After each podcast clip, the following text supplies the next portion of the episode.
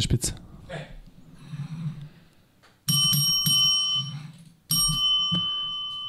185 izdanje podcasta sa Lukom i Kuzmom, kao što je to obično slučaj, samo sat vremena nakon 184. Je tako, Kuzma? Još jedna istorijska noć pred nama, ali ne zbog Jokića, nego zato što smo dva podcasta radili jedan za drugim. Prvi bio nam je gost Stefan Peno, bilo nam je mnogo lepo, bilo je njemu lepo, pričali smo jedno 3 sata o svemu i svačemu. Sa njim zaista ima da se priča o čemu, zato što za svojih 25 godina života, da kažem nekih 10 godina karijere, prošao svašta, igrao sa mnogim igračima, vodili su ga mnogi treneri, priča o reprezentaciji, zaista gde god smo onako zagrebali, odnosno gde god, šta god smo pomenuli, možda se priča s njim, momak je bio prva liga i hvala mu što je e, što je bio tu sa nama, ali mi se sada okrećemo iste noći, okrećemo se ABA lige, okrećemo se NBA-u, ovaj 185. podcast će početi tako što ćemo najaviti malo e, finala ABA lige, a zatim pratimo, nadamo se, posljednji meč finala NBA lige, pet utakmicu između Denvera i Majamija u seriju koju Denver vodi 3-1. Kako si ovo sve, sve iz jednog... A, a pritom je sve, sve sam na pamet naučio, uopšte ništa Svaki nije... Svaki ti čast.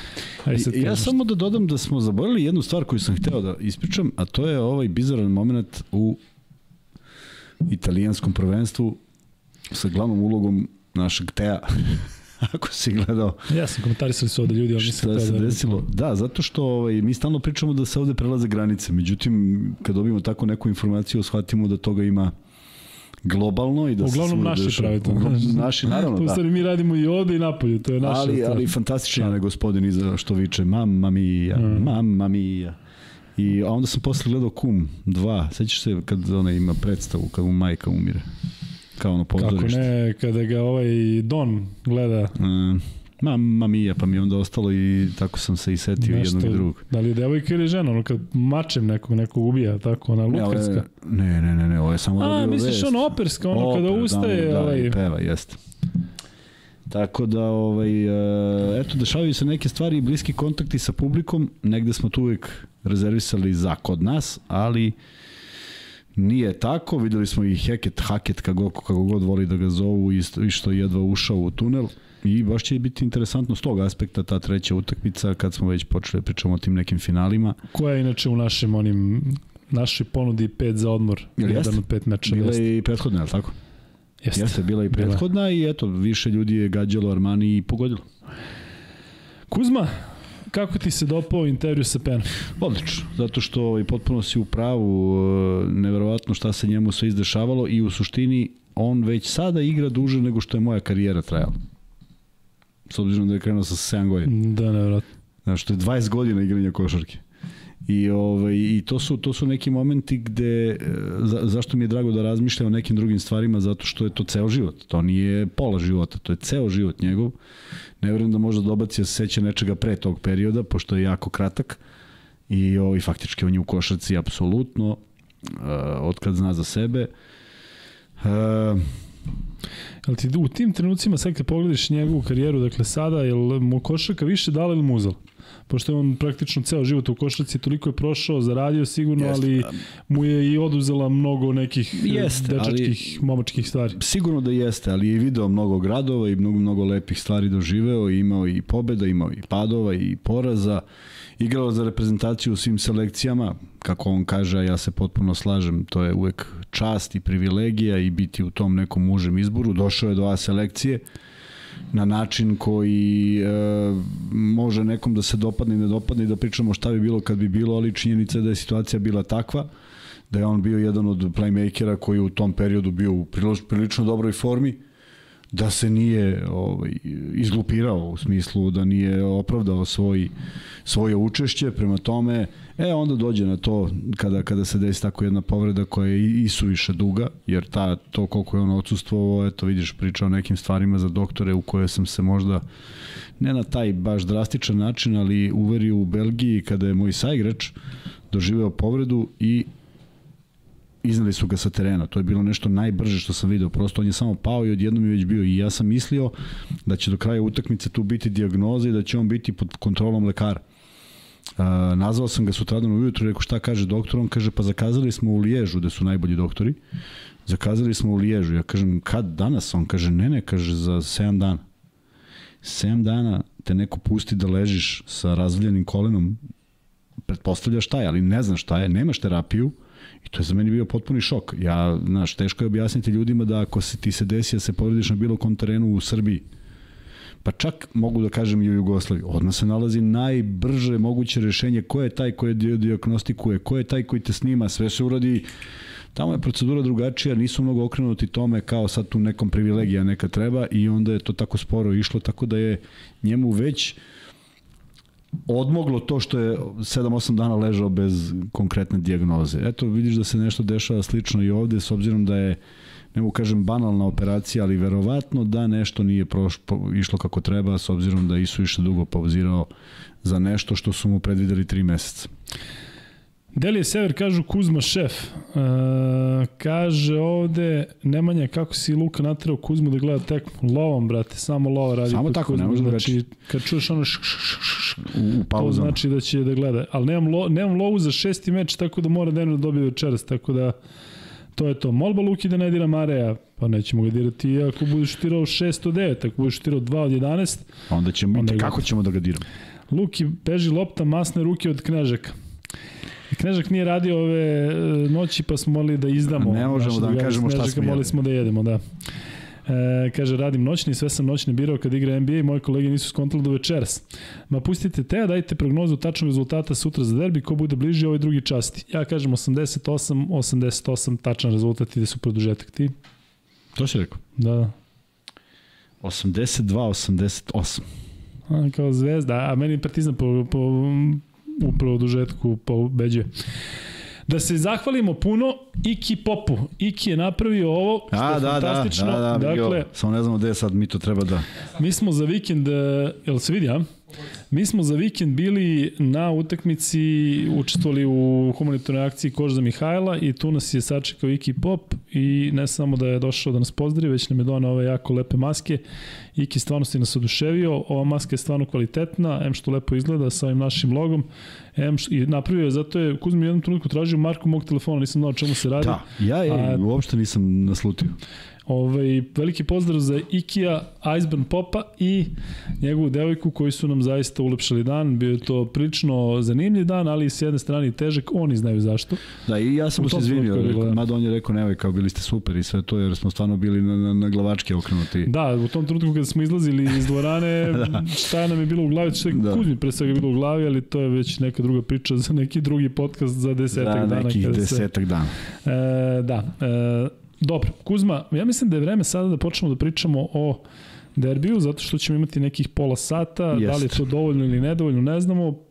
Pričat ćemo naravno i sutra posle derbija, dakle, Da vas podsjetim da u noći između utorke i srede radimo oko ponoći, taman kada se slegne malo sve posle utakmice, utakmica počinje u 8, trajaće sigurno do 10 i nešto, nadamo se da neće biti incidenata i nadamo se da će biti dobro. I onda kada se odradi konferencija, malo se slegne, u ponoć smo zajedno, pričamo o Partizanu i Zvezdi, a ono što sam ja hteo da vam kažem je sledeće. Mislim da je u ovom trenutku, nakon svega što se dešavalo i što se desilo, najvažnije je da bude bez incidenata. Dakle, uopšte mi sad nije ni toliko značajno da vidim neku košarku koja će da me obori s nogu.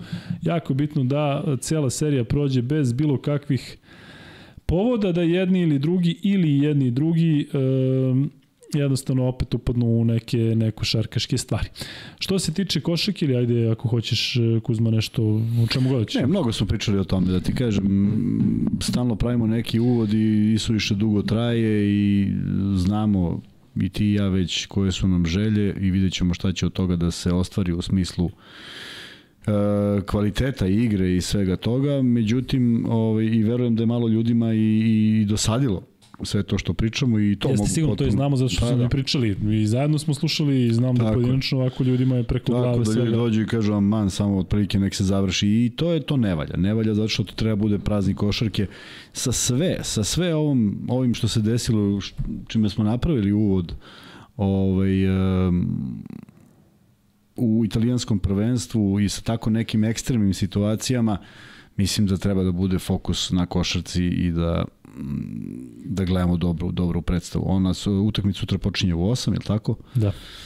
Tako da eto da vidimo kako ćemo ovaj kako će to proći, pogledat ćemo naravno, a posle toga se družimo i pričamo o tome. E, ono što je Zvezda insistirala i na kraju uspela, odigralo se, odigralo se prvo završnica KLS.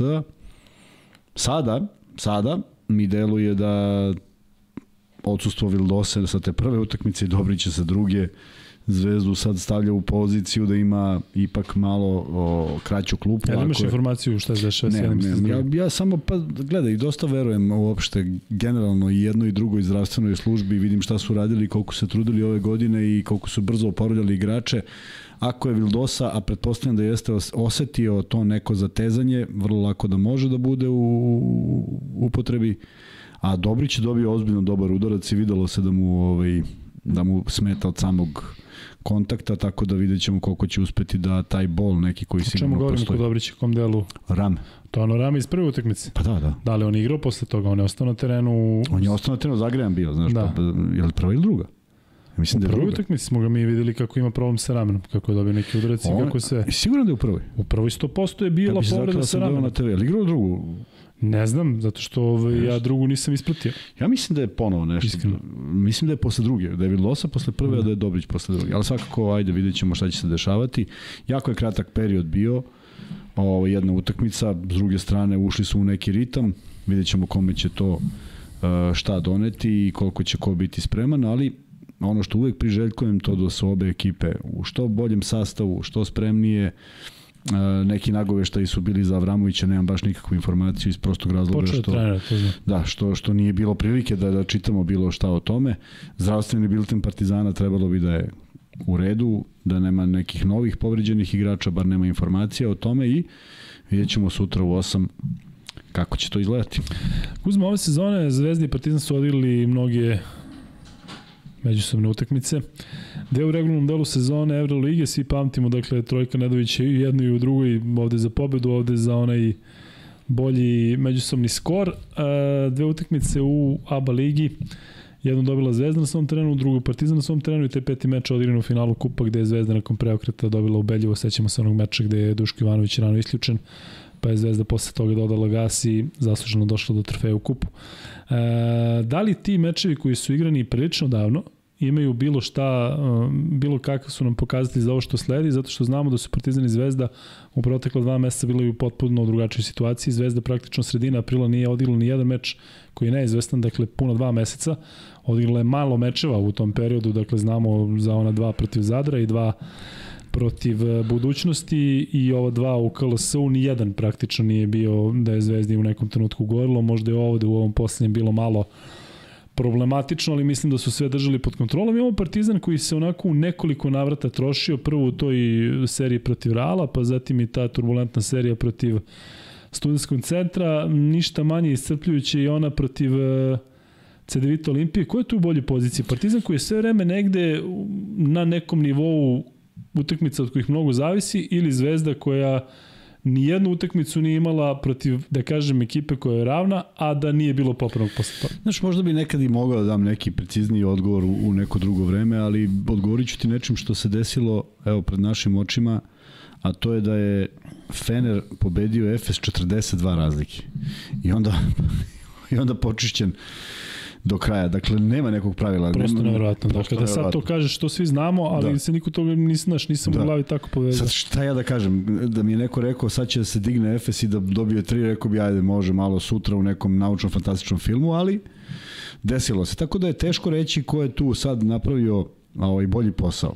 Da li odmarati, da li nemati taj intenzitet, da li igrati ovo što je Zvezda uradila, da li ući u seriju tih utakmica na uštrp nekih možda istrpljujućih treninga, zaista ne znam. O, prilika koju imao Ivanović je tada kombinuje opet određene igrače. I videli smo i jednog i drugog i trećeg i 12. i 13. i 14. dosta kombinovan sastav.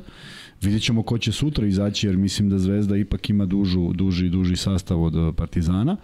A s druge strane, e, jedna od glavnih poluga koji se očigledno malo svet više srušio nego pojedinima je e, Lesor, koji u svim tim utakmicama bio ispod nekog svog nivoa. Naravno znamo da mu je izazov zvezda, znamo da ima ovaj mnogo motiva da igra i vidjet ćemo kako će to u tom segmentu reagovati. Jer glavni faktor svega toga što nije išlo za Partizan je upravo bio reket Bio je reket i nedostatak tih njegovih e, kad se stušti u reket i po, po, pokupi loptu koja je ničija. Dominacija u reketu koja apsolutno nije bila vidljiva ni protiv Derbija, ni protiv Cedevita. Tako je. Eto, to su, to su neki, sad kako je do toga došlo, zašto i da li može da se podigne i da li su svi sad u formi.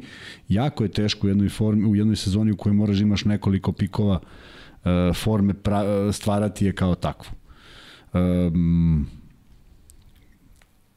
da li će ovo biti bolje što je Zvezda insistirala i uspela da odigra tih par utakmica konkurentnijih, pa je završilo se vrlo slično utakmica. Ovo jedna je 20 i nešto razlike, ovo je 10, ali potpuno dve drugačije utakmice u kojoj FNP čak u drugoj imao i prednost u određenom uh, trenutku, ali za neku potrošnju, za neke stvari koje mogu da se uvežbaju, možda za neke stvari koje su skrivene, uh, E, sad to može više Partizan da sakrije s obzirom da ga dugo nije bilo ovaj, e, na, na terenu, ali vidjet ćemo. Ja mislim da nema mnogo nepoznanica, da su dva trenera izuzetni znalci i da će se e, pozabaviti ti nekim minijaturama koje mogu da znače, a biće negde i stvar inspiracije i stvar mogu da kažem i iskustva, jer imaš mnogo igrača u Zvezdi koji su ipak igrali ovaj nivo utakmica dugi niz godina, manje ih je u Partizanu, a opet s druge strane imaš te nekog, tog nekog Pantera i Lesora koji su, i Ledeja koji su igrali i, i jača takmičenja, ako tako mogu da kažem, i završavali u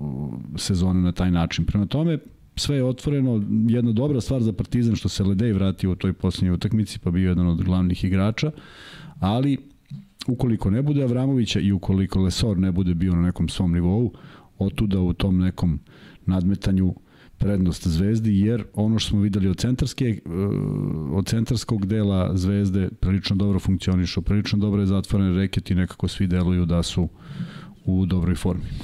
Kaže Dušan Simić, hvala što mi niste dali kredit za ideju da slušalci i gledalci pišu na vašem blogu, ali kapiram da je zato što ne doniram he he napred Jokara. To je bila naša ideja ili nas je neko naveo na to? Mi smo usmislili da na našem blogu pišu svi, a? Nisam razumio šta je rekao. Kod nas na sajtu Luka i Kuzma da. da pišu, to je bila naša ideja ili smo tako, mi smo Mislim da je neko, ne, mislim da je neko rekao zašto ne omogućite, ja sam e, rekao onda je to da. Dušan Simić, Dušan moguće, hvala moguće, ti, ali da. zaborili smo, nemoj Dušan ne zamljati da, nemoj se ljuti, da, ali ne rekli, morali smo rekli to da. tamo nekad davno, ali da, Jest. da, bilo je zašto ne i mi smo rekli važi. Ajde. Ima ovde pozdrave iz Sombora, mogu misliti kako je tamo u centru, ko, košarkaški centar sveta ove sezone. Da. Ovaj, e, Luka, pogledao sam malo pre, Vuk Grbić naš piše, deo novog podcasta Paul George, Paul George je Paul George ima podcast, Draymond Green ima podcast, svi videli od nas pa pegli. Jerry Westmo je bio gost, ima 85 godina, drži se bogami kao da ima 70. Čak su i u Srbiji pričali kako smo ovde svi visoki. Da, priča se o Srbiji zahvaljujući ovom momku koji će sada da igra i onom momku koji je igrao juče. Nismo stigli da čestitamo Novaku Đokoviću na istorijskoj 23. Grand Slam tituli. Videli ste kako se to deluje lako kada Đoković igra tenis i kada Jokić igra košarku. Prosto je nevjerojatno da naša zemlja od toliko, koliko, 7 miliona stanovnika gore dole, ima najbolje košarkaše, najboljeg tenisera na svetu i to ubedljivo. Videli ste da se javljaju opet neki kritičari koji nešto sada a toga će biti uvek i Jordan kada je bio u prime imao je najviše kritičara koji su pisali da se kocka, da je ovakav, da je onakav, da je sebičan, da ne znam, a on je tad bio najbolji igrač, Chicago igrao najbolje, tako da Kuzma, tačno ono i u životu, što si bolje, to imaš više neprijatelja i više problema, što bi rekao pa Biggie da, Smalls. Pa da. More money, more problem. Mislim, mislim da da, zato što svako pokuša da nađe neku manu, ne možeš da budeš savršen, ne možeš da budeš ti to nešto ovaj gospodin iz Britanije što je objasnio šta ako se pojavi čovek od 2.10 koji ima strahovit servis i samo opaljuje, pa do, još gore, 3 metra, samo opaljuje, znaš, onda, e, ja, čovjek je filozof, ja mislim da je filozof. Ma, da si vidi kako izgleda? Ne, ne, potpuno sve, ali da mislim da, da deklarisan kao filozof ili tako nešto. Ovaj, ko je najveći filozof? Kako smo to izmerili? Kako smo izmerili najvećeg filozofa? Pazi, ovde, ovde imaš nešto eksplicitno, neko skoči preko 2.60 i kažeš Jeste. najviše skočio. A kako je ovaj najveći filozof? Ali on sigurno ima svoje idole o kojem bi mogli da diskutujemo. Jer ja mislim da je najveći filozof moj komšija Mića. Razumeš? I ne može nikome bude da nije. Tako da sve te neke analogije koje pokušavaju da izvuku, izvlače samo zato što je Đoković iz Srbije i neke stvari ne budu da podnesu. Ja sam ubeđen da je tako. Ne čak i Srbije, nego mislim da je istok za njih jedno onako ozbiljno pleme još uvek žive neki tamo stanovnici koji ne znaju za kulturu, koji ne znaju ni za šta i onda se vremeno malo pošokiraju kada vide tako nešto, ali ne mogu da prihvate. Prosto nije to neki mainstream koji oni žele da čuju da tu dolaze neki ljudi. Sjeti se i Monika Seleš koliko imala problema, pa tek se splaslo kad je uzela američko državljanstvo. Da, dobro, Monika je bila u periodu kada smo zaista bili na udaru zbog bili, svih pa, dešavanja ovde, ali vidiš recimo prema Jokiću nema te vrste otpora odakle. Dakle, niko ne pita odakle, on nego jednostavno njega kritikuju zbog nekih košarkaških stvari. Đoković je kritikuju zbog stava i zbog svega, zbog čega god, ali tu se nekako mnogo više to odakle provlači nego kod Ja ti kažem, nikada u Americi, u Americi ko igra u NBA nikad nije bio, a nemoj da pričamo da li je neko rekao divcu odakle, niko nikada. Čak i u vreme NATO agresije gde on otvoreno zagovarao da se prestane s bombardovanjem i sve to. Nikad mu niko nije, ali on je tamo, on je deo njihovog sistema, sistema vrednosti, on je neki idol, sloboda govora, sve je to dozvoljeno. Ovo neko kako dolazi sa strane, nemoj da zaboraviš Kšiževskog koji je posle poraza od Grčke e, Spanulisa i Diamantidisa zvao 7 i 9. Da. Znači to ipak govori, znaš, oni da su tamo verovatno bi znali sve o njima. Ovako oni imaju jednu ignorantski jedan odnos, ne zanima ih i nekako sve to dolazi. E, jedna anegdota iz života, moj drug David, David Dezi, koji sad živi u Sloveniji, oženio se Majom Vahem, bivšom slovenačkom odbojkašicom, upoznali su se u Šarlo, i on je rešio život da, da ode iz Belgije u Sloveniju peripetija oko dola, preseljenja, je, znaš on kad mi mislimo trebaju nam papiri za izlazak iz zemlje, njemu papiri za prelazak u Sloveniju su 12 puta veći. Prvo treba da objasni nekome zašto on iz Belgije ide u Sloveniju, što je jako teško. Da bi mu svi prijatelji rekli da li je on normalan gde ide i da li uopšte zna šta se jede tamo. Ej, sad pazi, mi Sloveniju koju doživljamo kao, znaš, ono, šta oni jedu tamo? Jer valjda Austrija i onda ono nema ništa plemena. Pa da, takav je stav, nažalost. E, ja moram da kažem da sam zaista uh, oduševljen kako i Jokić i Đoković nose svoje ime, kako nose svoj uspeh, e, svako na svoj način, potpuno dva drugačija tipa. Dakle, volio bih čak i da ih vidimo u nekoj emisiji, naravno da to možda bude kod nas, ali recimo neki svetski poznati mediji da ugosti jednog i drugog džokera i da zaista napravi ili neki domaći mediji ako za to ima mogućnosti da jednostavno naprave dobru priču sa njima, e, a da bude najmanje tenista i košarke. Domaći mediji, ali sa live chatom. Da, Jeli da, majmune? Da, Jeli majmune? Gde plaćaš pored? Jer što ne ideš za reprezentaciju? Da, da, što si ti tada rekao? Je. Yeah. Ali e, ono što Đoković radi, videli ste kako piše na Ćirilici na kameri i kako mu je Lacoste i izvezao 23 u um, bojama Srbije. Bojama Srbije, zatim videli ste naravno i himna sa kakvim se to zadovoljstvom peva, pa kada priča našem jeziku, ono u komunikaciji sa Ibrahimovićem, to su sve nekako posebne stvari. Um, i zaista mislim da ćemo videti i, i možda srpsku zastavu i radovanje tog tipa i večeras kada očekujemo da Denver pobedi Miami i da Jokić naravno što se podrazumeva i što je potpuno prirodno bude i MVP velikog finala. Ali ajde još malo da sačekamo. Daj da se vratimo na ABA ligu. Da se vratimo na ABA ligu, da. zato što ovo sam namerno napravio u vertiru, da te pitam Kuzma, da li sad ovi momci ali ne momci, zato što smo videli kakav je Peno, mislim da su takvi svi igrači koji igraju uh, za Zvezdu i Partizan iz Srbije, jednostavno vaspitani, normalni, bez bilo kakve želje da napravi incident, osim onoga što je košarkaški, pa nekada malo se otme kontroli. Ali da li oni koji vode klubove, imaju svest o tome šta trenutno rade Đoković i Jokić i da to jeste i neka vrsta njihove odgovornosti da sada u celom ovom ambijentu ovde pokažemo se ponovo u pravom svetlu. Da li misliš da ovo sada kada vidiš Denver koji predvodi Jokić, Đoković koji je napravio istorijski uspeh, da li to jeste neka vrsta, da kažem, i signala da i ovde treba da bude baš tako? Sportski, pozitivno?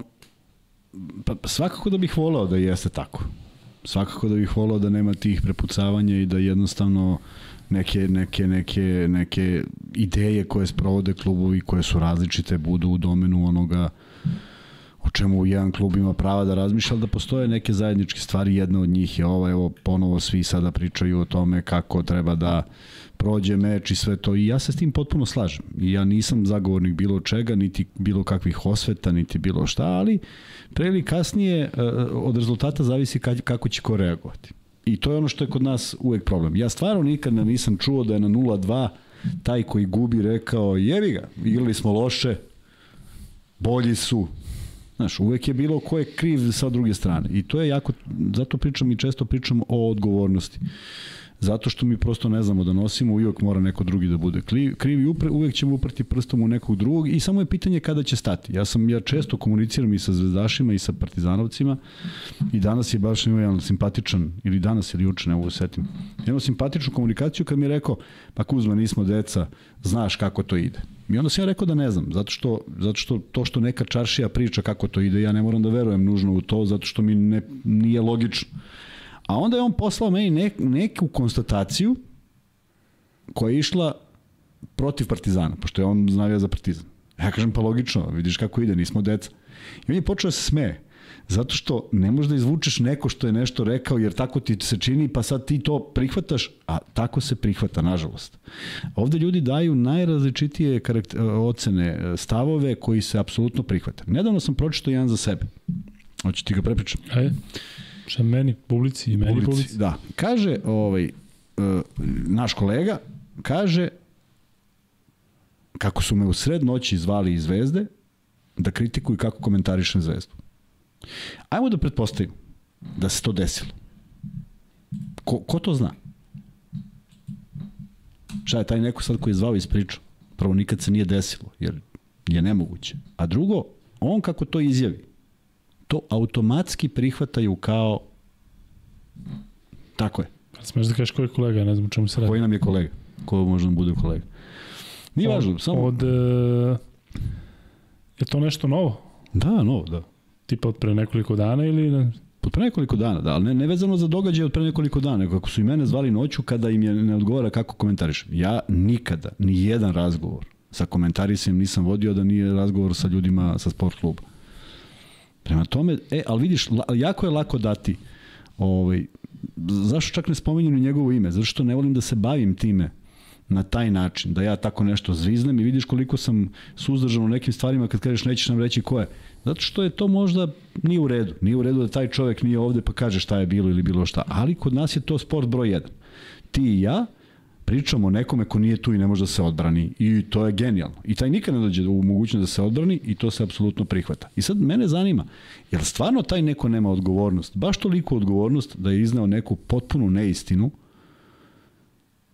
i, da, i, i tako da prođe. Nemoj sad da, da si tužan.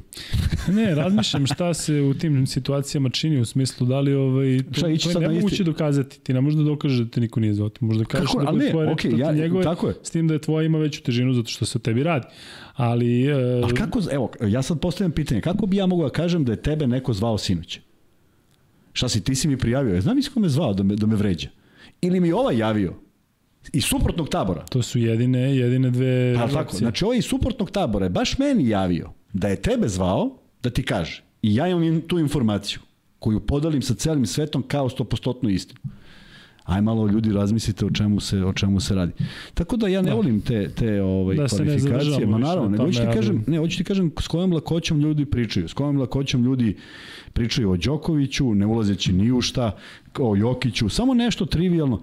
Ja Evo ja danas ću ti reći jedan divan moment koji se desio. Uh, klubu košarkaša u kolicima Singidunum iz Crvena zvezda i su obezbeđena sredstva za kupovinu kombije. Preko donacije divac. To znam, za ovo malo pre ovo noćno zvanje to nisam znao. Za to što se desilo. To, to, to, mi, to što si ispričao za mene novo, iako smo posljednje 3 dana 24 sata dnevno zajedno, sve ono se to mi nisi rekao. A za kombi znam, ali da čuje naši. E, I znači, obezbeđena sredstva dobiju uh, to će ići na koša, klub košakaša u kolicima sa Engidunom Crvena zvezda i onda će oni napisati, napraviti protokol sa Paralimpijskim koji je stao iza cele te akcije na čelu sa predsednikom Mićevićem i oni će da po potrebi kada bude bilo potrebno jedni drugi da koriste i tako dalje. Koliko si tih stvari o Divcu pročitao unazad godinu dana? E, vrlo jednostavno, ni, ni jednu, zato što se to podrazumeva.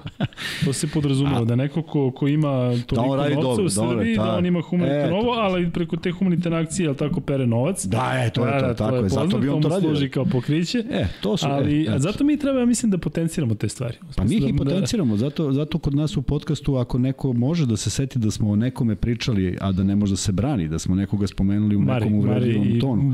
Osim Mare, izvinjavam svim navijačima Mare u Srbiji, i da vidimo ko su ti ljudi. I zato ja ne ulazim uopšte u to, imam ja ovde i čuvam ove poruke, znaš koje sad ne mogu da prođu. Jedno vreme sam pustio sve, onda su počeli da preteruju, ali ih uredno sačuvam. Jednog dana nikad ne znaš ko će naleti i da, mu, da ga podsjetiš šta je pričao. Tako da ovaj, e, to su neke stvari koje sebi dozvoljavamo. E, što smo, što smo veće mete, to im je lakše da pišu, ne, ne smatram sebe velikom metom, ali Đoković sigurno dobija najrazličitije budalaštine koje kad bi uzimao k srcu ne bi, mu, ne bi, ne bi, ne bi verovao da postoje. I to ono što smo pričali, imaš 97% onih normalnih poruka gde te ljudi hvale, gde te bodre, imaš 3%, imaš 3% gde neko ti zakači tako, sestru, tako, a neko ovo, tako. a neko ono. Tako. E, ali to, to sve neko... Ne baš Đoković u sestru, nema sestru. Da, ali, ali to sve neko, neko uživa u svemu tome, znaš.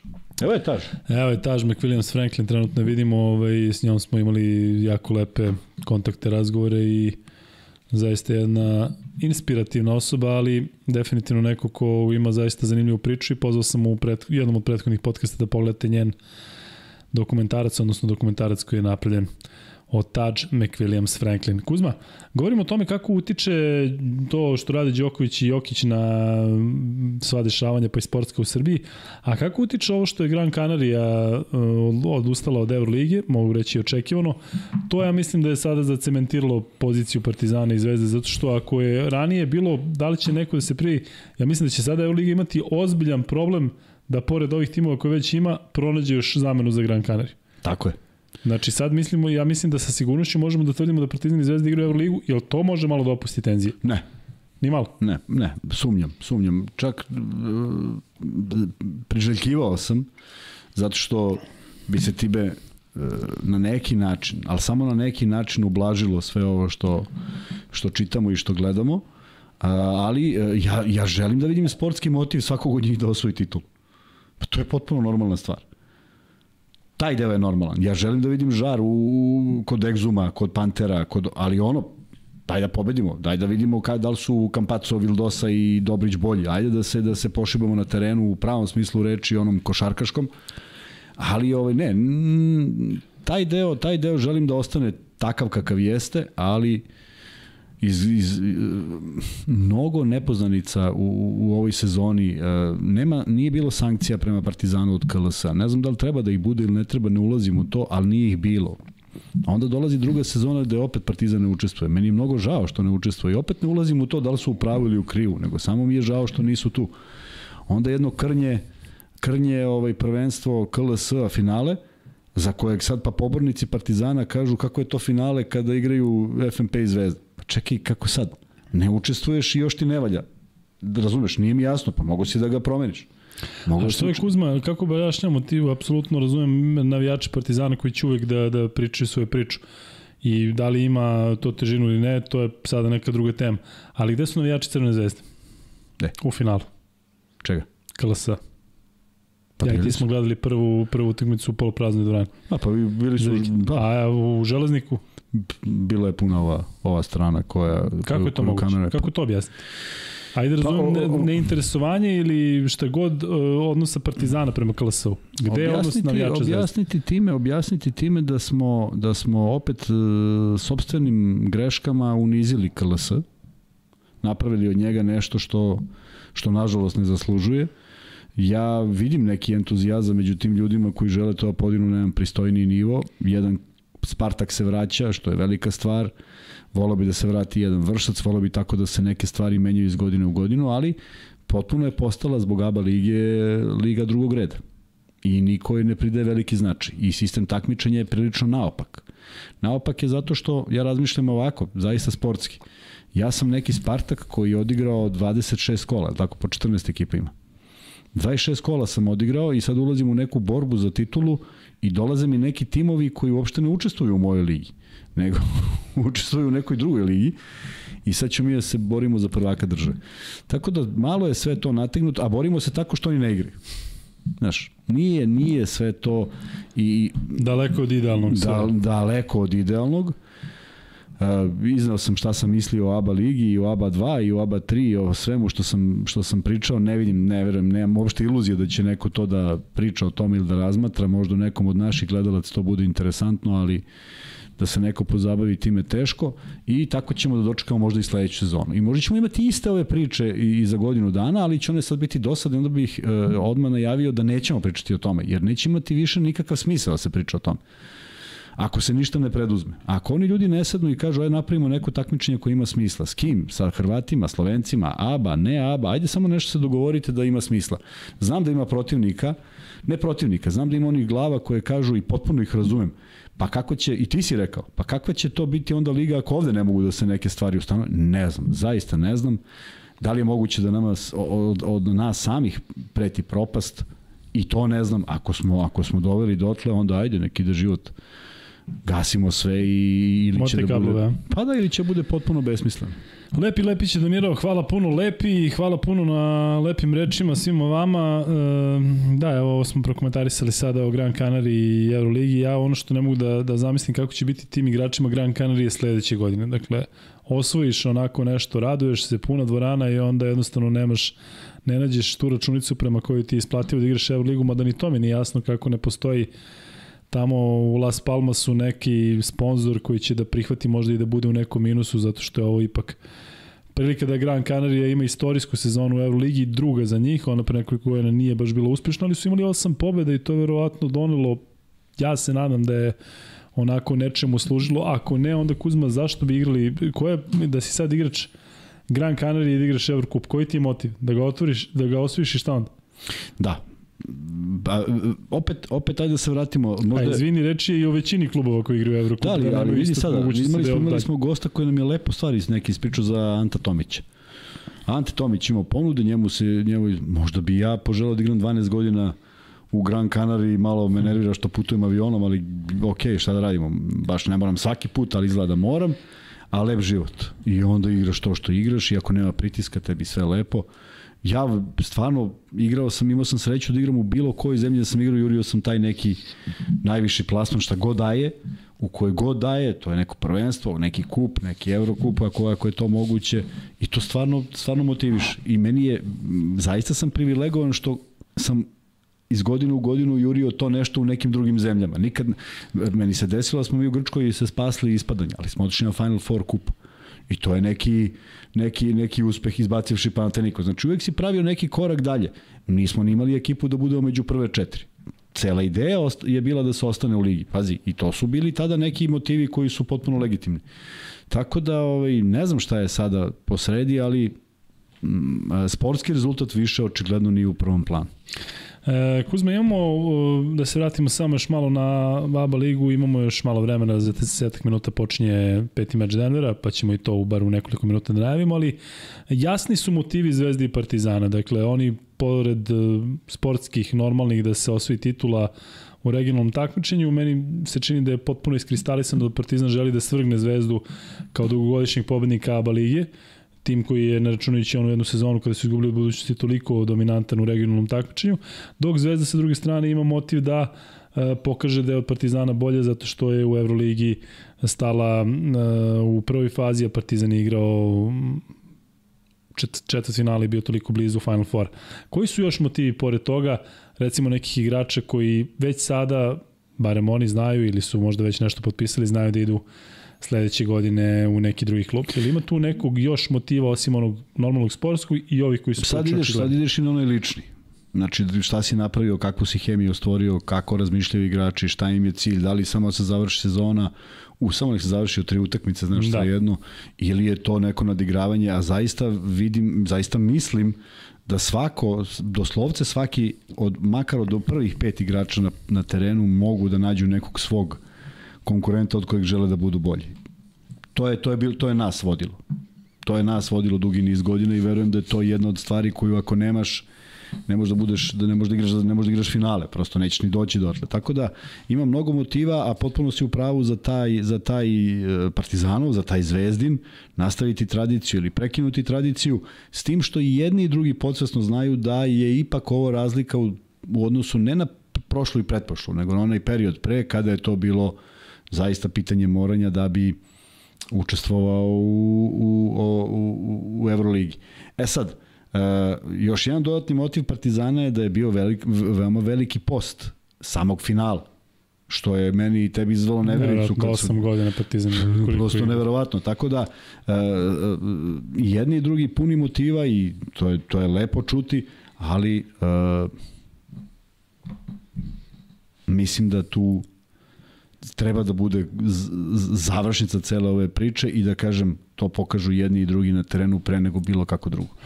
Kuzma igrački Kampacio naravno neko u kojeg će biti uprte sve oči s obzirom na to da je došao tokom sezone pa ne igra u Euroligi toliko dugo. Kampaco će biti vjerojatno i veliki izazov za igrače Partizane koji treba da ga čuvaju. Sa druge strane, za Zvezdu mislim da uh, bi najproblematičniji mogli da, bu, mogli da budu Panter i Lesor, zato što njih dvojica zaista u posljednje vreme, kada pogledamo ovaj uzorak uh, playoff, playoff ABA ligije, zaista igraju slabo, a to su opet uh, bivši igrači Crne zvezde. Ili imaš neko možda koga bi mogao da, da izdvojiš da će u ovom finalu da odskoči, da se od njega možda ne očekuje. Meni recimo e, je u glavi, možda greši, možda se neko neće složiti sa mnom, je Andjušić.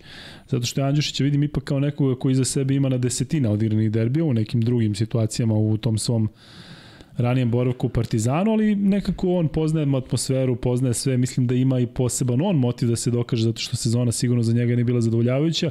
Kod Zvezde ne znam koga bi izdvojio zato što mislim da igrači poput Holanda i Lazarevića neće možda ni dobiti šansu da se toliko istaknu, a ovo ostalo mi je nekako sve, da kažem, čisto ne vidim da, da, da neko tu može da iskuči, bog zna kako, po enima Marković, Lazić ili neko, možda Petrušev, kao što govoriš zbog tog ličnog motiva i svega što se dešavalo sa Lesorom ima neku posebnu želju pa, da se istakne. U, u, u, kada pričaš o igračima koji to zaista mogu, da, slažem se da je Andjušić neko ko, ko ima to u sebi, taj potencijal.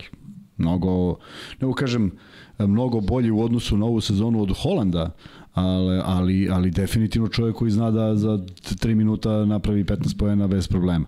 Međutim, i, sećaš se koliko smo pričali o, njegovoj, o, o njegovim partijama, pa ga očekujemo u igri, a njega nema ne u igri, nego uopšte nije, nije ovaj, ušao na parke. Tako da ja teško mogu da predvidim šta će se desiti. Mislim da će uh, se sve svesti na motivaciju. Mislim da će on, bude li igrao, biti ozbiljna, ozbiljan ovaj, Uh, šraf u igri Partizana iz prostog razloga što bi trebao da sve motive ovog sveta da odigra uh, seriju dobrih utakmica. Naravno nije to lako posle jedne sezone koja nije sigurno po njegovom ukusu, ali mislim da u ovakvim serijama još jedan faktor igra ulogu, a to je broj raspoloživih igrača. E sad, ako imaš u činjenici, činjenicu da Tristan je otputovao bio sa ekipom, a da Željko nije bio za to i da ga nismo videli na parketu maltene od tada, to je možda jedan manj. Uh, Avramović ako ne bude, to je možda već dva manje. I tako treba posmatrati jer e, deluje mi da je Zvezda u svim ovim utakmicama igrala sa svim raspoloživim sredstvima. I to zaista donese jednu čvrstinu, jednu posvećenost, uopšte se ne očekuju poeni od tebe, prosto se očekuje da uradiš onaj prljavi deo posla i da, da u tom segmentu mogu da budu za nijansu spremni i pogotovo što nisu doživeli taj udarac kakav je doživeo Partizan, nažalost, posle tog e, poraza u, u četvrtfinalu i to je opet ide u prilog onome da u jednom ovakvom sistemu takmičenja kada svi navijači Partizana sada očekuju titulu od Partizana e, mislim da je mnogo potrošeno i energije i, i sve, pre svega mentalne snage na taj jedan top 8 koji je divno dostići, ali možda u nekom drugom o, odnosu snaga, u nekom drugom doživljaju košarke, ali ako se očekuje da budeš prvi na kraju, a da, da se desi ovako nešto, bit će povuci potegni. Miloš Keković kaže, Luka, kada ćemo mi biti na tom nivou svijesti da Grobar i Delija gledaju zajedno tekme, evo vidiš kako ovde to može. E, ja sam skoro u Ljubljani navijao za Partizan pored dva lika koji su navijali za Olimpiju, zezali se svo vrijeme. E, tenzije su u društvu velike, situacija je generalno ona elektrisana, tako da nekako su Partizan i Zvezda zicer gde bi moglo da bude tih potencijalnih problema i nekog međusobnog um, međusobnih konflikta, konflikata, ali ono što sigurno mogu da kažem to je da, da i dalje ima toga što ti pričaš. Možda je manje vidljivo, ali ja kada sam odrastao sećam se da sam sa svojim drugarima koji su Zvezdaši išao, a mi Partizanovci išao na jedne i druge utakmice, imam primere oko sebe i dalje gde su kumovi recimo, pa jedan navija za Partizan i Zvezdu, ima tu peckanje, ali u granicama normalnog, mislim da i dalje ima toga kod nas, da nije baš sve tako crno, evo imamo sad te ne da situacije da iz Italije i iz Grčke gde gori, a to su zemlje, bog zna kako uzvišene iz Evropske unije, pa nekako možda i mi nekada preuveličavamo previše ovo što se događa kod nas, ali... Ali koga vidiš više? Koga vidiš više? U areni 20.000 jednih, u Pioniru 8000 drugih ili onih stotine hiljada što gledaju zajedno po kafićima tako i zajebavaju se. Tako je. Koga vidiš? Ne vidimo ni nikoga od tih koji, koji su Upravo u svojim to. domovima, svojim kafićima, Upravo svojim to. lokalima. A oni možda samo nisu ovde zato što ne žele da budu u tom Tako naboju. Zato što to nije dobar naboj. Ne, ne, nemam sada da branim ili da ne branim. Prosto, uh, eto, taj domaći pub u kojem, kojem Jeste, uh, smo, smo našli Marka i da sedimo i tu su ti grobari, tu su ti delije i svi sede i kako ko pobedi, kako ko da koš, sprdaju se jedni s drugima. Jeste. To je nešto što je od uvek bilo i bilo normalno i završi se i popije se pivo i ode se kući, ovaj pobedio, ovaj izgubio i idemo dalje. Nažalost, nismo na tom nivou, ali kažem, to globalno odlazi u jednom, jednu lošu krajnost i ne vidim da, da će biti da, da može da se vrati u nešto normalno što mi jako smeta, zato što zaista, ovo ne govorim iz nekog nema drugog razloga, ja bih volao da mi odemo sutra na utakmicu protiv. Ja da uđem tamo i da sednem i da gledam. I da nema nikakvih problema. Pa ajmo. Pa ajde. Sedemo u kop, pa da vidimo, da ja i ti nagrabusimo. Da, ja, a Ali uđemo ti... sa crvenom majicom. Da. Ove, ovaj, šalim se, naravno, ja znate koliko podržavam Partizan i, i sve, ali nažalost mislim da, da je to sa Kuzmom neizvodljivo i čak smo jednom kad smo imali glasanje, bilo je onako na nekom ozbiljnom uzorku jedno 40% koji ne žele da vide što me malo iznenadilo, ali opet sa druge strane šta da radimo, tako je kako je, nadamo se da će sledeće sezone biti bolje, pa da ćemo gledati bar u Euroligi zajedno i jedne i druge. E, Kuzma, sada moramo da pređemo na NBA ligu zato što utakmica počinje za nekoliko minuta. Ja da se zahvalim osobi X koja je tu sa nama celu ovu noć. Biti sa nama je zaista fantastično u smislu vas koji ste gledali Pena, sada gledate ovo, vidim tu dosta imena, vidim Topa, vidim neki koji su onako od e, prvog minuta sa nama, a evo sada imamo priliku da ovu istorijsku noć svi zajedno proslavimo i propratimo s tim što me je po, uh, Stef me je podsjetio. Znaš Kuzma šta se dešava ako Denver dobije 4-1 gotovo, tako? A ceremonija dodala i svega i svačka, to će treba sad. To ćemo pustiti ljude da uživaju kod svojih kuća. Da, da. Mi ćemo reći hvala, doviđenja Nasnimit ćemo da, ali ili da, da, da stavimo kada nas kako smo zamrznuti kako gledamo. Ali u svakom slučaju ljudi ovo je istorija što sada što je sada ispred nas. Dakle ja se zaista nadam da će Denver iskoristiti ovu prvu meč loptu. Kuzmo posle ovih 3-1 sa jedne strane bi bilo čudno da ne favorizujemo Denver i da ne mislimo da će dobiti, a opet sa druge strane neozbiljno otpisivati Miami znajući šta su sve izvukli ove sezone i koga su sve e, jest, pobeđivali. Jeste, ali pogledaš neke parametre koji su dosta eksplicitni. Učinak Butlera, cela ekipa, prva, se, prva ona serija, druga, treća, ovo je sa četvrta, sve to iscrpljuje, ne mogu da budu na svom nivou. Uh, plus play-in, izvini. Tri serije, ovo četvrta, tako. plus ono drndanje u play-inu posle poraza od Atlanta. Jako je teško tu, tu tu reći uh, da nekom krije svoju snagu ili nešto, pa meni je najveći problem što u četiri utakmice, 3-1, je li tako? 3-1 jeste, da. Što u četiri utakmice nisam video deo nekog e, šampionskog izgleda jedne ekipe. Kod Denvera sam video. Bilo je onih naleta kada samelju neki 20 razlike, pa vidiš, pa onda krenu u odbranu, pa dobar napad, pa dobra tranzicija. Zaista sam iznenađen, možda sam ja iznenađen jer sam se uključio i suviše kasno, možda je to protiv Bostona izgledalo daleko bolje. Po brojima koje su neki igrači pravili definitivno jeste. Po činjenici da su pobedili Boston na njihovom terenu u sedmoj utakmici govori da je to ozbiljno dobra ekipa sposobna. Ali ja to nisam video četiri utakmice. A tamo smo videli bar četiri. Ako ništa drugo, morali da. su pobede te četiri utakmice. E, Kuzma, ajde i da vi prognozirate ovde u četu i mi ćemo pre nego što počne utakmica. Kuzma, daj da čujem rezultat i 105, statistiku Jokić. 105-96. 105-96 kaže Kuzma, ja kažem da će Denver dati 120 poena, da je sve spremno za spektakl i da će Denver doći do 120 poena, nije ni bitno koliko će Miami. Do duše Tyler Hero, koliko sam video se vraća večeras, vidjet ćemo da li će to biti neki dobar dodatak pre svega napadu Majamija. A što se tiče statistike Jokića, gde vidim da i vi volite da prognozirate taj odnos poena, skokova i asistencija, ja kažem da će biti 35, 15, 15. Onako baš da se lako zapamti. E, e. Šta, ne? Neće dati Ajde, više od 30. Neće dati više od 30. I neće imati dvocifrene asistencije. Uje. Ako bude produžetak, šta ćemo onda? E, pa onda se kladimo za produžetak. Jest, nego šta ćemo. Onda se, onda se prolongira ceremonija, onda ostajemo još duže. Kuzma, koliko tebi znači informacija da se vraća Tyler Hero? Ali pazi, znaš koliko mi znači? To je jedna od najvažnijih stvari koje sam... ikada u tom životu. koje sam ikada čuo. Evo ga, tu i Čuki Čiča. Ako mogu da budem iskren. Tu i Čika Žik, koji kaže i mene ste natali da ne spavam večeras. I Čika Žika gleda. tebi Čika Žiku kada nisi radio da, danas. Da, plan do 100%. Da, da. Sad ovaj, da vidiš kako je to kad se radi ovako, koliko se radi. Ode, a? Ajde Kuzma, vidimo se. Bilo je zadovoljstvo.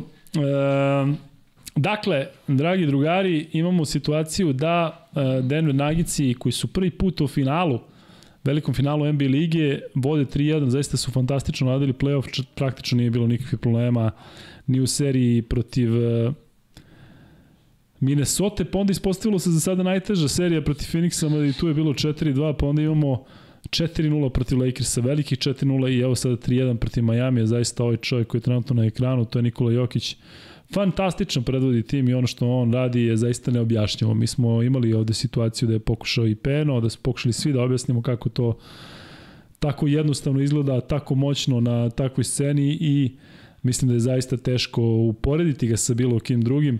I ono što se meni dopada, što sam siguran da će u ove sezone, osvanjem titule, nadamo se u ovom meču, Jokić sa sebe da skloni jedno ozbiljno breme koje nosi, a to je što mu svi prebacuju, pa da, on je, ne znam, taj koji je dobar, ali ipak je to nepotpuno bez titule. Sada imamo priliku da vidimo kako Jokić, zaista to mislim, i, i, i nećete se možda složiti sa mnom, ali Jokić jedan bez njega, prosečan tim, vodi e, do, do ubedljivog šampionskog prstena. Dakle, da se razumemo, bez Jokića, ovaj tim sa trenerom Majko Melonom bi bio prosečan tim u NBA ligi. Dakle, on prosečan tim bez njega vodi, vodi ovako klub krupni koracima. Pa je reci Kuzma, ali stvarno možda znam se čovjek nekoliko puta si rekao pa mi je smešno. Pa moram da naglasim da ovaj čuje. Uh, Evo ti ga Polestra, tvoj stari dobri Polestra. Polestra isto ima jedan tim koji mi je čudan, poprilično. Dakle, uh, Adejobe i, i samo on igra na poziciji centra i ozbiljni kad kad šuteri pogađači, kad kad, kad samo šuteri. Dobro, Cody Zeller je tu da Podizar je tu da pokupi koju, koji otpadak, baš u pravom smislu reči. koji otpadak sa tribina. Ne, ne mogu, hoću da ti kažem, kad bi gledao fizionomiju drugih, sa, sa Durentom i sa ovima, kad gledaš fizionomije ekipa i kad gledaš koja su to imena, zaista ne očekuješ da ovaj, tako, tako rano ispadnu u, u play-offu. Kalinari pita Luka hoće li biti asocijacija na polovremenu, možemo da ubacimo jednu asocijaciju. Mi imamo da vam podelimo još dve nagrade zato što smo već podelili u ranijem podcastu tokom ove večeri. Da, ali smo sačuvali knežak za četvoro.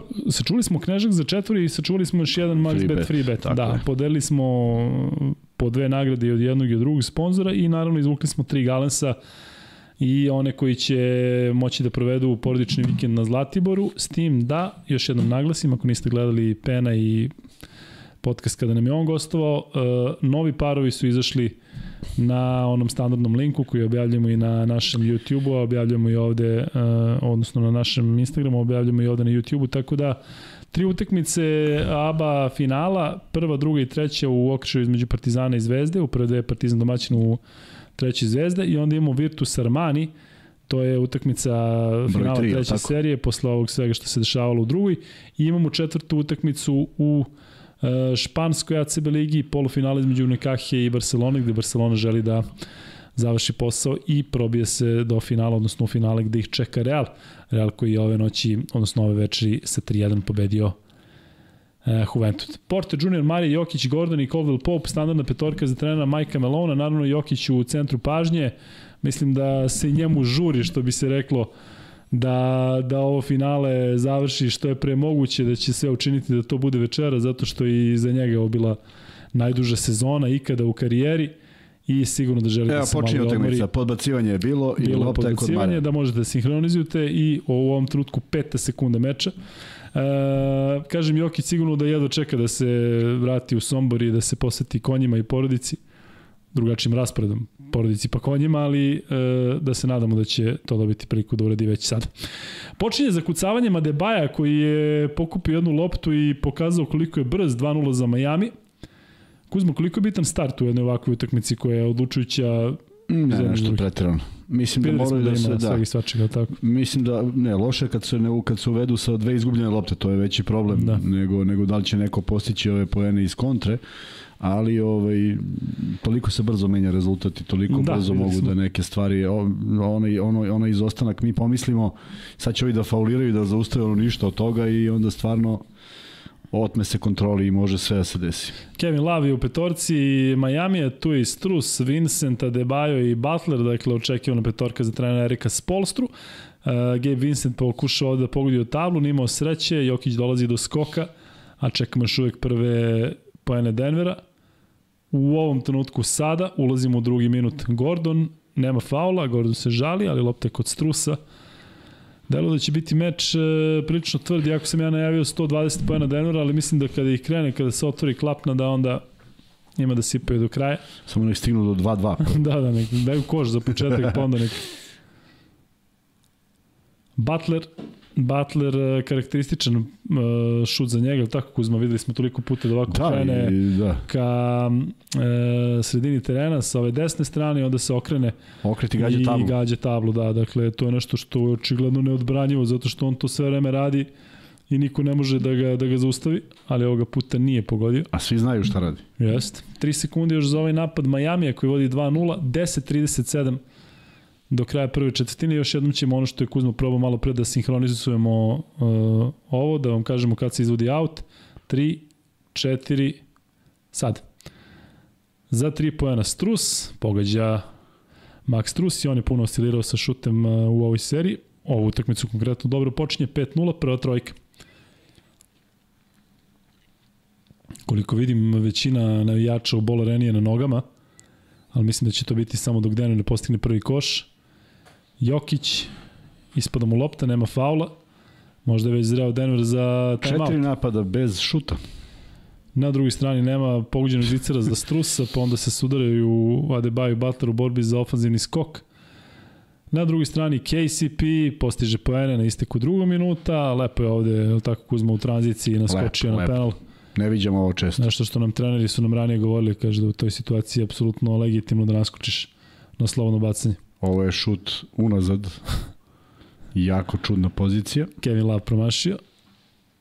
Ajde Kuzma ti malo prenosi. Malo ja da prenosim Jokić. Ajde sad. Gordon. Opa. Faul u napadu. Gordon je briljirao u prethodnom meču, imao fantastičnu drugu četvrtinu, postigao, ako se naravno, neki 15 ili 17 pojena i to bez promaše. On je bio tvorac tog preokreta. Uh, govorim o utakmici broj 3 kada je poveo Denver, tako, 3 ili 4? 4. 4, jes 4. Da, da.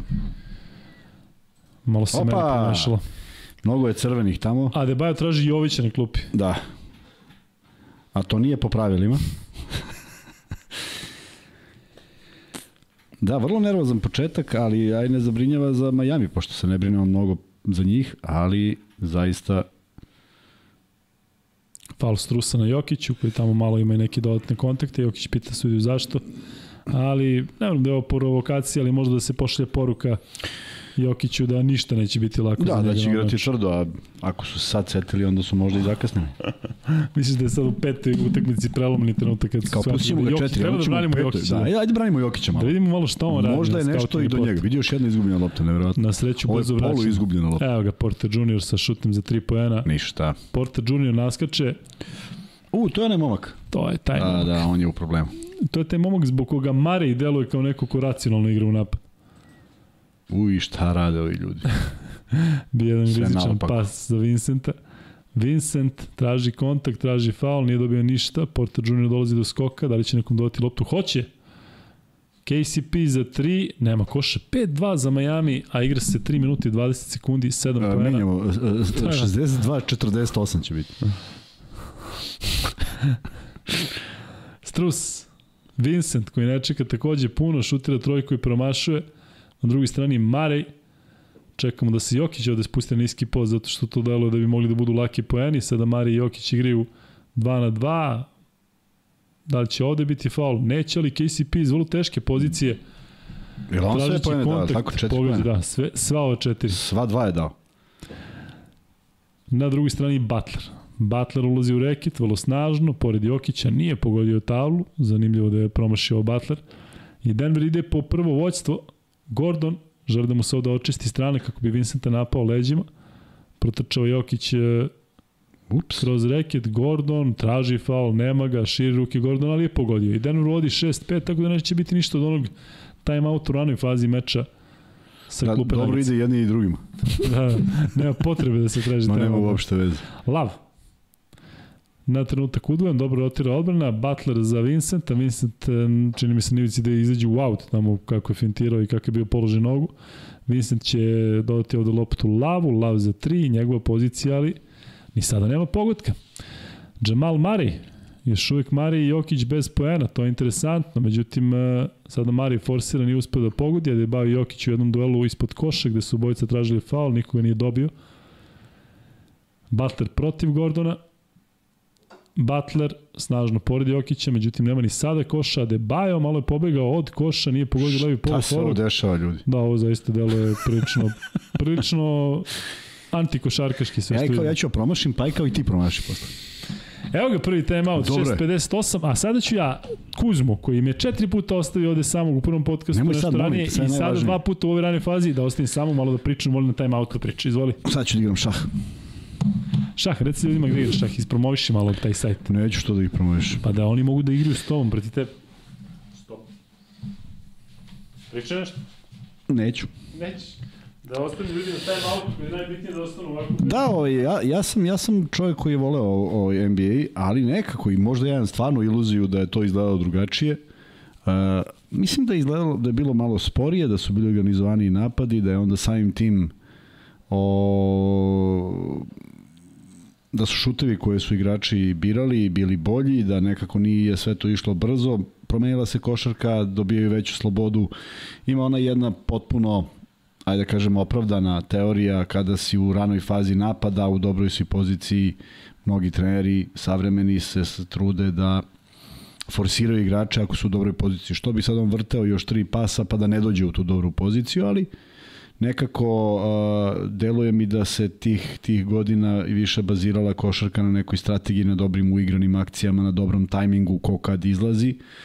Jer ovde sve što smo videli u 90% slučajeva je jedan na jedan i neko pokuša sam da, da završi. Prema tome, to je velika razlika, a kada znate za nešto drugačije što vam se svidelo, možda i mi idealizujemo kako je to bilo, možda, možda nije baš bilo tako sjajno, mada lako je naći neke utakmice Čikaga iz 90-ih u finalu pa da uporedimo tačnost, na primjer, kako su igrali Melone i Stockton za Jutu, videti kako je taj Hornasek igrao kada je bio njihov saigrač i mnogi drugi igrači. Prema tome, to jeste uporedivo, a sad šta se više kome sviđa. Ovde je bilo mnogo promašaja za jednu finalnu utakmicu, a opet mogu da razumem peta je, pa možda se malo skupilo s obzirom da traje sezona jako dugo, ali da vidimo neku bolju košarku, ja bih bio zadovoljan.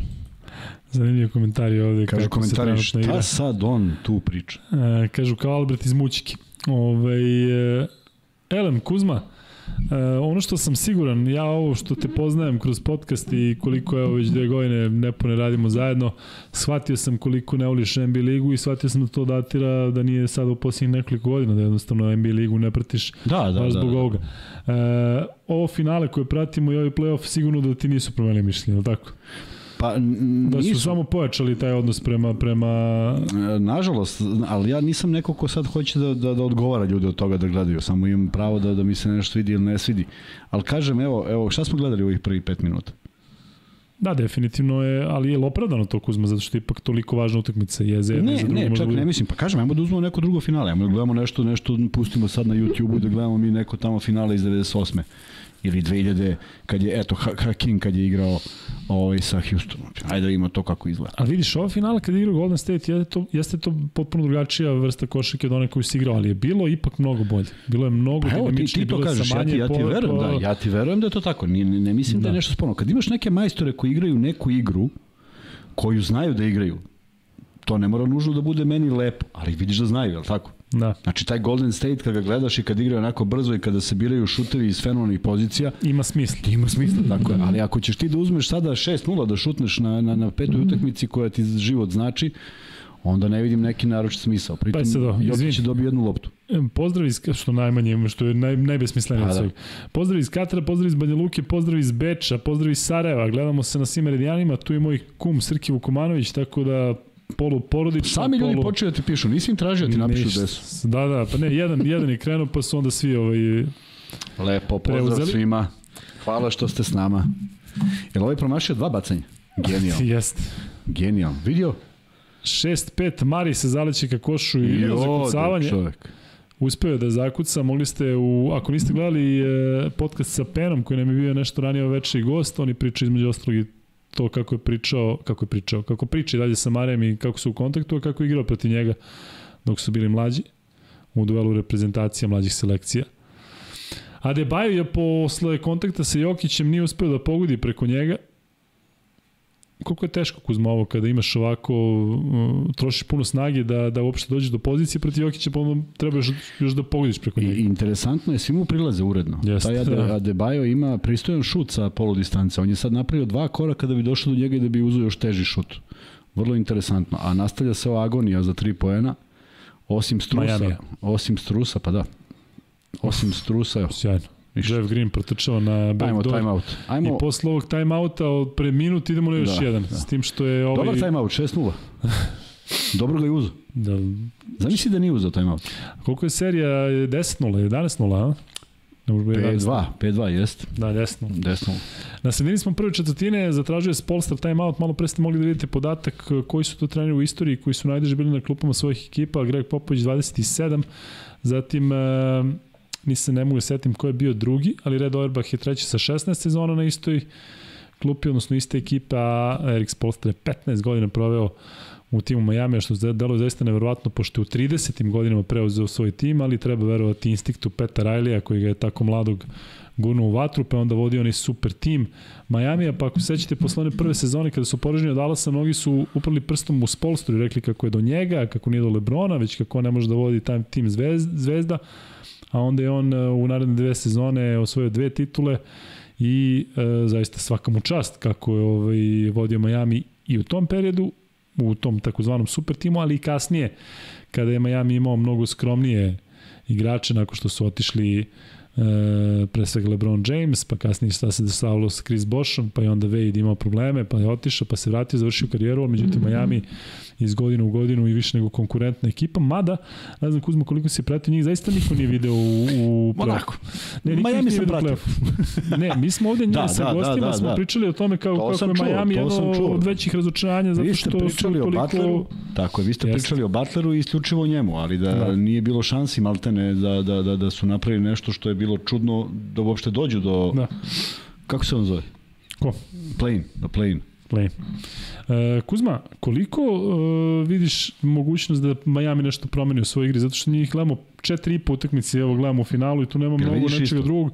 Dakle, imaju opciju da i dalje forsiraju šut za tri pojene i da to ulazi i da se malo više Butler aktivira u napadu i igra 1-1. Evo, aktivira se, on ima 5-0 do sada.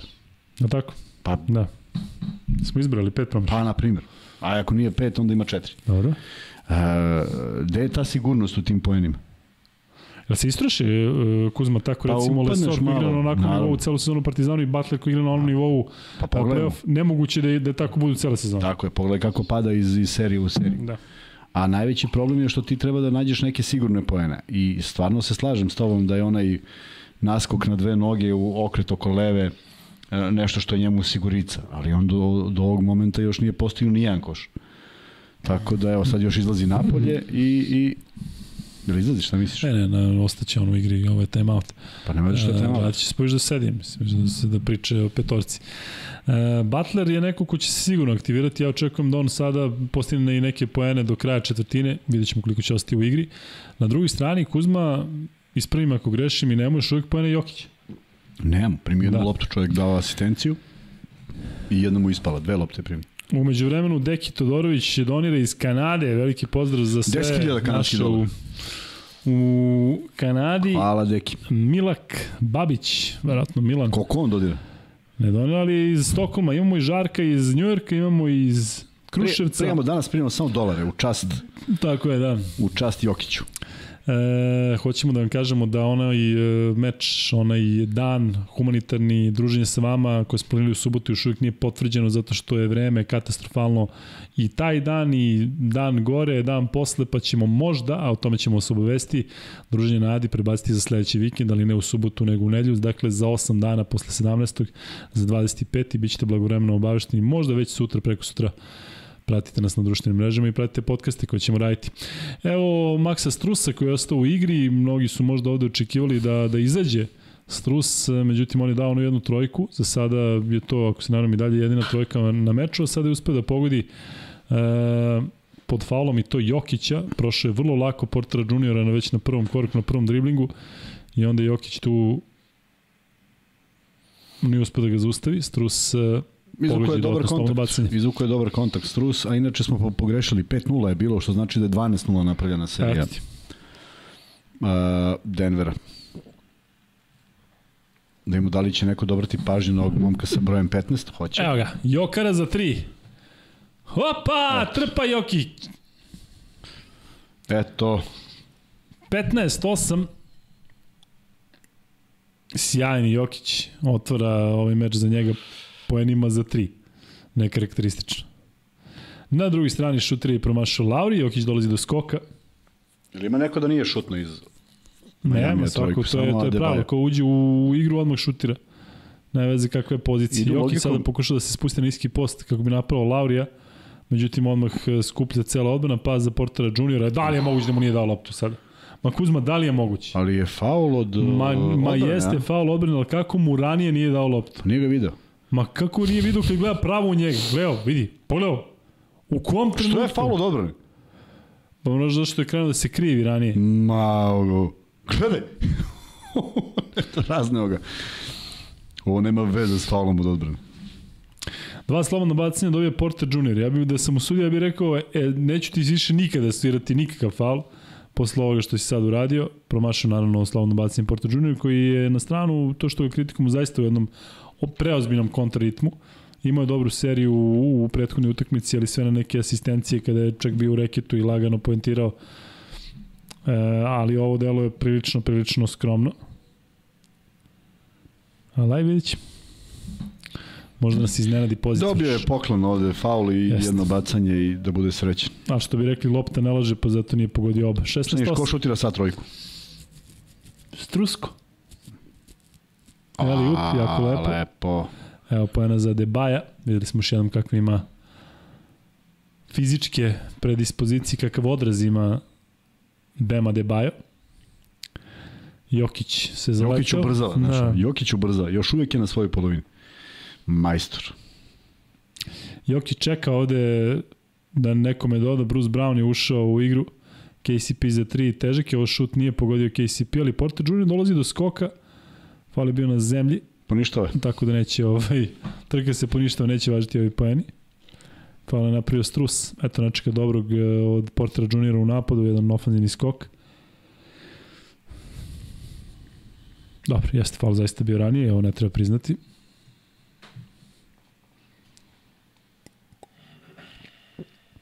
Šta je ovo?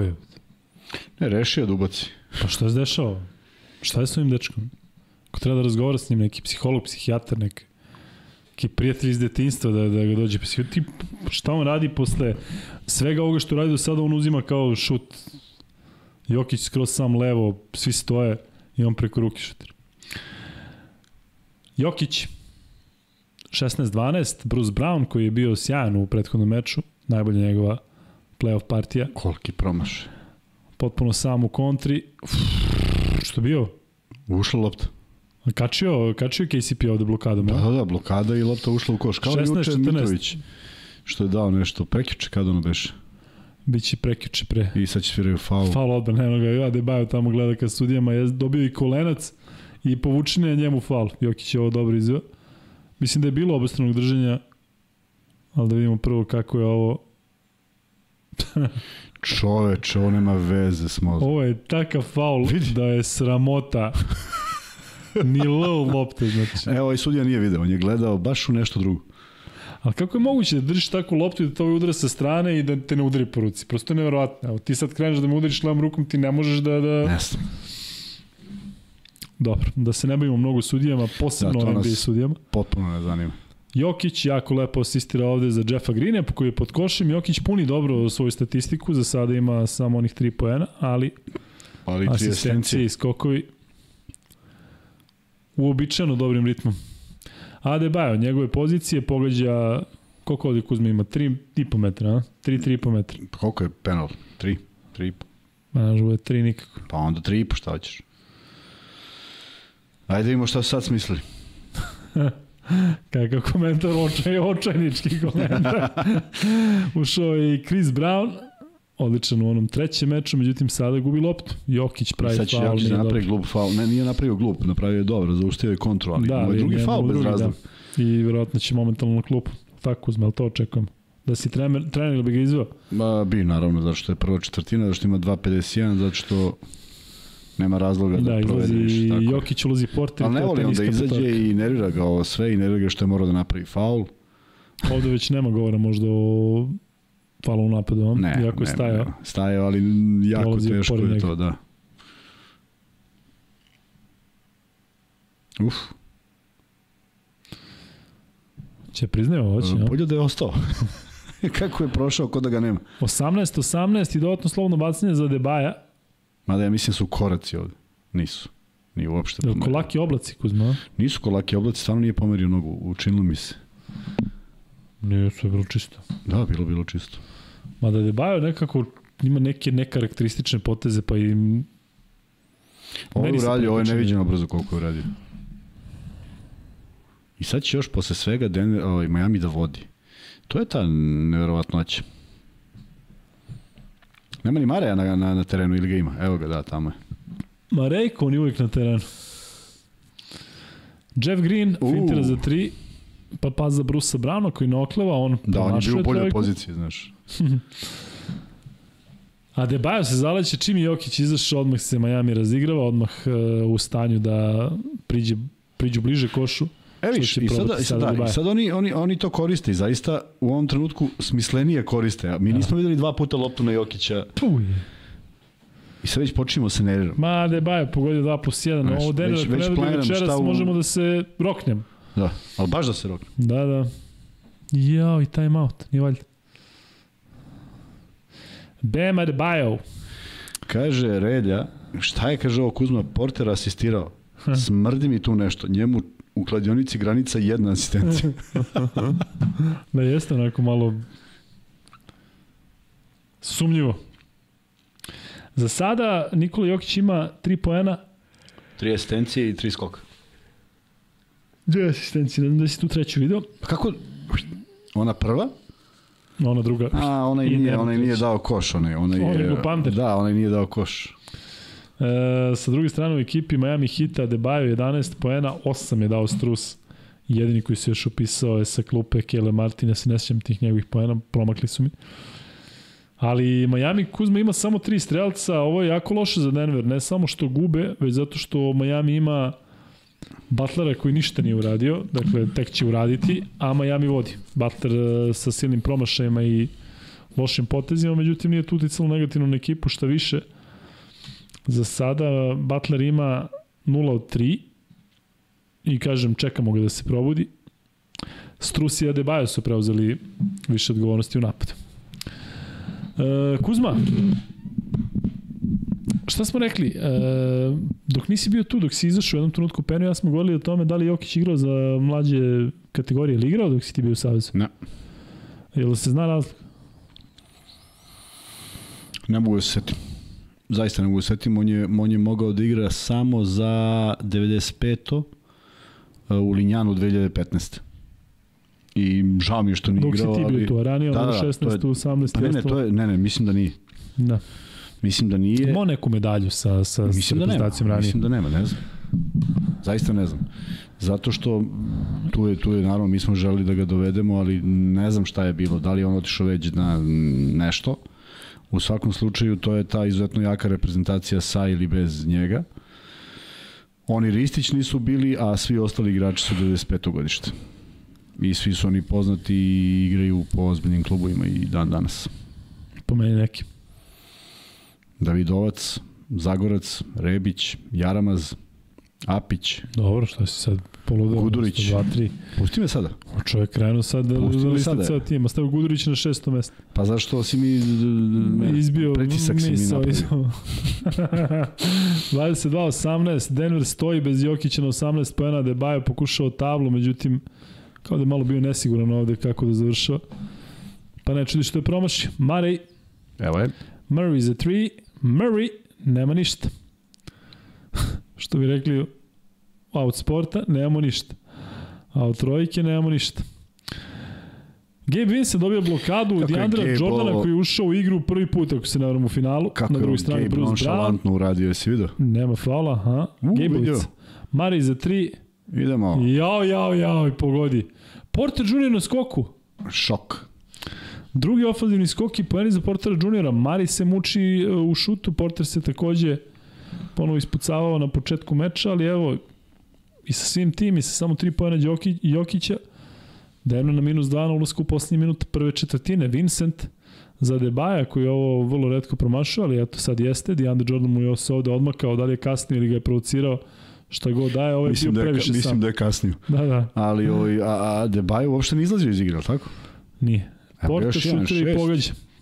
Neko čudo, neki ovaj floater u stilu onako Šona Merija. Dobro, dobro, sve ovo lepo izgleda. 22-22. Porte Junior 7 pojena, 6 skokova. Čovjek ispade genijalac. Lauri Lauri protiv Deandrea Jordana nije pogodio, tu je stigao da dođe do ofenzivnog skoka Debajo, na kraju je pogodio Debajo, koji bi kako stoje stvari mogao i do nekog double-double učinka. Da, ovo je već 24 pojena. Mm, ima 14 pojena i ovo bi trebalo da mu je sedmi skok. Šesti. 24-22 za Miami, Denver ima napad koji može da troši do kraja četvrtine, još 10 sekundi je ostalo. Mare ovde raspoređuje sa igrače, znamo da Deandru Jordanu neće doći, da, sigurno dati loptu. Neće nikome Mare, dati loptu. Stvarno neće nikome. Ali evo ga Porter. Porter Junior, mislim da je izbacio na vreme, ali nije pogodio, ali da, da, upisao još jedan skok. Neverovatno, Tako gubi da je, Denver. Da je Kuzma još jedna čudna četvrtina, ono što bi trebalo da bi Denver, mnogo više od ovih minus dva, to su dve lične greške Nikola Jokića. Tako je. To je ono što je najgore, a pritom nismo ga videli, da, da, nismo ga, najgore u celoj četvrtini, a nismo ga videli u nekom izdanju, zato da. što je dobio sve ukupno tri lopte, dve asistirao i jednu izgubio, to je tri, i četvrtu je dao. Tako da ovaj, sigurno mora nešto drugačije, a zašto nije drugačije, ne znam, pošto mi deluje da Miami ipak smislenije napada sada posle one serije promašaja za tri, svi nekako traže Adebaja, koji onog momenta kad se razgovor, razgoropadio se kad izašao Jokić, što je i takođe logično. Međutim, ne, ne valja ni da on igra baš sve minute u četvrtini, tako da ne verujem da će sa ovakvom energijom moći da igra do kraja. E, Kuzma Jokić je neko ko e, apsolutno može da se adaptira u svakoj situaciji tokom meča, ali ovo je nešto slabiji početak Jokića i njegov izlazak iz igre. Čini mi se da je u tom trenutku Miami krenuo onako baš sa nekom sa mhm, nekom mm -hmm. nekim dobrim vajbom, pa da je onda sve krenulo da da da se otvara. Da puca. Kada imaš protivnički igrača koji je problemu sa ličnim greškama, Šta ti to praktično otvara u napadu u smislu Je to odmah neki znak? Mislim da se recimo vežba, da se u Majamiju radi na tome da se napada petorka kada Jokić nije tu, kada je rekord da. prazni, zato što je sad da, da, da, baš izađe rešenje da je DeAndre Jordan tu sigurno, kao da se malo sigurno, popuni. Sigurno da je ideja da, ko, pošto vidio si, Adebayo napada i svakako napada Jokića, nekada malo pogreši pa hoće kontakta, ne znam zašto, s obzirom da je Jokić i teži i, i dovoljno jak da izdrži taj I viši, kontakt. I, i viši i sve. A onda, a onda da koš onako kako bi možda i trebalo da napadne Jokića, a, da bi u već u prvom napadu obišao, ko je bio ono, Andre, De Andre? E, verovatno. Nije, onaj, onaj drugi, obišao onog drugog, pa je onda napao onog drugog opet. onog drugog, isto to. I onda je promašio pr pr protiv ovog prvog. Nadam se da su gledalci razumeli. Prošao onog drugog, pa zaobišao onog drugog.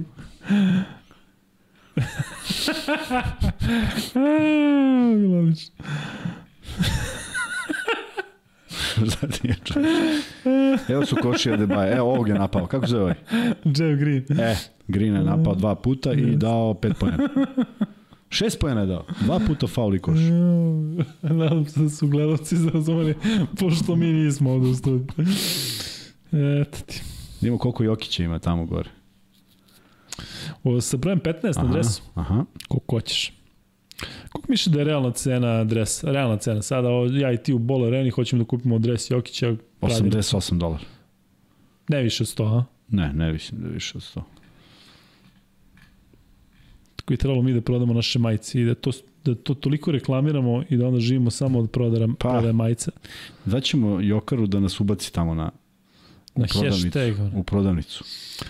E, ljudi, evo da iskoristimo ovo dok e, čekamo početak druge četvrtine, da vas pozovemo da sve ono radite što vas inače ne zovemo da radite, dakle like, subscribe, Instagram, Facebook, šerujte, lajkujte još jednom ako niste i sve te fore. Dakle, 600 ljudi je sa nama u live-u, e, čini mi se već sada više nego u poslednjoj utakmici, ali potencijalno je poslednja, pa je logično da, da ima i više gledalaca i mnogo više oni koji se bude u ovom trenutku. I da vam kažemo da smo trenutno na 22.366 subscriber. Da, trebalo Hvala bi da, svima, da. Trebalo bi da dođemo do 22.500 recimo sutra uveče kada igraju Partizan i Zvezda, pa ja ti kada doćemo. A sad u Inat Kuzmi, grobari. Sad krenite, budite se. Pozivaju se sve karte.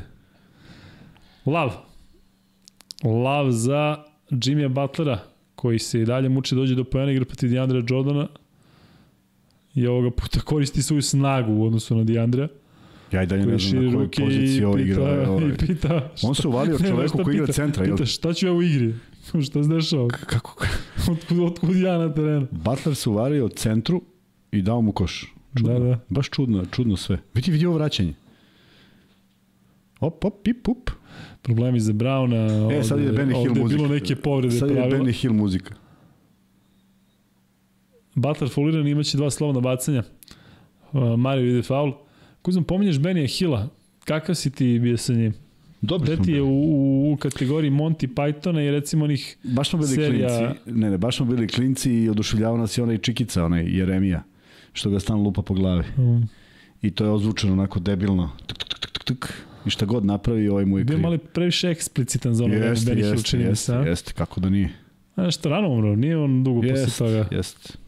Jest. Ali da možeš da biraš između toga i Monty Pythona ti ne, ne, biraš. posebno, posebno drugačije. Ne, ne, Monty Python je nivo, nivo iznad humora. Ono je banalan humor, da. a ovi nisu normalni potpuno. A od, od serija tih e, engleskih koje su ti, mučike su uvek po, poslije kao prve, ali recimo Alo, Alo i meni omiljeni nepristojni ljudi. Ali Alo, Alo, Alo takođe je bio ovaj, potpuno fantastičan kad se pojavio. Ne mogu da kažem da sam ga posle gledao, ali taj serijal kada se pojavio bio je urnebesno zabavan. Uh, Vladan Miladinović kaže Kuzma legenda, baš Benny Hill muzika. Pa kada Jokić ne igra tu, uglavnom mogu u, dvorani da puste Benny Hilla.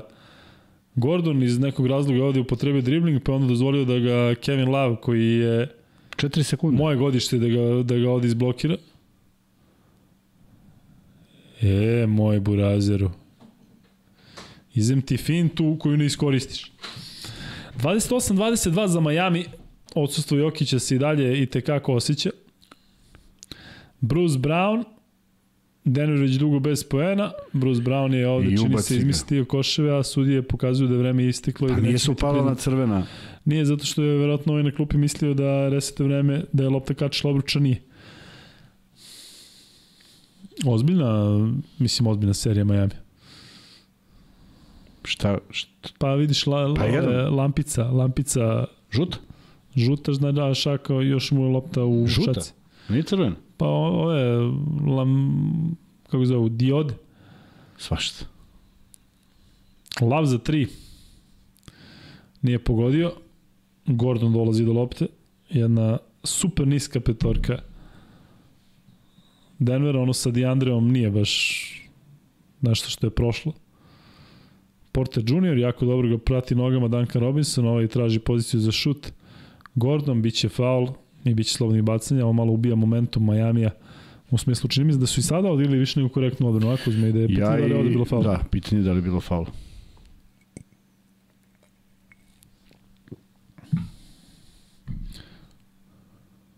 Hm. Sa, sad znamo da li ga je bilo posle uspornog snimka. Ali Gordon će dobiti, što je zanimljivo, dva slobodna bacanja za ovo.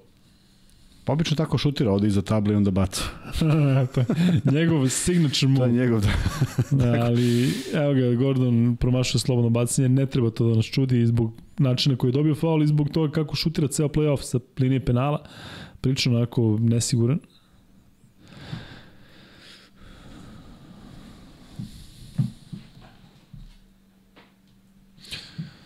Kako se držimo? Hm? Kolika pauza između bacanja je. Ne, možda ceo mural mogli, da, ono... naslikali. Pogodio je Gordon drugu slobodno bacanje 28-23, ali Denver već dugo bez pojena iz igre. Na drugoj strani Kele Martin šutiri promašuje za 3, Porter Jr. ovde dolazi do još jednog skoka, zatim se zaleće u napred, pa za Krisa Brauna koji dobro fintira sada Kevina Lava i dok ovaj pada on je uspeo da mu se podvuči da poentira. 28-25, Martin, pa zatim Lauri, nije mnogo Lauri tog dobrih stvari uradio za svoj tim. Na drugoj strani na ivici koraka je Butler, a na ivici tehnički je Jamal Murray. Dobit će tehnički na kraju će napraviti i sebi problem, pošto mu je drugi faul.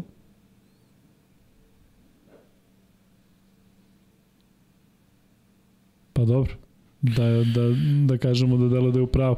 Jeste, čisto loptu. Iz ovog ugla se baš vidi da je bilo skroz na loptu, ali ne sme da pada u vatru.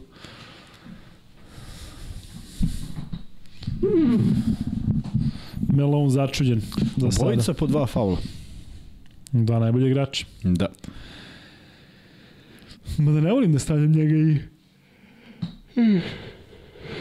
Njega i Jokić je u isti tim. Dobar su tandem, dobro je sve to, ali ne volim ono kad kažu kao Jokić Mare, Mare Jokić kao naš oni jednako doprinose timu. Nema toga. 30-25. Jamal Mari ima za 13 minuta dva pojena i dva faula, a sada male kompenzacije. Pa se brzo svira faul Pa sada će malo da ga pritisnu, da ga nerviraju, ne bili se ovaj, iznervirao i napravio neki, neku glupost. A nekako deluje da su igrači Denvera iz nekog razloga nervozni. Pa dobro, nisu bili ranije u ovoj situaciji, imaju nisu. priliku da pobede ne, ali od na svom terenu i slave to, da, tačno. pred svojim navijačima, što nosi sigurno i neku vrstu pritiska. Bruce Brown jako lepo ovde pronalazi u vazduhu prostor za šut sada Mari za malo da ukrade loptu ovde Butleru, ipak i dalje lopta za Miami, 30-27, da li da ova druga četvrtina traje godinama, a tek smo u trećem minutu. Butler, Butler napada Mareja, lako ga je bušio u prethodnom meču, sada korektna odbrana, Martin ide do koša i iznudio je faul koji je, čini mi se, zviran sa malim zakašnjenjem. Jeste. Ali na kraju rekao bih e, opravdan faul Gordona, bilo je tu očigledno i po ruci. I on kaže da udario loptu. Si udario loptu? Pa jeste. Pa posla ovaj kontakt rukom. Ovaj kontakt, da. Nepotrebno ovo što je spustio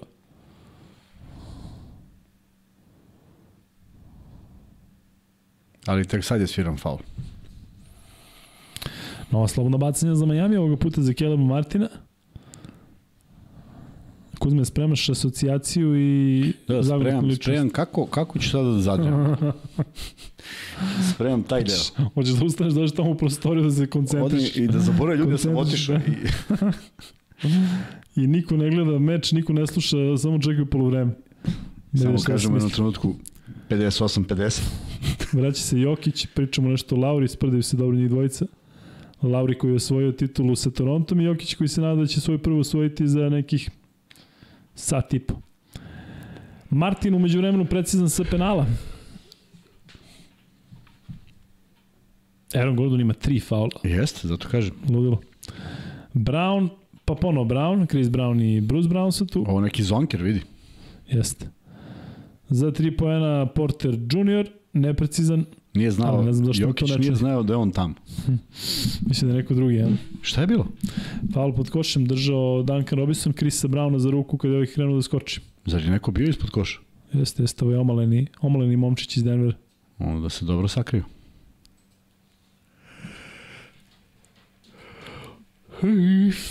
Ko će izdržati kraju utakmice, bog te mazu i ceremoniju, onu dodala MVP trofeja. Ali verujemo ti, Jokara, da ćeš ti to lepo... Već 14. minut. Opa, pa za Brusa Brauna. Nema koša. Dosta promaša i sa jedne i sa druge strane u šutu za 3 poena, ali definitivno se igra dinamičnije u odnosu na onih prvih 5-6 minuta. Butler.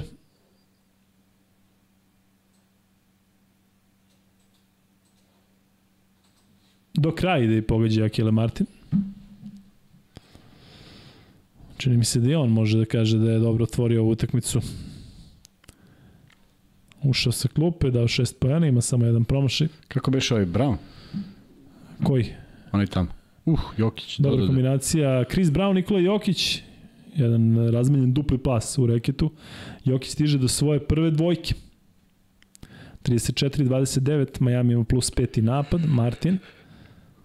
Kele Martin. Čisto. Da li je kačila ovog dok je... Nije, nije, nije. Čisto, za, čisto izbijena i lopta za Miami.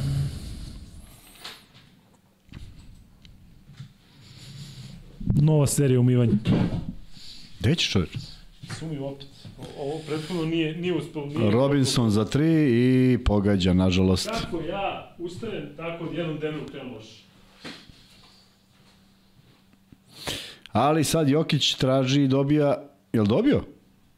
Dobio je faul, dobro je. Učinilo mi se da nisu njemu svirali faul, ali bump su svirali u korist Jokića, tako da je lopta za Denver. Još gledamo akciju Robinsona koji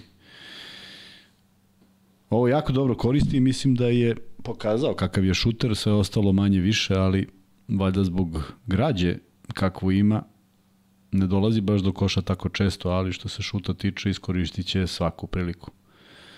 Jokića čuju tamo tri igrača, nije video naravno, zato što je već u startu bio loš položaj ostatka ekipe, I ponovo Robinson. I ponovo Robinson. I da. 39-29. Time out. Ne valja ovo ništa. Moram da zapišem plan za... Kad se igra? Za tri dana. Za dva dana. Ne valja.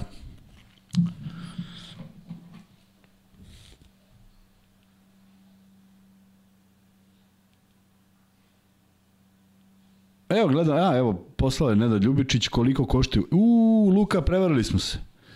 120 dolara koštaju. Ali ima, kaže, 20% popusta, možeš misliti. I to može da se kupuje 22 minuta i 40, 22 sata i 48 minuta. Valjda. Beli i sivi, crni, šta god da je. Hvala Nenade, 120 dolara, znači onda ništa nećemo da uzimamo. Predomislio sam se.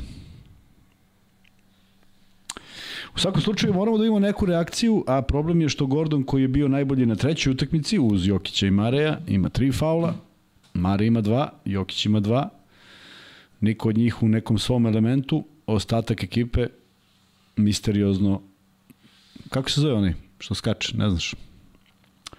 A junior, znam da je junior Porter junior.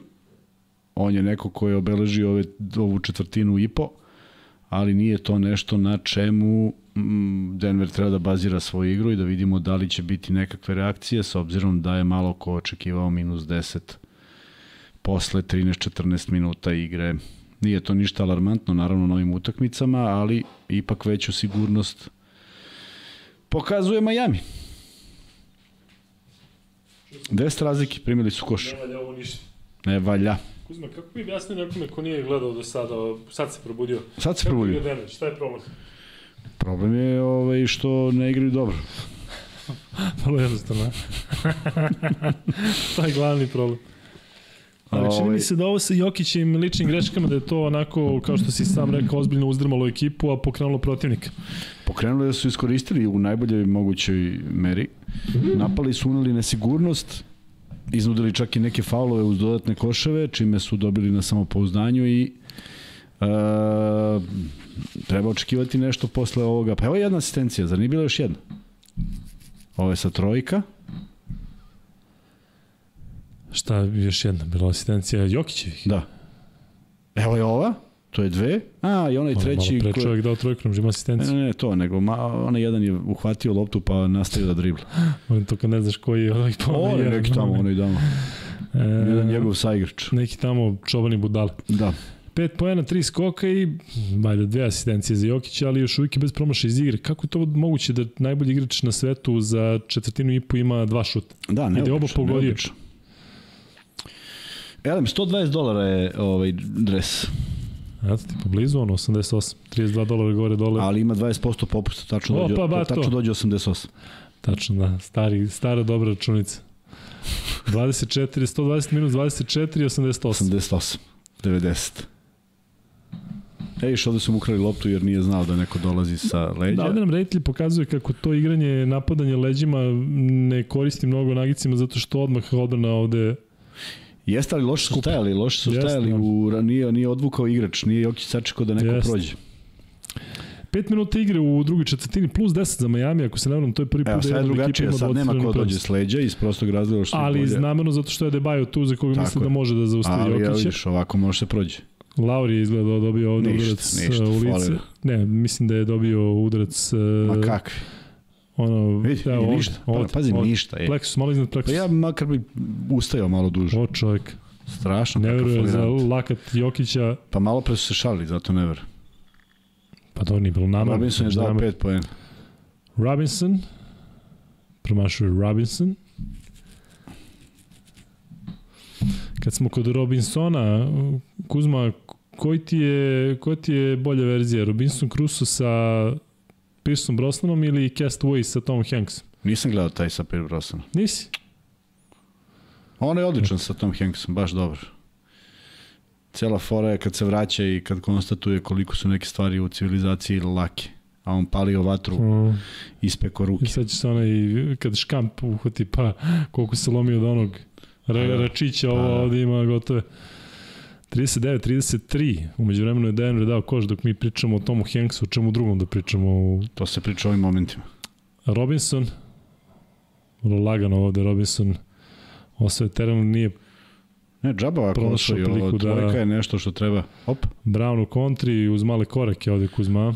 Ljuca bi ovo duno u sekundi. Ne bi trepno. 39-35, Brown zakucava u kontri i kao i obično donosi jako dobru energiju sa klupe Brown. I on je nešto slabiji u i meč. Evo ga, Spolstra sada traži timeout. Kuzma može ti na Trajeće ovo umivanje. do 7 i 15 će trajati. Ovo će trajati, znači tamo jutarnja guža da nas tre, četvrtu i petu utakmicu zajedno će trajati. E, ja i dalje verujem da će Jokić već čeras ovo da završi, da samo fali malo da se Denver pokrene i da Jokić u stvari bude taj koji će pokrenuti ekipu i da će sve doći na svoje mesto. Šta ti e, Pa ja se nadam, ja se nadam, ali ovaj, e, na, u prilog ide malo ova nedinamična igra, nema, nema serije ako si primetio, nego je sve nešto iseckano, pa nikako da prođe to neko vreme u koje bi trebalo da unervozi igrače Denvera, tako da još uvek su na dobroj poziciji, sad su smanjili, 4 6-0 su napravili, prema tome uspešan timeout i povratak u igru. Kaže Ozran Dević, ovo samo NBA ima, da ekipe koje igraju kod kuće loše igraju nego u gostima. Da, stvarno deluje da je tako, bar u ovoj seriji. Možda taj neki pritisak domaćih terena, ali sa takvim navijenjem zaista ne znam koliko to može da se poredi recimo sa našim regionom gde zaista publika uvek jeste šest igrač. Statistika izgleda za sada ovako u ekipi e, Denvera imamo dvojicu igrača sa po 7 pojena. To su Porter i Jokić. Porter ima i zaista nevjerojatnih 8 skokova. Jokić za sada 3 skoke i 3 asistencije, ali još uvijek bez promaša iz igre. Jedna trojka i dve dvojke za sada. Na drugoj strani e, u ekipi Majamija izdvojio se Debajo sa 14 pojena i 8 skokova i kažem uz taj eventualno 2 mogo bi do double-double učinka već na poluvremenu i ono što je i dalje vrlo interesantno, nisu se neki igrači od kojih se mnogo očekuje upisali u strelce. Gabe Vincent 0 pojena 0 od 5 iz igre, Kyle Lowry 0 pojena 0 od 2 iz igre, Kevin Love 0 od 3 iz igre za 9 minuta i on 0 pojena. Tako da ima prostora da se ovde ovaj trio probudi. Što se tiče Nagica, čekamo Mareja, nikako da ga dočekamo. Za sada šut iz igre 1 od 5, trojka 0 od 3 pored e, ta dva postignuta pojena ima tri skoka i tri asistencije. Porto Junior e, za sada igrač sa najviše šuteva u redovima Denvera, Pa logično. 3 od 8. Brown sa klupe 2 od 7. MVP u poslednje dve sezone, Brown 2 od 7. 2 od 7. Onaj Da, Brown, onaj, onaj viši Brown. Da, on je crni Brown. Uh, Charlie Brown. Charlie Brown. Da. On, uh, pa ima ono listiku napada, pa onda isto nešto ovamo, pa onda trojka iz ćoška, dakle ima tu, ima tu promašaj. E, sa klupe Denvera za sada Bruce Brown 4 poena, Chris Brown 2 i Jeff Green 4. Iznenađujući igraju DeAndre Jordan, međutim za svoja 3 minuta. A, govorio se o Majamiju. Šta? Za ovog iz Majamija. Kog? Što je promašio? Ne, ne, govorim za Bruce Browna, crnog, koji, za kojeg se ti čudiš da ima 2 od 7 iz igre. Ovo što je zakucao sad, da, da. Aha, da, za njega se čudim. Da, da. E, Ću mi na spavanje, Kuzma. Viš da ne možemo da gledamo. Što se nastavim ako na mikrofonu. Samo glava, da. Samo glava klone. Ajde malo da pričamo sa vama. Šest ljudi u live-u, Kuzma, moramo malo da se vidimo. Kojih šest? Šta? Šest ljudi. Šest, šest, pa da, Opa. ovde ovi što su ostali posle pena. I, i uključeni naši nalazi. Šest ljudi u live-u, ajde, hoćemo da udarimo neki pol, ili može? Da, da, pol je sledeći. E, Opa, David Thompson. David Thompson bio dobar igrač. Jeste.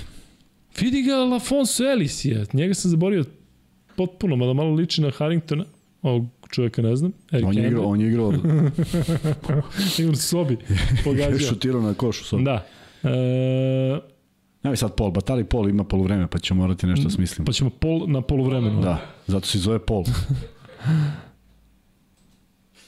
Chris Brown igra tamo odbranu, toliko je zatvorio čoveka da nismo videli ko je, ali to je ipak Lauri Pretero je koliko ga je zatvorio. Samo u jednom trenutku se bacio ka svoj klupi i šiknuo trojku koja je izašla iz kadra i na kraju podrazumeva se završila u košu. 42-35. Jokić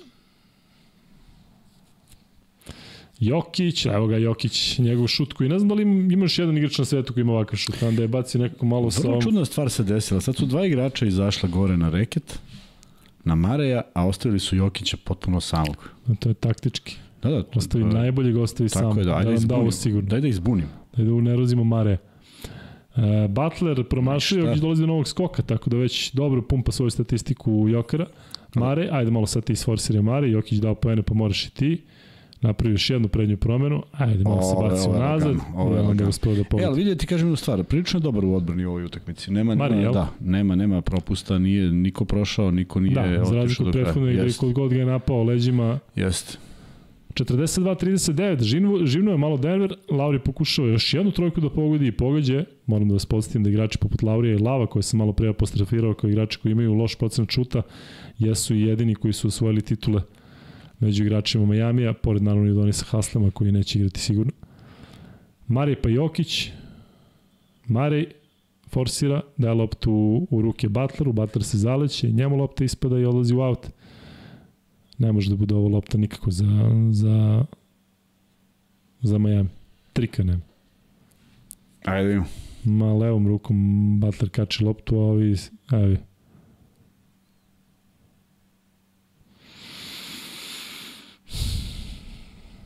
Nastavlja se utakmica napad na Majamija. Ne, ovi treba traže sudije iz, iz Kanade. Iz Meksika dođu da sude. Ovo nema nigde. Sa Paname, poznate panamski sudije. 45-39, Jokić ovde napada odbranu oh. i da loptu u ruke Butleru koji je ovde lako prepoznao gde će ići taj pas i zakucao je bez problema, 47-39, ovo je nešto što podiže ekipu, kada Jokić da, izgubi loptu da. i onda zakucaš u kontri. E, ali se čini da ovaj Butler nema neku, neku gibkost u pokretima? Meni ne, meni ne, delo da ima samo možda sad. Ovo ti trču sad, sad onako baš, lepo ti trču.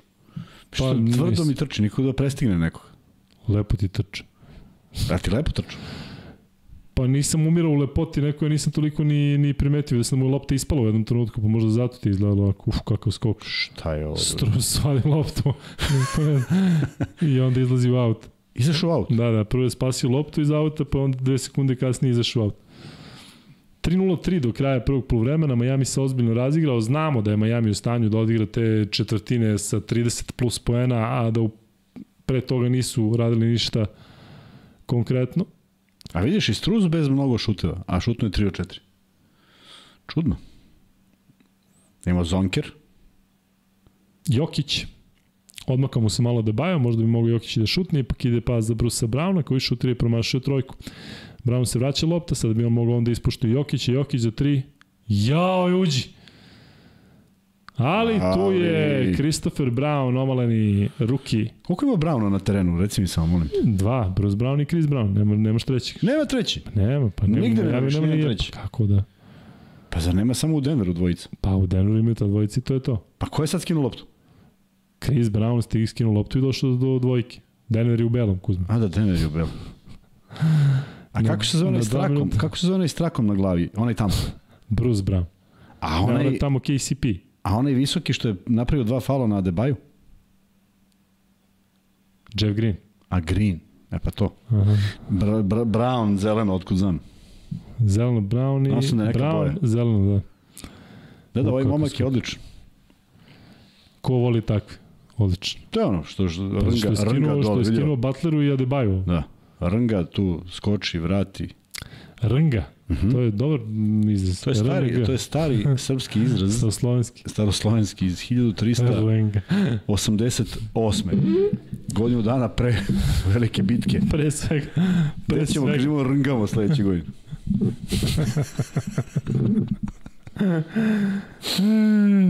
Rnga.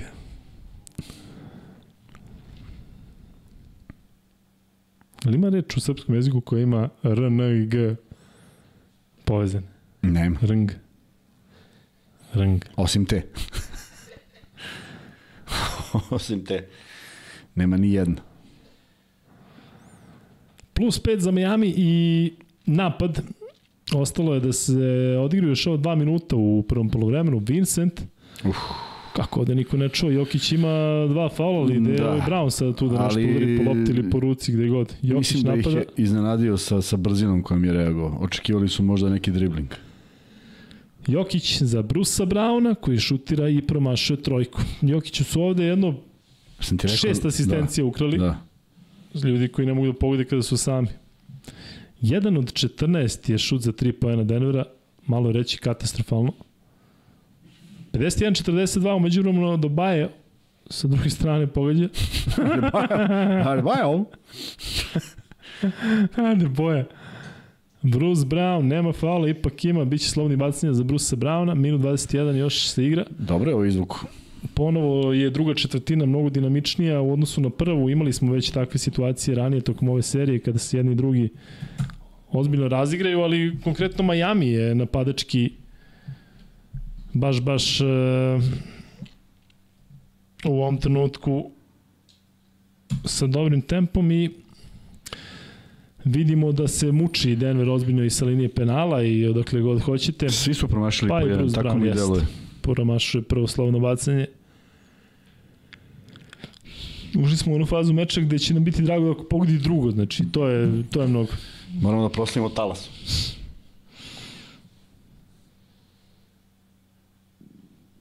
Pa ali, pogodi ništa, to slobodno bacanje. Ali ništa od talasa.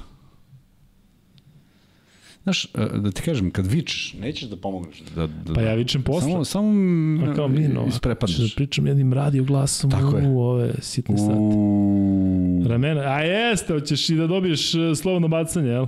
Evo ga Lauri sa svojim uh, teatralisanjem. Koliko će puta još da se okrene? Da vidim. Ajde. Je li ovo nekad bio Falkuzma? Uvek je bio faul. O. Da. Lepo stao.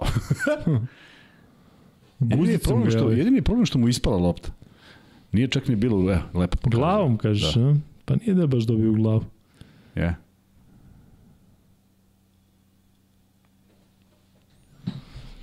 Bori se Lauri za ovo slavno bacanje koje naravno neće, neće dobiti. Neće odustati, sad će dalje da nastavi. Ljudi, ne valje što bi Kuzma rekao malo pre kada sam ja bio da sumivam, a uskoro ću ponovo. 51-42. Što sumivaš? Zato što onda dobijem neku neviđenu energiju. Ali umivam se ultrom, znaš, ne umivam se vodom. Nego prosto se ultru u sebi u ruke i... Da, pa zato što ovaj, Šta je? Nestala pora kad si je, u procesu, kada si je smislio, pa dok je trebalo da izgovoriš je iz, iz, promakla. Izvetrila. U, ovo je bio čist faul. Bruce Brown airball čist polaganje. Faul, pazi, ali čist faul, 100%. Eto ti. Evo, gledaj, gledaj, gledaj, udario ga u lakat, ne, ne pokazuje, 100% ga udario u lakat. Samo što ga... Ispala mu lopta sigurno, samo da li je zbog toga ili zato što je Bangaleja Butler, Butler promašuje kome lopta, do Krisa Browna dolazi, ima ovde razlike između 2 sata do 8 sekundi, tako da ne vjerujem da će Denver žuriti, ali lopta kod Portera juniora, on oh. žuri. Prošao na prvom koraku strusa i zakuca levom rukom, omak sa fantastičnim fizičkim predispozicijama, čini se da ih ne koristi najbolje. Ajde neko odbrane ovo, pa da pokušaju da još neki poen, ne bili, ne bili ušli u pet pojena za ostatka. Imaju vremena. Plus 7 za Mija, I 10 sekundi još. Lauri, čini mi se da će on odrešavati za 3, hoće, traži je faul, nije ga dobio, možda ga dobije tehničku. Jokić, Jokić šutira sa 3 četvrtine terena. Šabanka. Nije ušla, ali E, mislim da nije ovo polovreme za očajavanje, iako je možda najgore koje je Denver odigrao u ovoj seriji. 51-44 rezultat u prvoj četvrtini 24-22 za hit, u drugoj 27-22, za sada statistički individualno ovako stoje stvari, Debajo 18 pa 9 skokova, šut iz igre 8 u 13 i dalje je igrač sa najviše šuteva u redovima Majamija, mnogo manje mnogo manje učinak Butlera nego što smo očekivali, 2 od 8 ima Butler, 8 po 1, 2 skoka, da, 2 asistencije. Da, i mnogo nekih kontranapada Jest. koji nisu realizovani i sve to. Lauri dobar sklupe sa one dve trojke, 6 po 1, 3 skoka, 3 asistencije a Gabe Vincent je uh, za 12 minuta dao, odnosno nije dao ništa. Kevin Love takođe je bez poena. Dao ništa, tako se kaže. Dao ništa. Jamal Murray 4 poena, ali šut iz igre 2 od 7, trojka 0 od 4. Uh, Michael Porter Jr. trojka ima 0 od 2. Caldwell Pope 0 od 2. Dakle, Ko je dao to jedno? Murray? Jokić. Pa da, Jokić je dao jedno. Jokić da. dao na početku. Da, da, da. da 0 da. od 8 imate udarni e, trio u šutu za 3. Murray, Porter, Caldwell Pope, ne valja, ali sigurno možda bude bolje. Još kad dodamo Bruce Brownovih 0 od 4 za 3, stvarno se pitate kako je Denver ovde uopšte na koliko 3 posad razlike. Uh, Jokić, statistika 9 poena, 9 skokova, 4 asistencije. Šut iz igre 4 od 6, a jedina dva promaša imaju šutu za 3. Tako da računa se ono trojka kada je bio na sličnoj poziciji kada je šutno i računa se, znaš da se računa kao šut Kuzma ovo što je ovo opalio. Pa, pa da, da, pa naravno. E, Kako da se ne računa? Može se računa kad uđe, a ne računa se kad ne uđe. Pa jesi, to je istina. Dobro, Kuzma, kako smo gledali prvo polovreme? Uh, ne mogu zanimljivo, u smislu košake. Ne, ne, zaista nemam osjećaj da gledam, da gledam finale. Se slažeš? Da, ali nije ono kao da gledamo neki meč opušten u, u regularnom delu sezone gde se ne igra odbrane. Nije zašto... Stegnuti su, ne, da, da, jednostavno nije, nije samo sporno. ne. Ne ide, ne ide, ali čak, kažem ti, ne vidim tu neku, neku ideju koju treba da ima jedan tim. Dakle, ako lajički konstatujemo da je Jokić šutnu dve lopte u 17 minuta, nešto nije u redu. Me, me, meni nije jasno. Čak nije ni bio u poziciji da, da, da mnogo više poentira. To što su upropastili na pet dobrih pasova, to je loša noć njegovih saigrača. Ajde da se nadamo da će se promeniti u drugom polovremenu, ipak ne može ovako loše. Rekao si jedan od 14.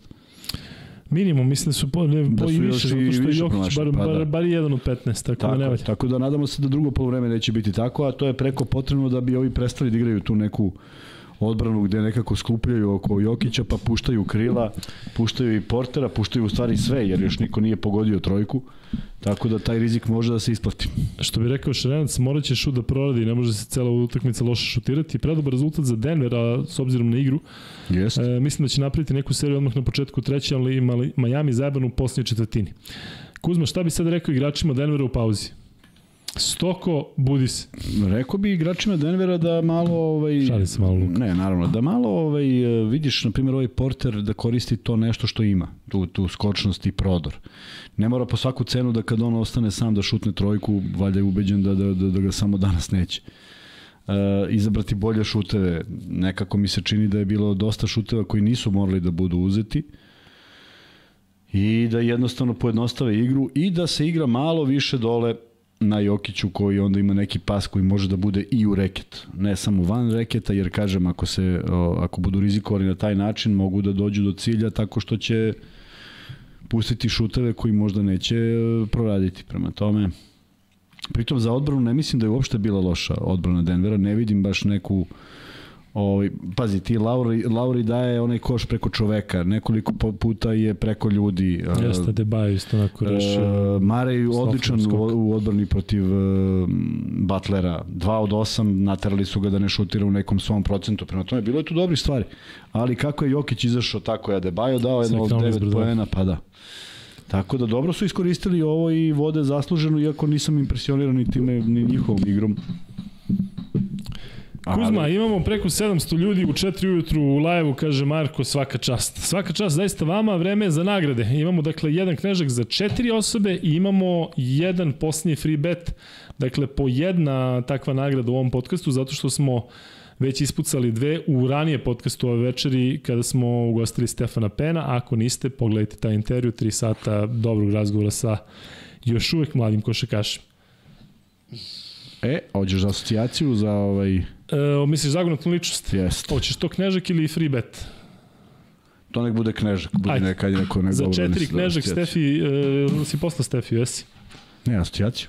A hoće asocijaciju? A, dobro, da, dobro. Ajde, ili imaš nekoga Kuzma u ne, glavi ne, ne, ili nemaš ti imaš nikoga? sigurno nešto dobro. Da, ja imam uh, nekoga ko um, je da kažem ostao onako prilično lepom sećanju. Um, Kreni od muškaraca, pa pusti malo nek, nek razmišljaju. e, nek razmišljaju u tri ujutru. Muškarac je i e, nekadašnji je trener. Da vidimo šta kažete. Nekadašnji trener? Nekadašnji trener, da. Mm, ovo izazov i za mene. Da. James Naismith. Nije. Una, kaže, treba umeti i pobediti najteže kad se cilj nazire. Mudro zboriš Una, više smo se iznenadili što si ti pojavila u, u četu. Sad ovde vam hvala Una. E... Znaš ovu pesmu? Una, ke gona jana sasa. e... Dakle, za Knežak, ću vam reći da je uh, ovaj trener uh, igrao za kolač u svom gradu. Kao i 100.000 drugih trenera koji Odnosno, su... Odnosno, igrao je za isti kolač i kasnije vodio tu ekipu istoimenu u NBA ligi. Da vidimo šta kažete. Spanulis, Ito Petralija, Ito Garcia, Stan Van Gandhi, Dejan Milović, Vlade Đurović, Brad Stevens, Duda, Vlade Đurović, Jeff Van Gandhi, nije niko, Muta Nikolić, Vlade Đurović, nije. E, nije se rodio, ali preminuo u tom gradu. Eto, i to da kažem. I ovo je sada asocijacija koja bi trebalo da otvori verovatno vrata vama koji nazirate o kome se radi. Dakle, preminuo je u gradu gde je išao na koleđ i gradu u kojem je trenerski vodio ekipu. Steve Kerr, Howard, George Karl, Kokoškov, Preminuo je, slušaju taj deo? Da, preminuo je. George Karl, Greg Popović, ili tu sve živi ljudi šta me, Dean Smith, Stan Albeck, Pera Božić, Michigan State, Mark Jackson, Erik Spolstra, Rivers, Leonard Hamilton, Steve Kerr, Brad Stevens, Don Nelson, Biden, Bar Đivadinović, Mihajlo Stovanović kaže ovo iz Minnesota, Flip Sanders, jeste. Poslednja asocijacija je trebalo da bude da mu sin trenutno vodi e, Denver, ali kao asistent, odnosno da je na klupi Denvera i e, tačno odgovor je dao Mihajlo Stojanović. Mihajlo, e, možeš da pošalješ svoj MaxBet ID na E, lukikuzme.gmail.com. Dakle, ti si dobio e, knežak za četvoro, što je najjače što možeš dobiješ od knežaka u smislu da smo nešto ranije podelili dva puta dva knežaka, sada dakle možeš četiri osobe da odvedeš na klopu, na zaista fantastičnu klopu, na početku Mite Ružića, odmah praktično na uglu sa Bulevarom Revolucije, danas Bulevarom Kneza Aleksandra. Kuzma, jesmo spremni da ispalimo i uh, Ne, smo rešili, što sam rekao, free bet ili Knežak? Knežak je dobio čovjek. Knežak je dobio čovjek, Knežak da. si dobio, dakle, izvini Mihajlo, ako sam u jednom trenutku rekao da si dobio free bet, dakle, free bet će biti sada, imat ćemo onu, uh, uf, kako ćemo da vidimo da je, da je izašlo to, pošto nam ne radi ovaj monitor, ovde imamo utakmicu. Da vidimo ime. Čega? To što ćeš sada pošlješ uh, čoveku behind da, the camera. Pa da, ali da li može da ovaj Ne moraš, ne moraš. Sad ćemo da imamo, neku ćemo da, da ispratimo s telefona ili nešto.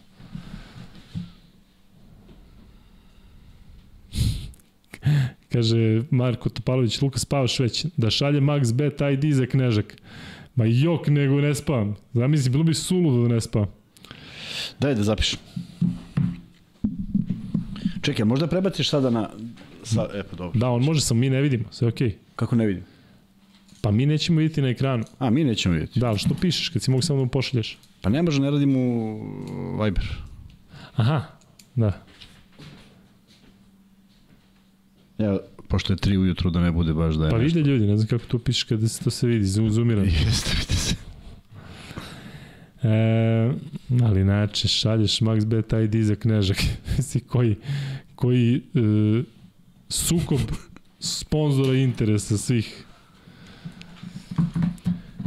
Imam utisak da Porter može da proradi, kaže Andrija Cvetović ili, da, ne može Cvetović, e, on definitivno je za sada e, bolji nego što sam ja očekivao, da budem iskren, tako da nema šta da proradi, ovo je najbolje što može verovatno da uradi.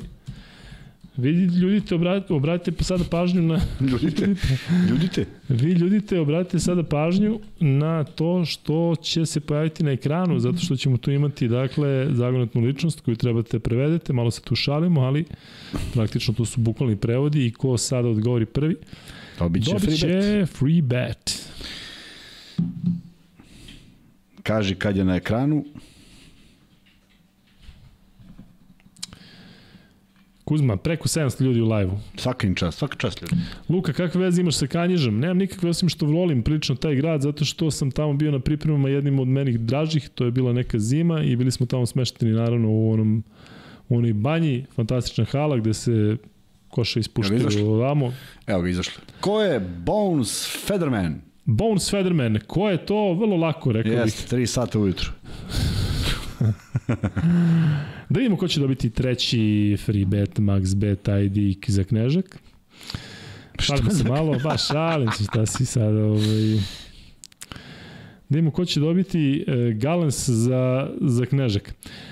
Kosta Perović, kaže Marko Topalović, tope, vredilo je što si sa nama bio od 9, konačno i tebi neka nagrada, živ bio tope i ne brini, javljaćemo, odnosno javljaćemo brzo i tebi i svima koji hoće da dođu na Adu, da li je okupljenje sada u subotu kada predviđaju neku kataklizmu vremensku ili ćemo prebaciti za e, 8 dana, odnosno za nedelju 25. Mi se ponašamo kao da je slobodno ta 25. ali ajde. E, trebalo bi to da bude okej. Okay sve javljamo uskoro. Naredni podcast imamo u noći između utorka i srede, posle derbija Partizan Zvezda, prve utakmice koja otvara finala ABA lige. E, utakmica počinje u 8, sve to će negde da se, da kažem, do 11 završi sa konferencijama, sa svim onim što prati derbi i eto, svi zajedno smo tu negde oko 12 u live-u na istom ovom mestu. E, Kuzma, Mm. E, rekli smo šta smo videli u prvom poluvremenu, šta e, očekujemo od drugog, pre svega od Denvera, za koji se ipak, e, za koji bih ipak rekao da i dalje se pita. Ma i dalje se pita, apsolutno. Jedan od 15 u, u jednom poluvremenu nešto, nije nešto što je održivo. Nadamo se da će e, naći rešenje za tako nešto, da će malo sigurnije šutirati, čak i slobodna bacanja nisu bila baš nešto što je bilo sjajno i očigledno da je tim u nekoj većoj nervozi nego običajeno, valjda upravo si što se približava taj kraj, pa je sad već moguće da e, postanu šampioni, e, ima to neku svoju težinu i volao bi da vidimo Jokića ovih posljednjih 24 minuta potpuno svih 24. svih 24 na parketu jer mogu da budu i poslednji minuti u ovoj sezoni, prema tome nema, nema razloga, jedino ako rezultat ne ode toliko loše da nema razloga da on bude da. na terenu, ali nekako ne vidim da će to da se desi iz prostog razloga što imaju još uvek dovoljno arsenala, e, jer ni jedan od igrača od kojih se nešto očekuje nije pružio ni deo onoga ovaj, što, što može i što smo gledali u prethodnim utakmicama. Kuzma, e, recimo da Denver i dalje ne ide šut. Koje su opcije u napadu osim one neočiglednije da se spusti, spusti lopta na Jokića, ali koje su još tu opcije? Ali se onda više insistira na nekoj igri 2 na 2 gde su Mare i Jokić prilično uh, uigrani ili sada pokušavaš da aktiviraš nekog igrača, da možda postaviš neku akciju za njega, da možda nešto sa klupe. Šta je najbolji izlazak iz šuterske krize? Pa, šuterska kriza, ako se nastavi, ovi momci iz Majamija će ostati u toj nekoj zoni i forsiraće i onda je u suštini sa tom petorkom koju gledamo do sada jedini Jokić koji može da napadne E, e, slažem se da bi možda Porter Junior trebalo koristiti taj ulaz ili nešto, ali nekako mi ne deluje da on baš razmišlja pretarano o tome i više voli da šutne. u krajnjem slučaju. Ovaj de, Gordon ima... Dobro, izvini, ali uleteo nekoliko puta u reki, ti pokupio ofenzivne je, skokove, tako, dakle, to su to treba, da, to treba da radi, da. ali kad se on otvori za šut, on će uzeti šut ako je sam, dovoljno sam a to je ona varijanta, pa oni žele da budeš sam, tako da što pre to shvati, onda će možda i bolje odigrati do kraja. Ajmo sad svi da udarimo like da vidimo da li je moguće da dođemo do 500 lajkova, ima nas 700 live-u. Da li je to izvodljivo? Bilo bi jako lepo kada bi mogli svi da dočekamo te 500 like. Ako ga bude, ubacimo još jedan free bet. Pa kud puklo, da puklo. Evo i Marko poziva ovde, kaže ajmo nas 600 like alo, ima vas 700 live ali sve to je... Ne, već bi fora bila da, da nas kažem, ima 600, a više lajkove. To je fora. To je šmek. E, ajde sada da udarimo neki pol kao što smo već obećali a to je e, vrlo jednostavno. Da li verujete u preokret Denvera u drugom polovremenu? Da ili ne? Ja ću odmah da kažem da sam među onima koji kažu da. Prošli put, odnosno u prošlom podcastu, kada smo imali polove poslednji put, dakle to je bilo u četvrtak, imali smo, ili petak, imali smo problem u smislu da se nije videlo e, kada glasate, on i dalje pokazuje nula. Dakle, ako tako bude i sada, to je neki dakle, bag, ali to sve očita i na kraju kada ugasimo pol, sve pokaže u procentima ko je koliko ovaj, i kako glasao, tako da sada kada se pojavi ovaj pol vidjet ćemo da li je ostala ta varijanta ili je, da kažem, normalno. Evo pola, da li verujete u preokret Denvera u drugom polovremenu? E, Da, evo sada čita, a? čitala je ove voucove. 336 lajkova, kako sam vas ovaj, pozvao da dođemo do 500. Evo, skočilo 340 lajkova, kažem, ako dođemo do 500. E, imat ćemo e, još jedan free bet, ali ćemo da stavimo pol, da li hoćete da bude asocijacija ili zagonetna ličnost, tako da bi bilo lepo da, da ovaj, to roknemo. Kaže Marko, nabacio sam vam 100 lajkova za par minuta, kaže Luka, hvala. Hvala Marko, lepo je to, ne moraš da me podsjetiš da se ovaj, zahvaljujem zato što mislim da sam ti se već zahvalio. Luka, da li si video šta ste organizovali u Somboru utakmicu praćenje? Nisam, verovatno nešto na trgu. E, Luka, imaš više polova. Dobar for. Oda nam Kuzma da se malo ovaj, osveži, a imamo trenutno preko 200 ljudi u uh, ovoj anketi gde vas 87% veruje da Denver može da prokrene. Zašto i ne bi verovali?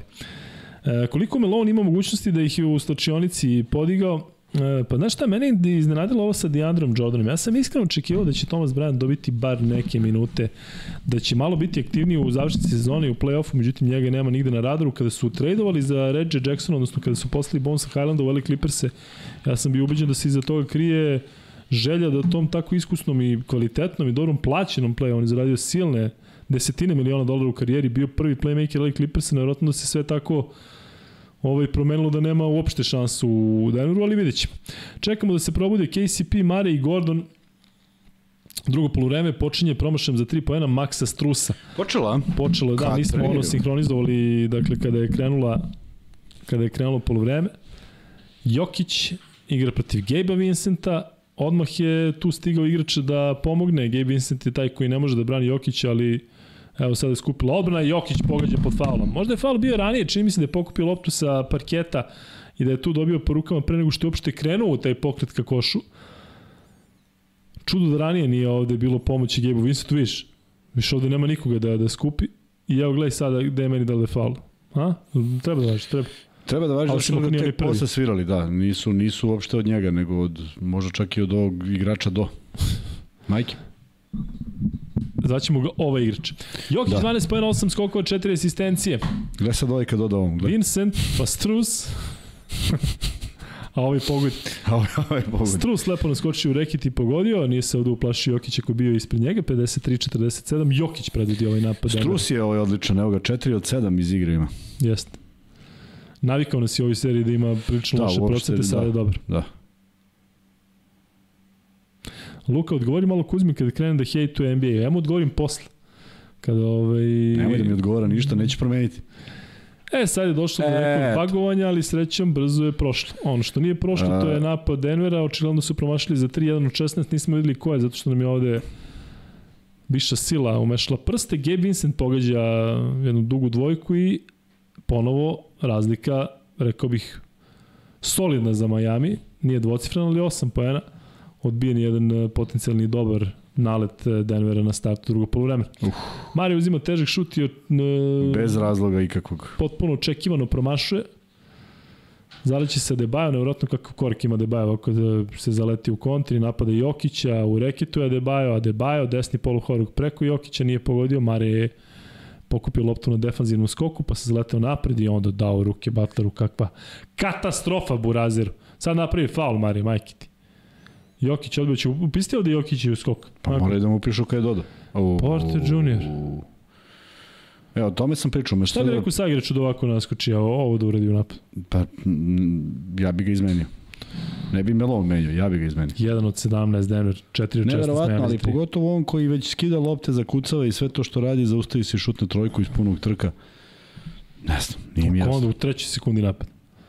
Butler uh, fintira Gordona, pa za Strusa, Strus za 3 nije pogodio, Jokić dolazi do skoka za malo da da auto koš ovde. Porter. Vidi, vidi, vidi, vidi što je naskočio da mi kao, podigne tehikardiju da. da dobijem. Tećeš? E, a ovo zna da radi. I zašto Jeste, ovo ne lepo to... je baci, priđi koš. 55-49. Vincent, preuzima ga Porter. Vincent i dalje prolazi kroz reket, on ovo često radi, Vincent, nije ovo laka pozicija, nije pogodio Vincent. 118. skok Jokića u ne, trećoj četvrtini. Double out. Gordon, fauliran je, da li će važiti? Hoće. I ovdje je dalo da možda faul bio ranije, ali Nema Gordon će sad. dobiti dodatno slovno bacanje. da ne čuju. Da im ne javi neko. 55-51, evo dobre serije Denver. Dobra serija Denvera sa jednom šutnom to trojkom, je tako? Samo je Porter šutirao. E, kad sad? Nije. Sad. Bila je jedna kada smo kada nismo imali ono kada im nestala slika. To je bila trojka? Da, odmah su potpisali jedan od 16. Sad jedan od 17. Eto. Čije ti jedan od 17 i Gordon ako pogodi slovno bacanje na po, nije, na pet, nemaju speci. Da, mnogo je, ali hoću kažem mnogo drugačiji napad i koristi se ovaj nešto što što je potrebno kada se rezultat stiže. Sam rekao da mi podigne tahikardija, sam to rekao. Tako si rekao podigne tahikardiju, sam sam kraj. Mare do kraja, konačno ulaz Mareja, kao što Nedoviću često prizivamo da ne forsira za tri, delo mi da Mare ima takođe takve mogućnosti u napadu da uvek može da proba da stigne do koša. Vincent pa Butler, Strus ne čeka mnogo, šutira za tri, pogađa. Samo što ovo nije Strus, već Kevin Love, ali trojka za Miami, 58-51. Caldwell Pope, pa Jokić može da napadne Debaja, odmah ga gura u reket, jako lepo Jokić je da okreće i pogađa u tablu. Vrlo mekanom, vrlo smisleno, tako Kuzma, ovo su pojeni koji da, su dobri za Denver, inače posebno sad. Tako je, sad odustaje od nekog udvajanja, a opet mislim da bi mi se to isplatilo kao rizik s obzirom da još niko nije opet pogodio trojku. Na drugoj strani lepo. Vincent forsira i pogađa. Kako ti sviđa Vincent? Pa baš mi se sviđa.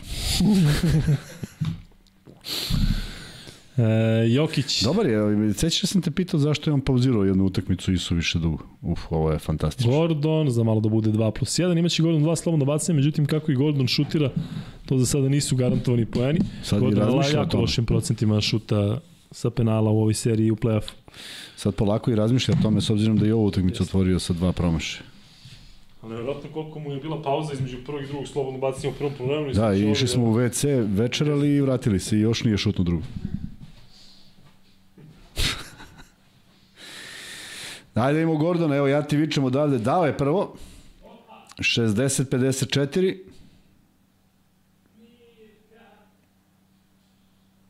Dizelaši u prvim redovima.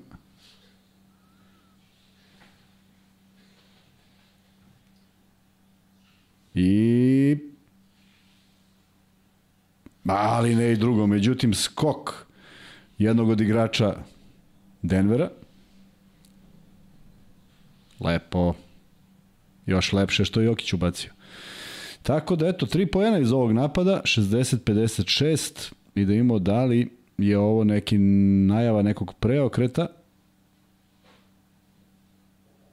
ili će Butler neće ovako lako da poentira. E, Jokić više neće da rizikuje da izlazi na bilo koga, verovatno samo kada bude imao direktan duel sa Adebayom.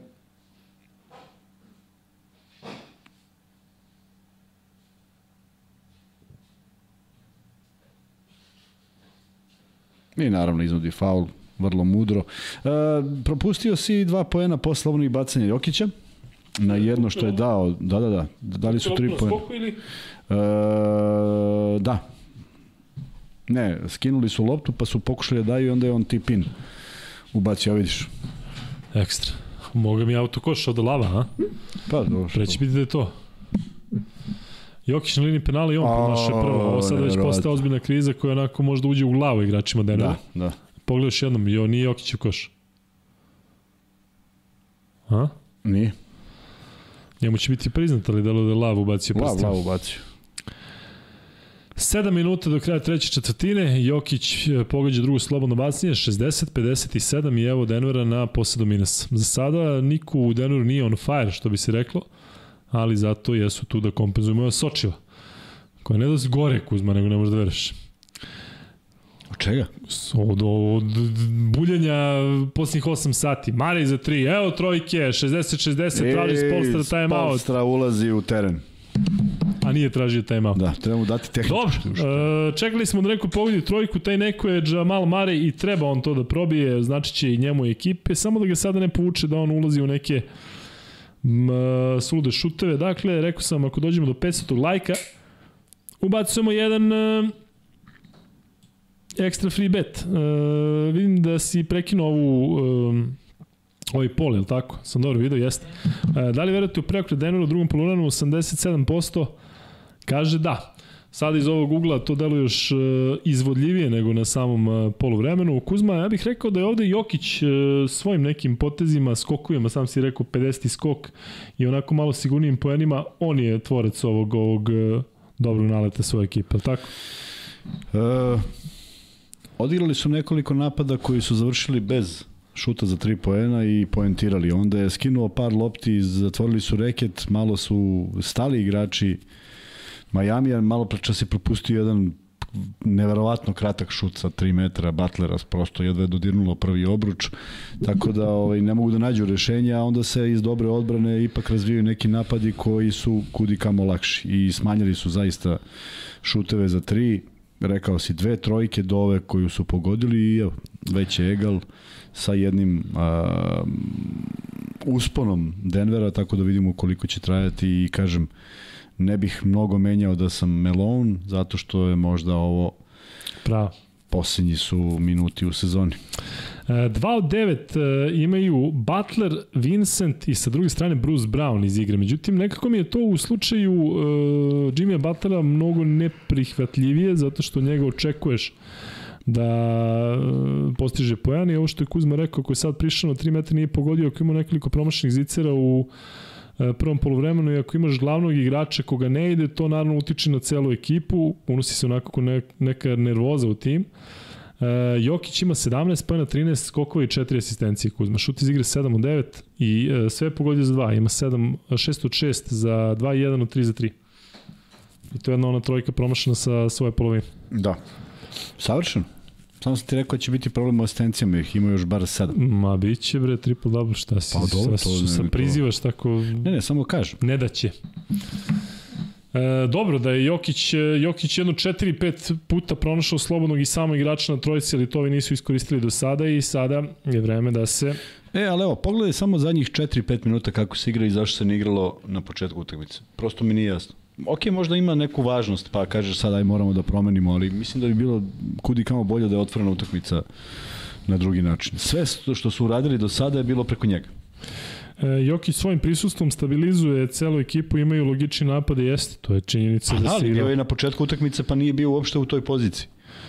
Luka Kadić je finala Amaterske lige, lige Srbije, bilo je dirao uz ovog vikenda um, juče, polufinala su bilo u subotu, revelna utakmica poznatih u subotu, e, sve vreme je bio otvoren bazar gde su mogli da se mogli da se kupe mogli da se kupe artikli tako da je prošao taj e, vikend za Mihajla Russell Wilson i Sijara vidiš Kuzma u desnu Sijaru kako da ne vidim jedna od poznatijih e, pjevačica u Americi sa tužnom nekom ljubavnom pričom. O, Bila je ranije... Nemoj samo nešto tužno, molim te. Da ne se ne, ne raspličeš, ne? Nemoj, molim te.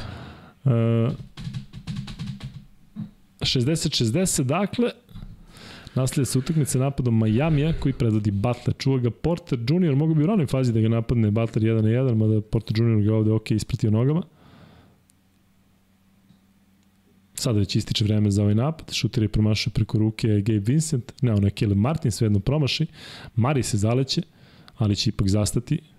Samo rekao da on Bio, sad ne počne da dilje zbog one trojke. Sad ne znam zašto Jokić izlazi napolje sa Butlerom, je? Pa zove ovde Gordona da on igra je jedan jedan leđima protiv Martina. Pa dobro, koja je razlika? Neko mislim da je sigurnije kad je kod Jokića Porta Junior opet. Evo razeru, što voliš ovo da mi radiš bre, ne spavam zbog tebe noćima još me trpaš ovako. Ide do kraja Strus, lepo prolazi Kuzma, Strus igra dobro. Ja mogu da verujem da je Porter ovako išao za njim sve vreme, ni, ni jednog trenutka pokušao da iseče tu putanju. 62-60. Da. Strus ima 12 pojena uz preko 50% šuta iz igre, pored toga i 6 skokova, dobra partija. Opet sa niskim čovekom, ovoga puta sa Strusom. Sad će doći u pomoć Adebayo. Lepo. Ali opet Porter. Porter Junior za 3 i još A, jedan promaši. To kažem. Oni e, žele da on bude razine. sam. Spremni su na taj rizik, tako? Tako je. Njegovog šuta. I e sad moje pitanje je zašto je Porter tamo, što ne pređe na ovaj, stranu Jokićevu, jer onda ne postoje šansa da dobije loptu. Jokić baca sjajan pas za Gordona, međutim ovaj nije uspeo da pogodi, nije ni fuliran. Neverovatno. Par prema sudijama delo da je bilo očigledno kontakta. Onda... A, prešla preko pola. KCP, sudija pokazuje da je ovde dirao Nije moj pritisak, nije pritisak pa nije urodio plodom.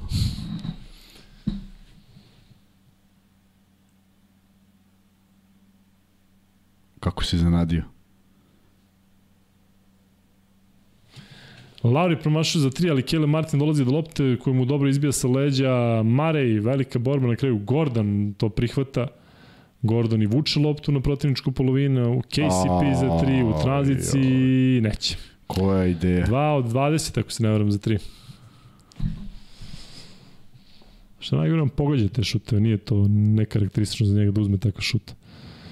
Hvala napadu.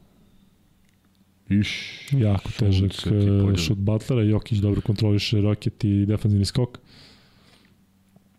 I on je naterao ovde Butlera na ovaj težak šut, a mm, Marej tamo dodaje protivniku loptu iz nekog razloga. Martin, neće Jokić ovde da ulazi u neki kontakt da ne da, rizikuje da, da, da, neće da pravi faul i evo samo 64-60 traži timeout Mike Malone. 3.58 do kraja treće četvrtine.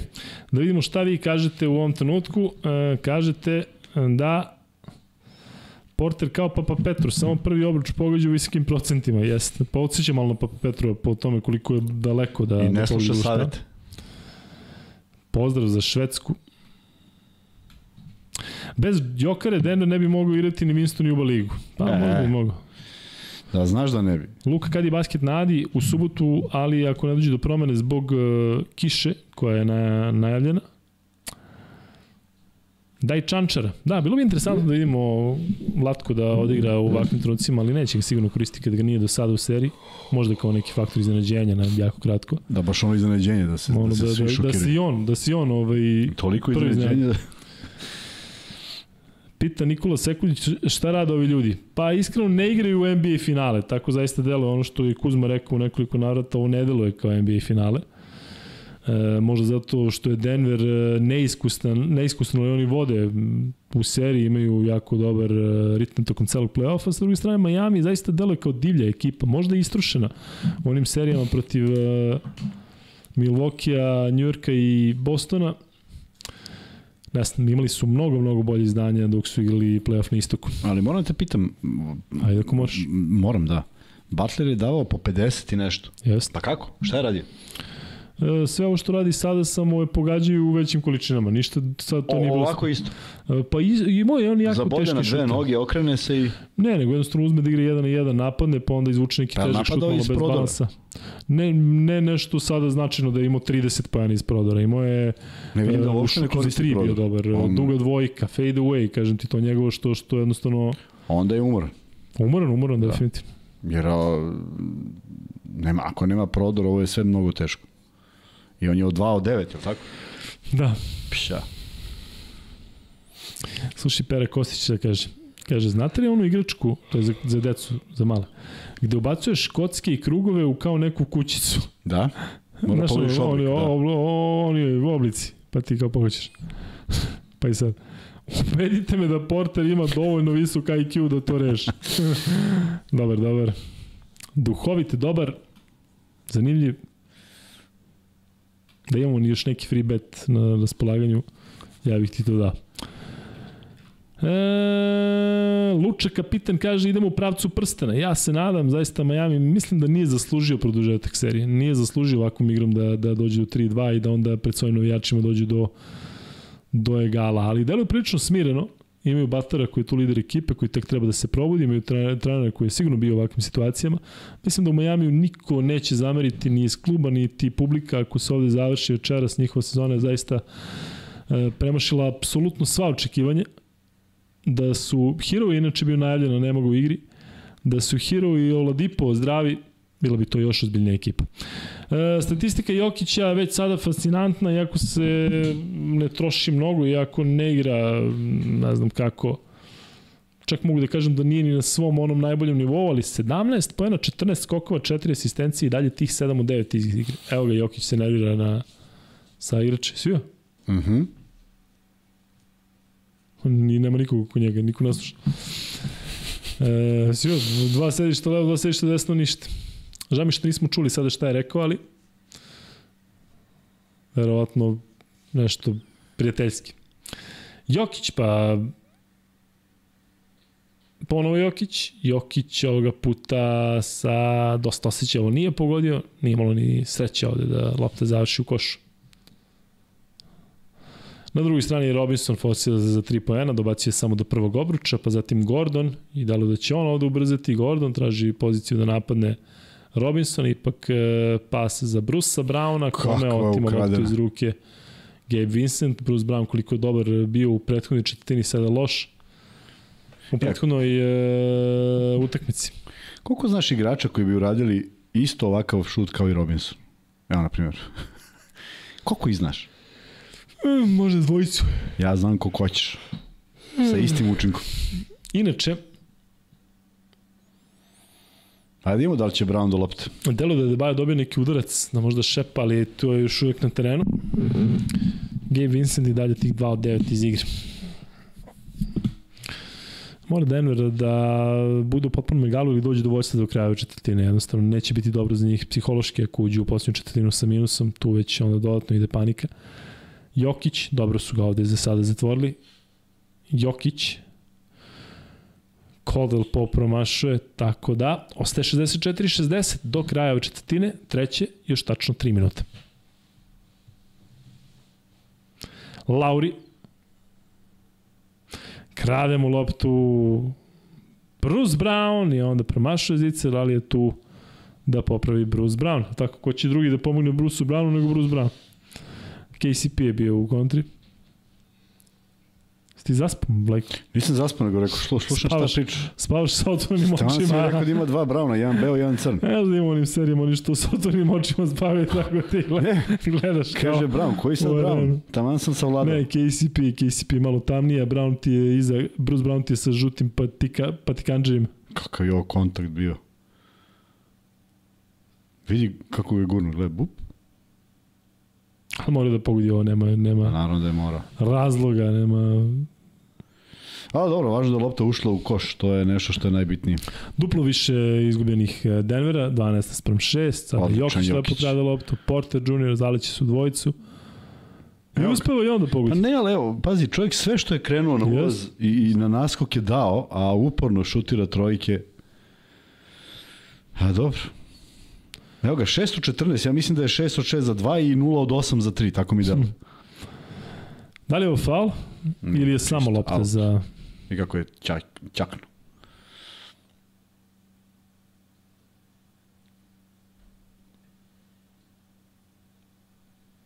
Viš. Ovo sam prispao neki 5 sekundi, ovo kako bude iseklima da bude naš kakva naličina. Ovo si prispao? Da, malo sam se izgubio neki 50 sekundi. Da sam lud? Pa očigledno sam lud. Lauri šutiri pogrešno. Ne, Vincent. Ne, Gde vidim Laurija? E, pusti ja da prenosim. Ajde, Ne znaš kako se zovu. Znaš Vincenta i Laurija i Jokić. Vidim koji, ko je sledeći. Brown. Green. Green Brown. Maril, ovo zona Kuzma, a? Ovo je zona, da. Ali ne Bruce ti, Brown. čoveč. Pa neverovatno je. Chris Brown, faulirani pod košem, da li on ili... Ma, ovaj, ovaj vadi posao, samo ide na skok. On što i dosadnik koji stalno ide yes. na skok.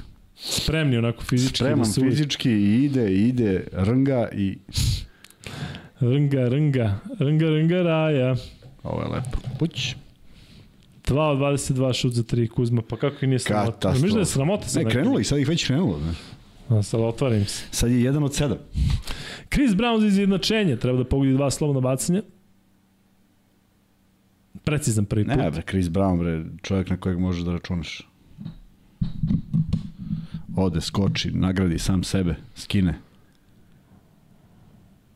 Lepo se pozicionirao i uzme loptu koja je ispod koša, dakle, neverovatno. Pogađa Chris Brown i drugi put, 66-66. Što će reći nerešeno? Nerešeno. Lauri. Lauri za tri. Lauri promašuje i prilike da dajno dođe do vođstva. Porter da ide sam. Porter Junior to nije dobro. Pa Evo, to li je moguće? To je to. Ma ti pogodi. I kuku, lele, evo svi su svi slave. Pa svi slave i on će sada šutnuti još jednu tako. Publika napušta dvoranu. Komarcija. Kažu sve smo videli je. I što je najgore, ovo može da bude ključni moment. I sad će naravno da bude pritisak u odbrani. Robinson Robinson neće za tri, neće ni pogledati koš, nije imao mnogo prostora, Debajo, on će šutnuti sa penala, s linije penala i uspeo da I... da pogodi uz dosta sreće, rekao bih. 69-68 do kraja ove treće četvrtine, još tačno jedan minut. Dobro, preokrenuo je Denver dobro. Jeste. Što je najbitnije i nekako su se razigrali igrači Porter, evo ga Jokić faul. Ovaj, e, pogodio je i trojku Mare, je li tako? Tako da ima sad malo više razigranih igrača i mnogo nekih rezonskih šuteva nego što je to bilo. Ovo je od udara od toga svega, ali Ovo je ušlo. potpuno suludo. Si uzeo nekad ovakav šut u karijeri? In karijera? Ma ne, ja sam samo rezonski šuntirao. Šuntirao. Šuntavilo? Ovaj, ni, nismo imali slobodu ovo da radimo. Šta Kakvi je da trčiš prema čoveku od 2 metra i kada šutneš preko njega, pa si lud. Pa samo produžiš u tunelu, znaš. I čekaš. Ne, ne čekaš ništa, samo produžiš. U sobi da ti se javi. Da. Jokić promašuje prvo slobodno bacanje, nije da. baš najjasnije kako tako da loša. Sad Porteru tek ništa nije jasno. Što izlazim kad sam sad dao trojku? Toliko sam čekao i ništa. Drugi put Jokić siguran, što znači da je rezultat 70-68. Da vidimo da li će žuriti, da li će biti 3 ili 2 napada.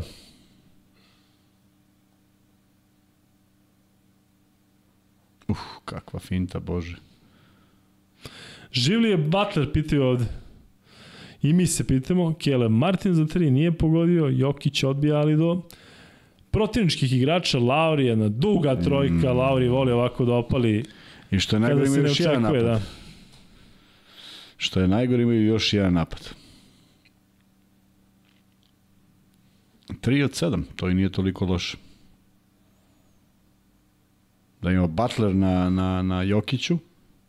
Ne znam što sad Jokić ide gore, verovatno da bi on šutno trojku ili... Jokić, lepo za Brusa Brauna, nema faula. I ima još koš da prime. Lauri će šutnuti trojku, valjda je to... Lauri, ipak ne ulazi u reket. Lauri. U, dobro. Nije uspeo da pogodi i to je to što se tiče treće četvrtine. Miami ima prednost, ali 71-70 minimalna prednost u košaci. Kuzma bolja četvrtina za Denver, jedina bolja, bolja. koju je dobio tim Nuggetsa za sad u ovom meču, 26-20. E, ja sam rekao da će Denver na plus na 120 poena i fali mi samo 50 za četvrtinu. Ali dobro, egali po četvrtinama. Prvo je dobio Miami sa 2 poena, e, drugo Miami sa 5 poena, u treću Denver sa 6 poena. Dakle, nije tu baš u tih 12 minuta bilo nekih ne znam kakvih serija. I Kuzma, eto, imamo krunu sezone posljednjih potencijalno 12 minuta. Pa yes. možda, da, možda da bude u ovoj seriji, da bude to kraj cele NBA sezone, ali neće biti ovaj, ja mislim panike kod Denvera i ne de Bože ako se ovo izgubi. Sigurno najmanje kvalitetna utakmica od ovoga što smo gledali ove četiri. Zaista mnogo, mnogo loših izbora i mnogo i malo poena u krajnjem slučaju iz velikog broja šuteva. Da li igrači žele da se završi, da li misle da mogu više nego što zaista mogu, ne znam. U svakom slučaju malo me začudi ovaj napad jer već e, u zoni nekoj stoji Uh, stoji Miami sa sve Butlerom na Jokiću, Butler koji se neće ponuditi je napravi faul, Jokić koji to jako dobro rešava, onda uđe u neku komplikovaniju situaciju i faktički sem te jedne, jedne serije od nekih desetak poena koje je ovaj, postigao Denver, opet nismo gledali ništa što ima mnogo smisla da se da se natera protivnik da bude u problemu. Tako da vidjet ćemo kako će izgledati do kraja. Kaže Luka, kao Duško Dugošku u avionu propada. Znaš kada propade oni, oni mali gremlin. Kada je ono, u, a, ej, i, a, ej. E, ajde bre, Mari igra odbranu Maro, malo. Luka u Zenu. Jeste, uhvatili ste me malo kada sam bio... Luka je gotov, Luka zaspo. Ne može ništa da promakne našima, to je nevjerojatno. E, kažu ovde, da, Stefi, da staviš pol, da li će neka od ekipa premašiti 100 pojena, da li, bukvalno stavi tako pitanje, da li će, e, ko će prebaciti 100 pojena, pod A obe ekipe, pod B ni jedna, pod C samo Denver i pod D samo Miami. E, delo da će možda i jedni i drugi. Gotovo je, gotovo. Ovdje smo u steči sad. Ne znam šta se desilo. Znam ja, polomio si mikrofon. Nisam ga polomio. Tako, tako, tako izgleda polomljeni mikrofon. E, sad ćeš da sam sebi držiš. E, Stefan, znaš ti ovo da rešiš e, Kuzmine? Sad će to. Ajde. Ovo je namerno bilo, bo namerno bilo čik, pa sad ja ovde da... I onda će on u posljednjih pet minuta, evo sad videli ste, sam vam Dakle, e, krenulo je glasanje. Sad će ovako. Ovako mi je stvari zgodnije. Pa, tako je ekstra. Kažem ti, mislim da je namerno. Mislim da ne može ovo da se vrati na, ovaj, na ovu stranu. Ostaje ga, pored sebe ga spusti. Zašto se ovo desilo, ne znam. Samo od sebe. Dobro, to će Srki sutra. A ja sam od uvijek želeo ovako da vodim emisiju. Pa jedino da napravimo timeline kada ćemo nešto da te pitamo, da ne možeš da držiš sve vreme. E, ali to bi moglo da se, da se sredi, Kuzma delo mi da... da priđemo uopšte odavde. Znači, ipak si zajebao. Evo je Cody Zeller ulazi u igru. Opa! Da li to uh, Spolstar ističe belu zastavu? Ono? Ajde da se nekako ne, više. Ne, nemoj, da, da, nemoj samo tretiram jednu četvrtinu. Pa čekaj, ako mi bolje, čoveče, se naslonim. U, samo će ti e, ruka utrnuti. E, pogled Kuzma, 9 od 17 slobodna bacanja, 3 od 23 trojka. Kako je moguće da je Denver vodio u, na minut pre kraja posljednje četvrtine? Neverovatno, zaista. Ko je dao tu treću? A, pa da, ovaj Porter. Tu se ovaj sve Porter. Gordon. Gordon protiv Kodija Zellera. Evo ga ovaj Gordon. Jokić, Bravo. to bre, trpa Jokera preko Zellera, čovjek koji ne postoji na terenu kada je Jokić. Odlično što ga uveo. Jeste, ovo je baš kaži onako... mi, koja je ideja uvođenja? Šta, jedino koja Debajo Možda nešto neka povreda, zato što je nešto šepao Debajo ranije. Ili ga odmara da bi ga čuo 11 minuta, minuta pošto ga istroši. Mita donira, hvala Mita S202. Evo Zeller sam nije uzo šut, čudno. Robinson. Robinsona Gordona, Lepo. Robinson šutira, ne pogađa, ali Zeller ali Zeller ne pogađa, pogađa pored obruča. Gordon pa Jokić, kako se ovako stušti Jokić, odmah okrenu leđa, Jokić za Gordona, Gordon neće šutirati. Bruce Brown za Gordona i onda Mare za 3. Ovo bi trebalo da uđe. Ušla! 75, 71, idemo, time out Miami nakon pa 61 sad time out, sekunda. Pa mora se seče serija, Kuzma inače će da ide Back to South Beach, u kako izlazi. Izlazi, izlazi izlazi zeler. Kao neki ono Izlazi cool. zeler. Ko, da. ko je tebe pustio unutra? jesam, jesam te ja ili nekog pomoćnika ubacio na kvarn. Nisam te ni primetio unutra. Otkud ti? Uh, Kuzma, E, nije ovo loše počelo, a? Mislim, ja ti... koliko je ovaj sad napad imao neki svoj Flow. smisao da, i protok lopte. I kad uzmeš tako šut, nema veze da li promaši. Zaista, to, to smo uvek, to su treneri uvek poštovali, zašto je uređeno sve što treba. Posle na igraču da li će da pogodi, ali ono preko ruke jednostavno nema mnogo smisla. Kuzma lomi mikrofon koji Jokić, znaš da je Jokić jedan to nešto Samo, samo lo, mikrofone lomim, kako ide ono? Ruke mi krvave. Ugasila se kamera? Pa taj treba da se ugasi. No, ova ima ova ima ovaj ona ova ne radi, tako. Da, ona se vratno posle nekog ugašena. vremena automatski ugasi, da. Ma ona je ugašena davno, ne vidiš da, šta brineš. Da, ovo je otpisano. Ovo, ovo ti je negde na nivou rada kao Kuzmin mikrofon, dakle. Samo da ne padne sad osvetljenje, baš u ovom trenutku. Ljudi, u ovom trenutku imamo 632 ljudi u live-u u 4.28 ujutru. Svi se nadamo da će Jokić da, šta? Da, da završi ovu seriju i da imamo još jednog šampiona ovoga puta uz veliku razliku što bi to bio apsolutno najdominantniji igrač ligi. 402 lajka, 241 glas. Bravo. E, čekamo 500 ti like pa da damo još jedan e, free free bet. Ajmo da podsjetimo. Kuzmić, tako? Bjelica. Miličić Stojaković. Miličić Stojaković. To je četiri, tako? Mislim da nema više. Pa rekao bih da nemaš. Evo. Ako smo nekog propustili, vi ćete nam javiti, to znam da ne može da prođe bez vas. Kuzmić, Bijelica ove godine, Kuzmić sa Golden State-om. Uh, da više, Kuzmić, Stoje... Bijelica sa Golden State. Stojaković. Sa Dallasom. Sa Dallasom, da. I šta smo rekli? Miličić sa Detroitom. I Miličić sa Detroitom, da. E, samo nešto dao taj prsten u dobrotvorne svrhe. Prodao ga za dobrotvorne svrhe. Pa dobro. E, Evo nas, još 80 lajkova, još 73 lajka i onda Opa. pucamo free bet, a napravit ćemo pol dale ili asocijacije ili... Samo molim vas, pre nego što se završi utakmica. da, da. A ne ovdje kada nam ostane stream da bude 500 lajka. Kad si sam, kad je sve, Nužno ti se sjeti nje. Hoćete da pevamo do... do da, da, hoću, da sam. Muzika, da, da, pa to, šta mi je što pevam? Karaoke show. Da. Sad ću ja da ovaj moj polomim. Zlomi sve, od sreće. I zlomi sve kao Denver dobio. Znaš, pa ćemo onda... Uh, Srki, će nam studiju kroz prste što lomimo. Srki, malo smo bili euforični. Da, lomili smo mikrofone posle meča, ali nemoj da gledaš podcast da vidiš šta se stvarno desi. Ali ovo je stvarno spalo bez ikakvog mog kontakta, svi? Pa ne, ti si ga malo, ako si ga rukom... Miš ono kad sam ga udario motkom. nešto, nešto ti se zamerio pa si ga klepio. To je ratno kad su te da su te zvali u sred noći da ti, kako komentarišeš zvezdu, pa sad te stigla ta nervoza. Sad, sad, potpuno. Murray. Koliko traje ovaj timeout tamo? 7 minuta? Traje dok, dok se igrači ne na teren, to je proizvod. Znači može sad ostane njih još 15 minuta i Evo, ništa. O, hvala Bogu. Dok se puste reklame, pa uredi izjava, pa Mike, Mike Dup, Mick Dup i ostalo. Butler, Butler napada Browna koji mi čini mi se čak i udara blokadu. Da, ima blokadu, da. Samo ima još mnogo sekundi početak, za napad. Posljednje četvrtine za Denver. Butler ide do kraja U, Martin lepo. i izlači ovo lepo na drugi obruč. Si volao ako se zadrškom završaš, ti si imao te pa, odreze. Da, da, da. Bilo je lepih momenta. Haris je ovo volao tako da je podine pa da je spusti.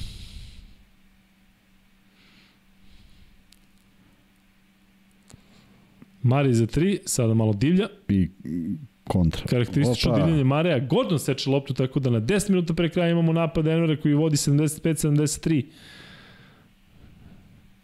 Jokić! Ne znam se da li je ovo levom ili desnom izbacio. Ne znam se, samo znamo da izbacio meku i pogodio kao i uvek. Jest. Kuzma, Jokić ima statistiku koja je fascinantna. Znaš što? Ne 22 pojena, 14 skokova, 4 asistencije. Skoro cela četvrtina do kraja. Prebačna lopta za Laurija, težak ugao, međutim Lauri za 3, 77, 76. Sada bih rekao Kuzma da gledamo nešto bolje finala, a? Da se čini? Pa mislim, ako smo čekali 36 minuta, neki drži. I plus onih 500 iz prvih utakmica. Ajde imamo šta su smislili, opet su u zoni. Neverovatno. Je li moguće? Evo, dvojica pričaju o sam zaspo, na dve sekundi samo vidio Jokić kako izbacio ovako. Ti stvarno spavaš? Pa da, imam dremke te od pa dobro, po, po, par sekundi. Ko novsi, kažu četiri puta po dremka i ko novsi. Četiri puta dremka od po 15 sekundi, je ti minut spavanja. A Debaja šutiri promašao, nema faula, Jokić tamo pokušao da istrči pre Debaja u kontru, ali neće. Bruce Brown Brown promašuje Gordon na jako bitnom skoku, Jokić sam potpuno tamo, Chris Brown, evo ga sad pod košem, Brown biće faul, neće biti koš zato što je Martin pao preko njega. Neće 79, 76. Aj možda zato što nije ušlo. Šta je sad? Neće biti koš. možda zato što nije ušlo. 456 lajkova još 44, pa... Idemo krupnim koracima. Naravno da je sačekao, smirio loptu, svi su trčali, on smirio, bila. pa da, i samo našao pravo rešenje. E, fenomenalan je zaista, evo i u, i u napadu i u odbrani. Ali ima još neverovatno kako sporo vreme prolazi. Da. Da dremem ja malo, možda prođe ovo. Ne, znaš te kako onda... Ja ne smem da dremem jer mi ispada, dremneš, ispašće mi, ispašće mikrofon. Dremneš i misliš da je prošlo, ne znam koliko, prošlo dve sekunde. Znaš koja si? Evo ga, Sounders mali levo, naša strana.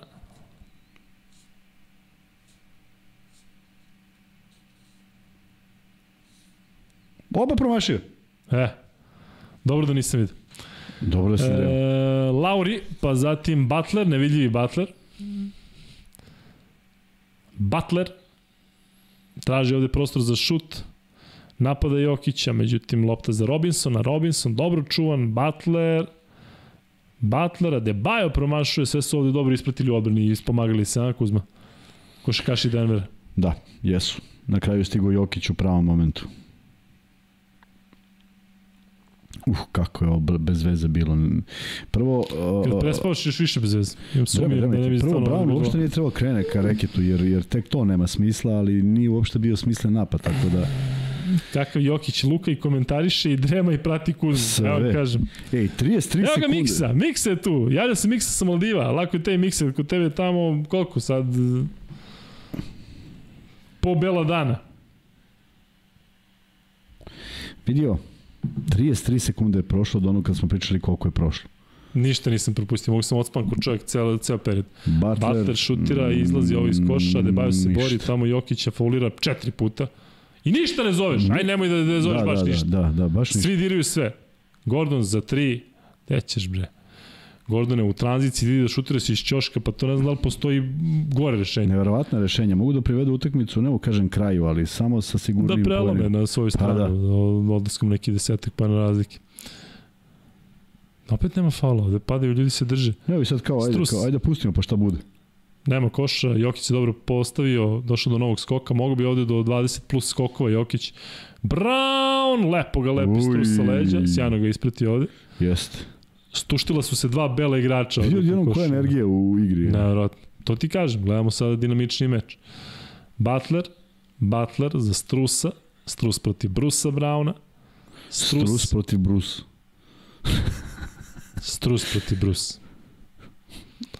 Lauri, oh, oh. šut i onda podlakticom udara blokadu. I sad svi očekujemo da smire, a ono gledaj sada. Dobre, da, smirili su. A onda sledi sa 9 metara praćika. Da. Murray. Murray Lepo. za dva. I evo ga opet, ovaj čovjek stano ulazi u teren. Da, pa on, njemu je neograničeno to da uđe u teren. Timeouti jesu ograničeni, a ovo...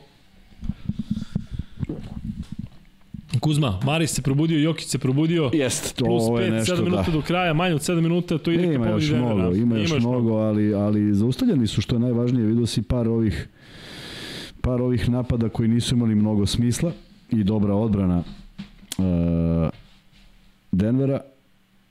Koje mašeš? Na koju kameru mašeš? Na kojoj smo kameri uopšte? A na ovoj ovde srednje, on je, on je sve po brku. Sve po brku, mahao je pogrešnoj kameri. E, u svakom slučaju, približavamo se kraju što je najvažnije i nadamo se da gledamo Jokića kako diže pehar. E,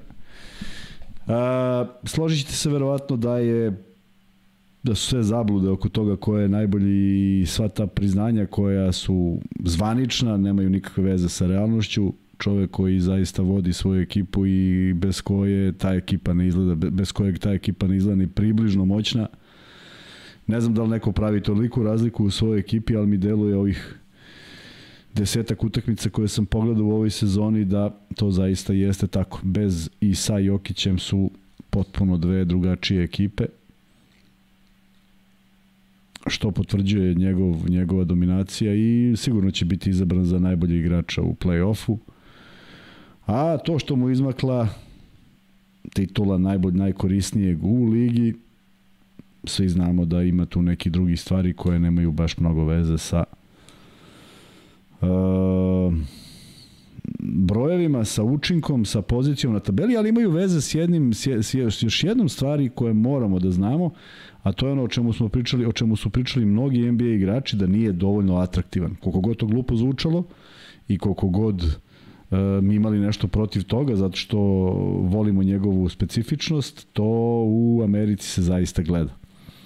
E, Luka kaže da veliki broj Jokićevih dresova, baš me zanima odnos prodaje Jokićevih i na primjer evo ga sad ovaj Adeto Kumbo da vidim ko bi tu bio sa većom ko, ko je više interesantan medijima, navijačima, a nažalost to se sve gleda i nekada meri i nekada kupuju igrači na osnovu toga, ali se nadam da jedan od onih koji neće nikad biti tradovan je upravo Nikola Jokić koji se pronašao u Koloradu, u Denveru i ispisuje istoriju do koje nedostaje još, koliko minuta? Sedam, a? Neki 7 minuta, ako sam ja dobro ispratio. Luka mora da je zaspao u drugoj prostoriji.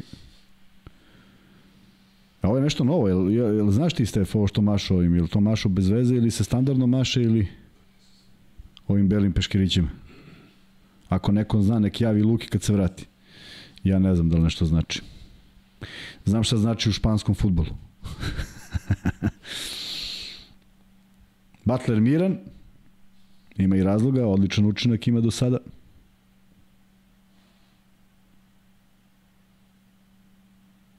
Sad sam tek video da nose Jordanovu opremu.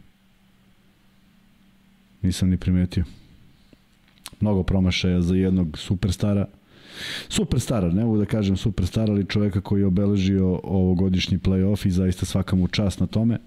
Ali ovo su utakmice u kojima se očekuje više od onoga što je pružio. 35 minuta, 8 poena, 2 od 12 je zaista malo za jednog lidera u ekipi. Ja sam ti nedostao, Kuzma. Znaš koliko? Ne možeš da vrši. Za 3 poena šutira Strus, kome lopta biće za Miami i dalje. 6,5 minuta.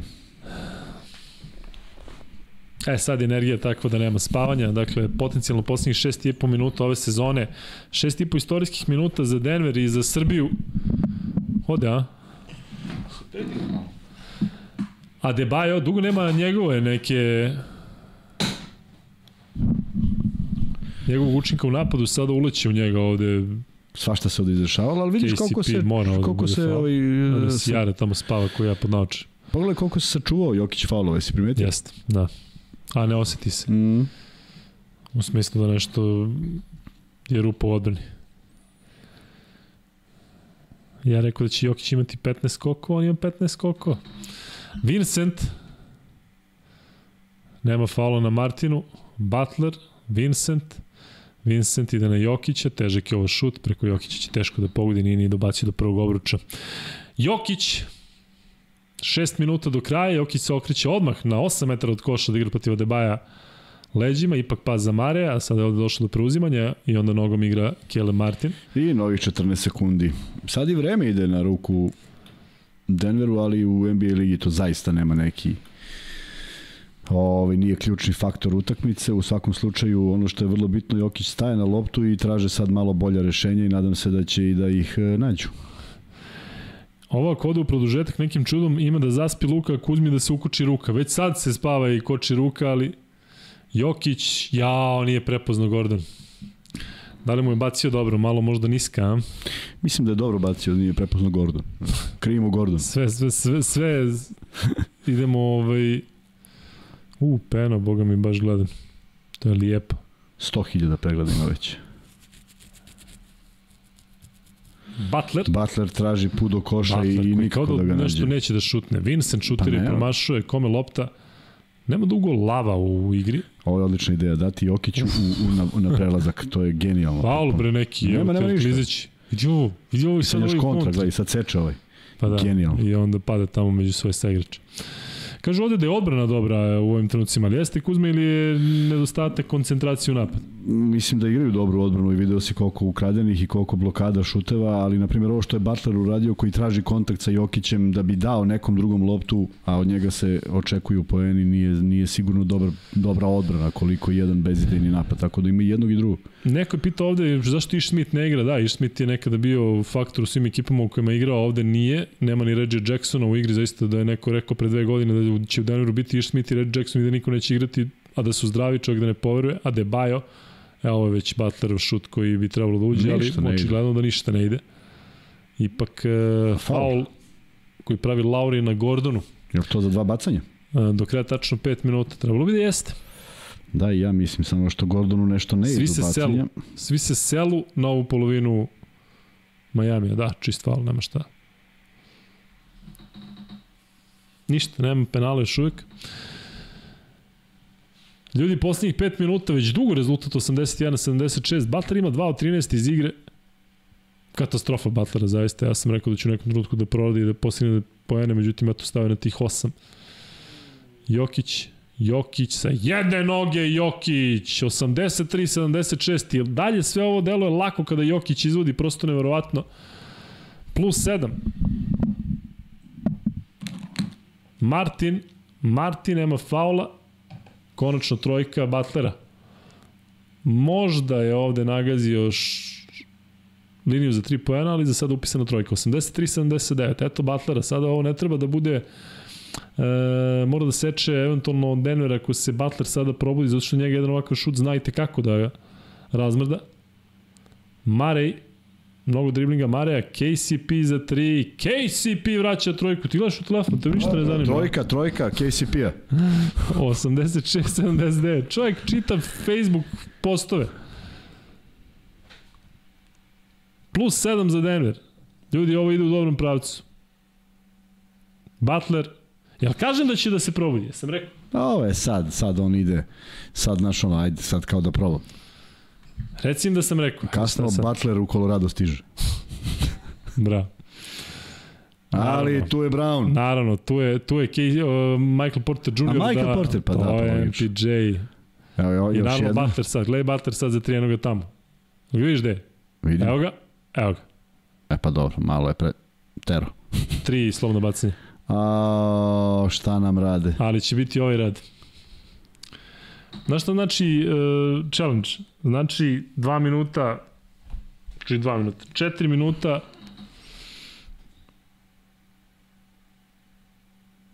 U, da, ovo ne može da bude faul odbrane nikako. Nikako, čovjek nije izašao iz, iz ove trojke.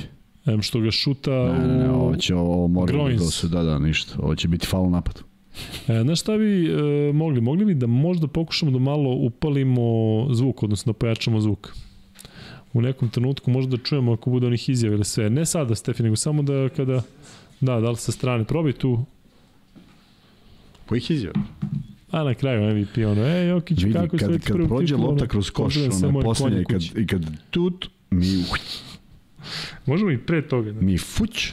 Recimo, ako bude 8 razlike na 50 sekundi pre kraja. Ma idemo, to, to završeno, to je već završeno. Gasi sve. Ono. Ako je dva razlike na 50 sekundi, to kažemo, ej, 100% gotovo. Osjećamo. Hvala još jednom Miki Popu koji je napravio ove jako lepo, lepe maske za telefon, pritom su maske, su ovo maske? Kako zove? Maske. Maska? S druge strane. Sranje, da. Napred, to je kao folija, zašto?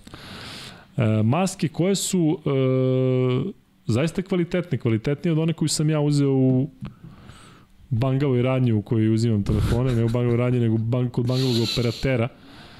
Platit ćete mi, obećavam vam, za ono što Pamtiš, tužite. Još pamtiš.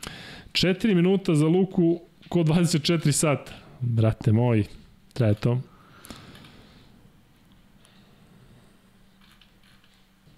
Još 26 lajkova do eventualnog novog free beta. A možemo da ugasimo ovaj pol. Gde 53% je u pravu, do duše to vjerojatno i sada odgo, su odgovarali neki, 53% kaže ni jedna ekipa, 10% obe ekipe i više kaže za Denver nego za Miami da će doći do 100 poena, ali kažem kako ovde stoje stvari, neće niko. Joki neće. Denver da 14 poena za 3.21. Daće 17 poena. Voli on da udara kontru, to mu je glavno, ja kažem, ono, on kaže ovo. Kad si sam, kad je sve... Ne, već, već te još i... malo, je, već te još malo ako možete. A ako niste sigurni, pogledajte još jedno. Da. Znaju li koliko je sati kod nas? Trebalo da sad imamo pol, da li mislite da će biti sviran faul u... Ma šutno ga, bre, ovo je nemoguće da sviraju faul. Dobro, no ta noga prirodno ide desno. Povređen je njegov prostor. Vidi kako je pokazuje, još nije se... Ćelo. Ja, kažem, čuo. Još gleda. Ne, ne, sad će da kaže. Dame i gospodo, odlučio sam da se penzionišem. Manem suđenja. odlučio sam da odem u penziju. Ja. E, hvala ti. Oni gledaju nešto drugo. da li lopta dirala obično? Sad će se javio Steve Jivey iz ovog uh, challenge rooma.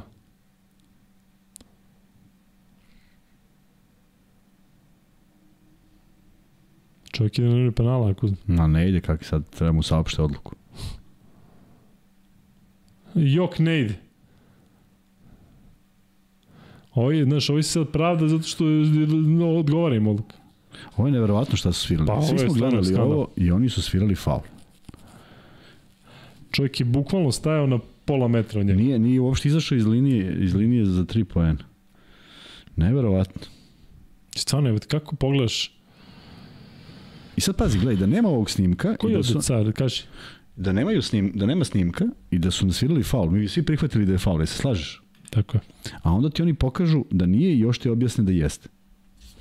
Kaže ovo kao Musa protiv Partizana, a neko je ovde napisao svi znamo da će biti faul, jedini koji je išao u tom pravcu. Nije u cilindru, nije blizu Sve, njega. Svi znaju da će priznati faul, Nenad, bravo Nenad. Ma ništa, nema, nema nikakvog smisla. I zamisli sada okrene Miami. Evo, evo Jokić iznervirao.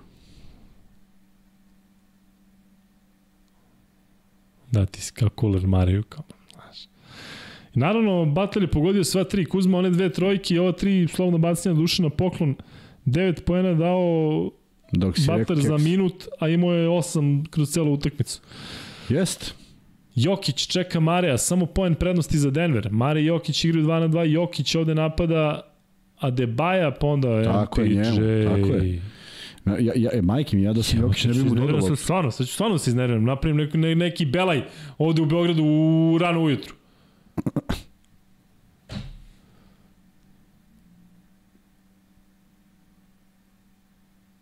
I evo, Butler vodi Miami. Pa ovog Michael Porter Jr. treba sad isterati iz kluba. Znači, isterati ga iz kluba sad. Da dođe, da uđe vlasnik na teren, tehničkar, čemu god, i, i za uši ga izvedeš iz dvorane. I kažeš ovde više nećeš dolaziti. Platit ćemo te sve, nemoj da se pojavio. Onakav šut i u seriji Jokić. Jokić bre, tako je 88-87. Miami ako dobije, kažem ti neće biti dobro ni na jednoj ni na jednoj ni na jednom nivou. Pa ne, ne, znači ne može 28 poena, 16 skokova, 4 asistentije. Znaš ti za asistentiju? Asistentija. asistentija ti je najnoviji parametar u... Butler za 3 preko Jokića, promašuje. Uvaci tu loptu! Uvaci tu loptu, Porter Junior, su ni ne prilaziš na skok. Biće faul, biće slovni bacanje za Butlera.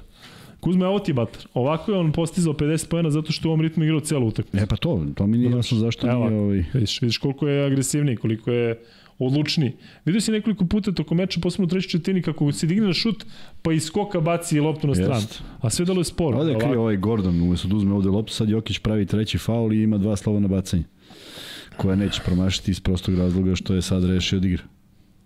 Da, sad se baš vidi koliko je sigurno. Da li je moguće da Porter Junior uzme onaj šut? Pa prikaži onaj šut reditelju sad, zašto je to ključni, ključni trenutak serije. Reditelj je Porter senior na današnjoj utakmici. 13-0 će napraviti, to jest nije 0 zato što je Denver dao, ali 13 posljednjih poena su... 89-88 vodi Miami. Jo, junioru, junior, juniorovski. A idemo da li će da odgovoriti... I sad će Mari da, da izdilja. Da, da idemo da li će odgovoriti Jokićem ili će krenuti... E, Mari dilja, ovo sad će da ide na Mare. Evo, jo vraća Jokiću, pa zove ovamo Mareja na uručenje. Porter više nije igrao. Evo, evo, gledaj sad. Zrmrta. Faul. Faul. Dobre. Uh, smiri se, Luka, smiri se. E, ali samo ima jedan problem. Jokić šutirao 4-2 slobodno bacanje ili 6-3. Pa neće biti slobodni bacanja, to zato nije problem. Još nije bonus. Mislim da nije, ali posljednje dva minuta ako su ušla, onda on bi trebalo. Više on ga je povlačio desnom rukom, a levo držan loptu, viš lopta sa strane. Au. Marej, nemoj da divljaš, nemoj da divljaš! Nemoj da divljaš! Kakav Bruce skok, Brown. Bruce Brown. Bruce sve Brown, ono što Bruce je promašio, Brown, bravo. Bruce Brown, minut i po još. Ajmo. Neko traži time out sada, da tamo se istuširam pod lavabom. Ne. Faul u napadu, bre. Za tri pojena strus. Hvati, bre. Srećom dugo nije šutirao. U, 90-89 vodi Denver, minut 11 do kraja Denver ima i napad. Pazi žut Mareje. Odakle je došao Brown? Kunem ti se, evo sad, o, prošlo je 12, ali već smo ušli novi dan, kao nema više psovanja tako rano ujutro, ali treba imati muda da uzmeš onakav šut. Ne mislim u pozitivnom smislu, nego imati muda pred ovolikim svetom da, da onako izdiljaš. Ne znam, ovo, ovo je teško objašnjeno. Te nađe neko na ulici. I te pita zašto si to uradio. Marej, Jokić, ponovo Marej. Marej, daj loptu Jokiću. Jokić protiv Keleba Martina. Kele Martin, Jokić, Jokić, nema koša, jaoj! 44 sekunde do kraja Miami ima ovde varijantu 2 za 1. Kele Martin sigurno će ovde ići brzo za realizaciju ako Laurio nastavi da ispada lopta. Lauri. Lauri, a? Lauri ne ispada. Butler za 3 će šutirati, neće, za 2, za 2. Butler u reketu je, uff. Wow, na loptu ruke! I da li je to titula? Čekaj da imamo. 4 sekunde razlike. Faul. Faul na Brownu. Butler se umorio, umorio si se Burazaru. Treba ti da omriš ja i ti treba da imamo spa. To je odvojeno, naravno. Jedino vas dvojice treba. Da. Mi ništa, mi smo, mi smo okej, okay, samo ti, brat, ti... Ti uzma likod u većim elementu, drži mikrofon, polomio mikrofon, drži mikrofon i pegla. Mene zateknete u 13 časova i uh, ovaj, uh, želim samo da, da kažem... se probudi sada pa vidi da si mu polomio mikrofon. Ćuti, bežim. Da, te ugasi kameru, ugasi kameru, bude samo ton. samo, da, samo taj mikrofon radi, ništa drugo. Bravo, Butler, što si nam dao ovo. Vrlo ljubazan si bio. Ko je ovaj? CPP. KCP. KCP pogađa prvo slobodno bacanje. Dobro. Kuzmo će praviti faul Denver. Ma kakvi da pravi faul? Pa naravno da će praviti faul. Ne pa da im napamet. Pa titula je on the line. Ma, ovi će sad brz napad idu. KCP. KCP-a, drugo slobodno bacanje.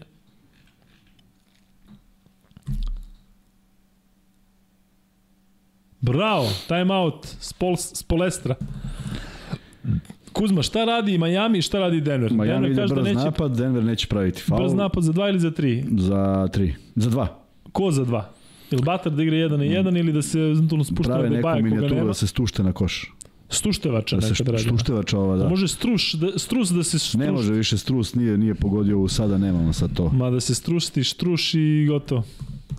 Evo ti cable ga, lajer, lajer. Si volao Jima Carrey, volao si? Da. Voliš ga dalje? Da. e, drugari, kakva je situacija? Situacija je takva da Denver ima uh, Ne, Denver ima sve u svojim rukama, izvinite, čitam malo vaše komentare. Dakle, e, trenutno je situacija sa statistikom ovako, dakle, naravno, Jokić će biti najbolji igrač utakmice i najbolji igrač MVP serije, samo da ovde sve prođe kako treba. 28 poena, 16 skokova, 4 asistencije. Kuzma, koji, e, Den, koji Jokić ima šut iz igre? Um, ima 18-14. Nije, 16-12. Pa eto, četiri promaše. Kaže, eto. Pa četiri promaše. E, Porter 7 od 17 iz igre 1 od 6 za 3. E, Marej 2 od 7 za 3. Ljudi, vama Jokić ne da vas vadi, nego vam daje titulu na poklon. Zato što ste dobri sa njim i zašto smo mu saigrači. Jel ova, ova pevačica stara kolorađanka? Ciara? Aha. E, nije, ona je, ako se ne varam, negde sa juga, neki, neka pa Florida, nešto ovo. Texas? Texas. Pa šta će ovde? Zato što je muž igra za Broncos. Jokić family. Evo ga. To je Jokić familija. Dva timeouta ima Denver. Kaže ovde da Butler šutira za 3, to zaista deluje kao logično objašnjenje. Ne, Inače, ne, iz ovog napada, idu, idu na prodor.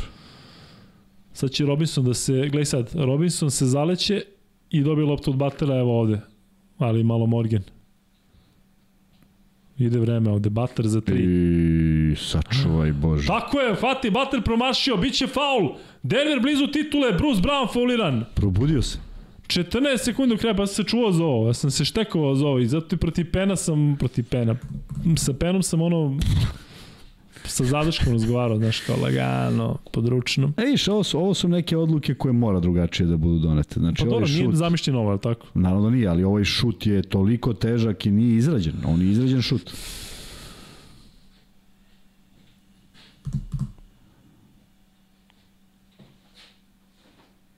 Tako je. Mote Bruce Lee, udri Bruce Lee. Samo Jokić govori promaši, izvizni u tablu da uhvatimo. Uf, uf, uf, uf, Denver pred titulom, Denver pred titulom. Svi beže nazad, gledaju. Pazi što on što je promašio dva slovna bacanja pre nego što je pogodio. Znaš da ima 0-2. Da, da, on je sve promašio od onog skoka.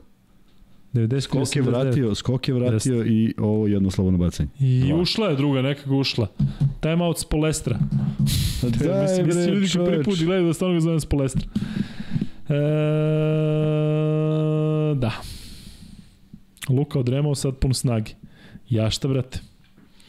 700 ljudi u live-u, Kuzma, ej bre. Cela Srbija, bre... Pa to je ova jutarnja smena što ustaje za posao. Jeste, pa sad se ljudi i bude. Dejan Dimić, Luka, skačeš na 100? Ne, zato što nije moj 100. E, skinuo bi se od pojasa, ali građan sam trenutno kao... Pa, sećate se Radmile Savićević u, u boljem životu, otprilike ta neka građa. Sećate se e, gospodina Gegavog? Kuzma, reci nešto.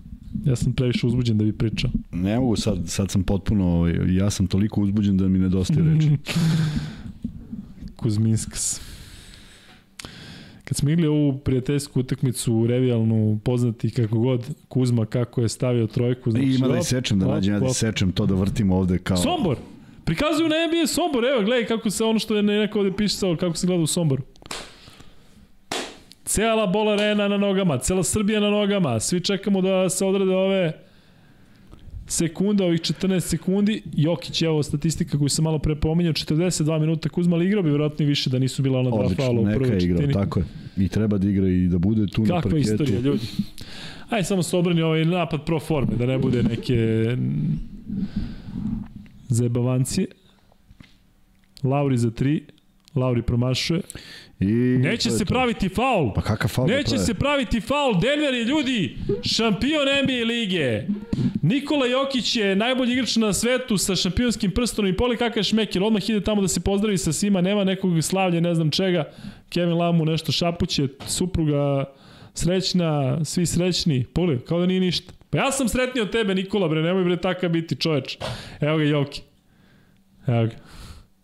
Baš lepo.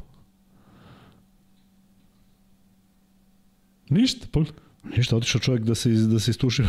Jurt sebe. On ne zna da ima ceremoniju. ceremoniju. Pišu Highsmithu, a Highsmith ne zna gde se nalazi. Ono, upućuju ga gde je on. Mari plače. Pominjali smo ga u podcastu s Penom. Kuzma, kakve osjećaje? Mislim da ti govoriš da je ovo najsjajniji trenutak ne samo u tvom podcasterskom radu, nego i u tvom životu. Ovaj moment, da, mm i zanemaruje sve što sam uradio u životu, ovo je ipak nešto što... Ipak je već. ipak već. Ovaj divan je osjećaj kad prođeš bilo koju sezonu, bilo čega i dođeš do trofeja, jer su sve naporne na svoj način, duge, ove su, ovo su najduže u svetu. Nešto mi se čini da i ove naše ovaj, koje pratimo sa ABA i Euroligom nisu baš nešto preterano kraće, prema tome svaka im čast ali biti na krovu NBA lige i biti toliko dominantan nije nešto što susrećamo i očekujemo od naših igrača baš tako često, tako da sve čestitke uz sve nade da su oni bili neki potajni favoriti, to jest potajni kandidati za tron, niko nije očekivao ovako sigurnu igru kroz uh, playoff, a boga mi, ako ćemo tako i kroz celu ligu, ipak su tu bili ovaj, dobre serije pobeda, bilo je i problema sa pojedinim igračima, čak i Jokić neko vreme nije igrao, ali zaista sve sve zasluženo i uh, u jednom mm, relativno kraćem rosteru, s obzirom da si prokomentarisao da ne igraju sa svim igračima ovaj, priveli su ovu sezonu u kraju na najbolji mogući način, 4-1. Sećaš se kad smo pričali da smo pričali o 4-1 i 4-2 kao nečemu što bi možda moglo da se desi, jer sve ostalo bi bilo više nego iznenađenje. Da probaš da pojačaš, a, Stefi. Da. E, Jokić u ovom trenutku daje izjavu, pokušat ćemo da mu čitamo Susana. Na upravljač možda, a? Samo da nađemo taj televizor. Velika, velika... bilo mi je, nije mi bilo loše. Malo ja me nervirao, malo, malo me nervirao, ja Porter me malo nervirao i sledeći da. put mu neću dati loptu. Ali, važno je da smo pobedili. Želim da se zahvalim svim gledalcima koji su bili uz nas, da se da pozdravim Sombor. Sada pita novinarka za koga ova pobeda. Ja ću uh, novinarku, a ti uh, Jokića da, provodi. Da, krećemo u pripreme za, za reprezentaciju već sutra. Neću odmarati, pošto ima još snage u meni i mogu ovo da pružam kad god poželim. Nekad sam bio skroman, ali više nisam, sad sam prvak i baš me briga šta vi mislite.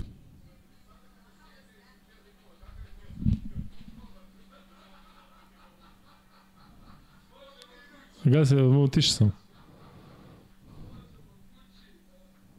Stvarno momak na, na, na onako potpuno iskren. Tu su i buraziri, naravno, jedan i drugi. Čini mi se da njima ovo više znači nego Jokiću. Tako izgleda. Da. Ali Supruga lep, preslična, lep, lep. čerka Da. Evo ima igrača zapanjena. koji tu ipak imaju drugačije emocije. Meni se dopada što je Jokić takav. Ovaj, možda malo preteruje, ali ne mislim da folira. Mislim da je to on, da. Da, to je on prosto i... Evo su Burazeri tu podržu Jokića. Da, i s njima je, s njima je najveća zabava, to je to. Ovaj njegov Burazer stari deluje kao da bi mogao Jokića, Diandra Jordana sad će da ih ponese. i sve sad da ih nosi. Sad će da koliko može na da jednoj ruci. Ko čestita ovo neko iz, iz ekipe. E, Evo malo kačketa dele. Evo Ćera. Ćera je tu. Ovo je, Tast. čini mi se, gazda. Ovo je vlasnik svih ovih. Ja mislim da je ovo vlasnik ono... Nije ovo Ćale, nije, a? Nije. Ne znam ko je, otko znam. Imamo dve opcije, ili Ćale ili vlasnik. Vlasnik očigledno svih onih Denerovskih ekipa. Tu je ovaj srednji burazer. Hm? Krenki, a? U svakom slučaju divan moment, ne samo za ovaj, Denver, ne samo za Jokića, nego i za sve ljude koji vole košarku ovde, zato što prisustvujemo nečemu što smo gledali u nekoliko navrata, ali nikad sa ovakvom dominacijom srpskog igrača. Ljudi, u nekih 30 sati, možda malo više, Đoković je postao e, šampion, e, odnosno teniser koji je osvojio najviše Grand Slam titula i zvanično, nezvanično, kako god hoćete, The GOAT. Jokić je osvojio titulu sa Denverom. Ljudi, ja stvarno ne znam šta da vam kažem. Hvala i jednom i drugom Džokeru. Futbol će, nažalost, verovatno uvek biti ovde sport koji se iz nekog razloga najviše ceni, iz nekog razloga se e, pa najviše voli među mladima, među klincima da je uvek ono prestiž da se trenira futbol, ali ovo što su radili Jokić za tenis i za Srbiju, a odnosno Džokir za Džok, Đoković za tenis i za Srbiju, Jokić za košarku je prosto ovaj neobjašnjivo. Da nam je neko rekao Kuzma da će se ovo desiti. Ne, ne, u sve je to što ima takav talenat i u sve Jest. to što, što, što pruža, šta pruža, da u jednom momentu se poklope kockice sa ne toliko sjajnim timom, kojem on daje zaista veliki doprinos i pitanje kako bi ovo izgledalo da, da njega nema i Evo zaista sve tu. čestitke. Da, da, evo ga Čera je tu glavna, tako i treba.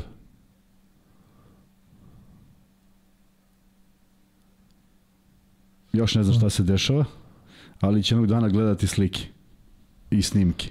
Da. Kad je tata bio prvak NBA. Prosto nevjerojatno da je Jokić ovako prirodno, da je smiren, dakle, e, mogu samo da zamislim koliko je treninga bilo potrebno za sve ovo, Tako da ovako izdominira i da celu ligu stavi u džep. Ali da zato ovako... što se zabavlja, on se stvarno zabavlja igra. Pogledaj i 38. 48. minut on promašuju, on trči nazad zato što želi još da se igra. Koliko god sad ovo zvučalo nerealno, kao da nikad ne želi da se privede kraj sezoni i, i, i nekako je potpuno normalno dočekao da ovo sve što su uradili nisu radili uzalud bez jedne izjave ako se sećaš ništa ono biće je 4-0 da, biće 4-1 nego jednostavno iz utakmice utakmicu radio ono što je najbolje mogao i opet bio jedan od dominantnijih i bez njega zaista ova ekipa, kažem, ne izgleda isto i, i eto, tih par minuta što nije bio u, prvom, u prvoj četvrtini pa izgledalo mnogo drugačije nego ostatak utakmice. Ljudi, e, velike čestitke i sve čestitke i Čančaru i e, Ognjenu Stojakoviću, čestitke svim igračima Denvera i stručnom štabu, čestitke zaista igračima koji su povukli ovde uz Jokića Eto, ja mislim da je ova utakmica najviše pokazala kakav je taj, e, koliko ko znači Denveru. Dakle, mislim da Porter Jr. i Mare su bili na svom nivou. Dakle, to je on, to što oni rade. Kada ulazi onda bravo, kada ne ulazi nikom ništa. Ali Jokić je neko ko je izvukao celu ovu sezonu bukvalno na svojim ramenima. Pogledajte kakve su mu ruke otečene posle svakog meča. E, takav je, ovaj, takva je bila i sezona. Dakle, Jokić to, rekao bih, ne mogu da kažem samostalno, ali e, potpuno pokriva sve rupe u svom timu. To je ono što treba da radi lider. Dakle, dalje ostaje neobjašnjivo kako on čini da sve to izgleda tako lako, ali kažem, kada ne ide ekipi, kada ne ide nikome, on će pronaći rešenje ili će pronaći nekoga, pronaći način da se izvuku iz toga fantastičan i regularni deo sezone. Ja sam, moram priznati, bio skeptičan zbog Mare i Portera kao drugi i treći igrača, kako će to izgledati u play-offu, međutim, ako ćemo realno, Denver se prošetao kroz playoff. Kako? Tako što je Jokić jednostavno sve vreme kontrolisao i svoju ekipu i protivnike i zaista, momak, svaka ti čast, ja ti najiskrenije želim da ovo leto ne daš ni, jedan, ni jednu izjavu, ni jedan intervju, osim možda dođe kod nas u podcast, ali da, da te ne vide nigde nego da uživaš u svom miru, potpuno zasluženom odmoru, ako ga je neko ikada u sportu zaslužio, zaslužio si ga ti najduža sezona, nadamo se da ćeš nas obradovati time što ćeš nastupati za reprezentaciju, zato što želimo ove tvoje bravure da gledamo i u dresu Srbije i mislim da uh, možda i sebi duguješ, ne nama, nego sebi, da se malo popravi utisak e, nakon onog evropskog prvenstva prethodnog godine. Eto, Kuzma, ja sam s ovim svojim monologom Jeste, odličan da kažem, ovaj, e, i stavio tačku na, na ovaj podcast. Ili imaš nešto da dodamo ili da zatvaramo? da se zahvalim svima koji ste bili uz nas od 9 i do, do eto, koliko, 5 i nešto, koliko je sati? 5 i 10. 5 i 10, hvala svima. Uh, kažem, uvek je zadovoljstvo i nije teško kada je dobra zabava, ona je sve učestalija i kako provodimo više vremena zajedno, tako se ja verujem svi bolje zabavljamo i nekako i gosti koji dolaze i mi smo opušteni tako da e, hvala, ulepšali ste ovo veče, ulepšao ga je Nikola Jokić, ulepšao ga je Denver i nekako mi sad još draže što smo tu turneju 2017 imali baš tamo i što jedna od redkih hala koje sam video je baš, baš bila ta da, da. E, ljudi, mnogo nam je drago što ste tu sa nama, tu je standardna ekipa, meni je drago što je tu moj kum, meni je drago što je tu e, i ona naša standardna ekipa koja je uvek tu, tu i Velja, tu je Top, tu je Luča, tu je e, tu je i Miksa, Imamo ovde i podršku iza kamere, sad će Srki Ercik da se probudi da gasi ovo. A tako treba gasi, on ne, može, ne, da, ne mora se budi. Ali Srki Veliki je tu bio sa nama. Ali probudit ćemo. Da, probudit ćemo ga da, da pričamo i da mu prijavimo polovljeni mikrofon. E, Nikola Perišić ovde prevodi ovo što je, odnosno kaže da Jokić rekao job is done, we can go home now. Le, bukvalno tako. Završili smo posao i sad idemo kući, a to važi i za nas ovde. Mnogo vam hvala što ste bili sa nama kad je Peno bio gost. Mnogo vam hvala što ste ovu istorijsku noć proveli sa nama i vidimo se jako brzo u noći između utorka i srede i tada pričamo o nečemu gde se nadamo da će biti isto ovako samo pozitivnih emocija, a to je početak serije između Partizana i Zvezdu u ABA ligi. Uživajte i vidimo se i čujemo brzo.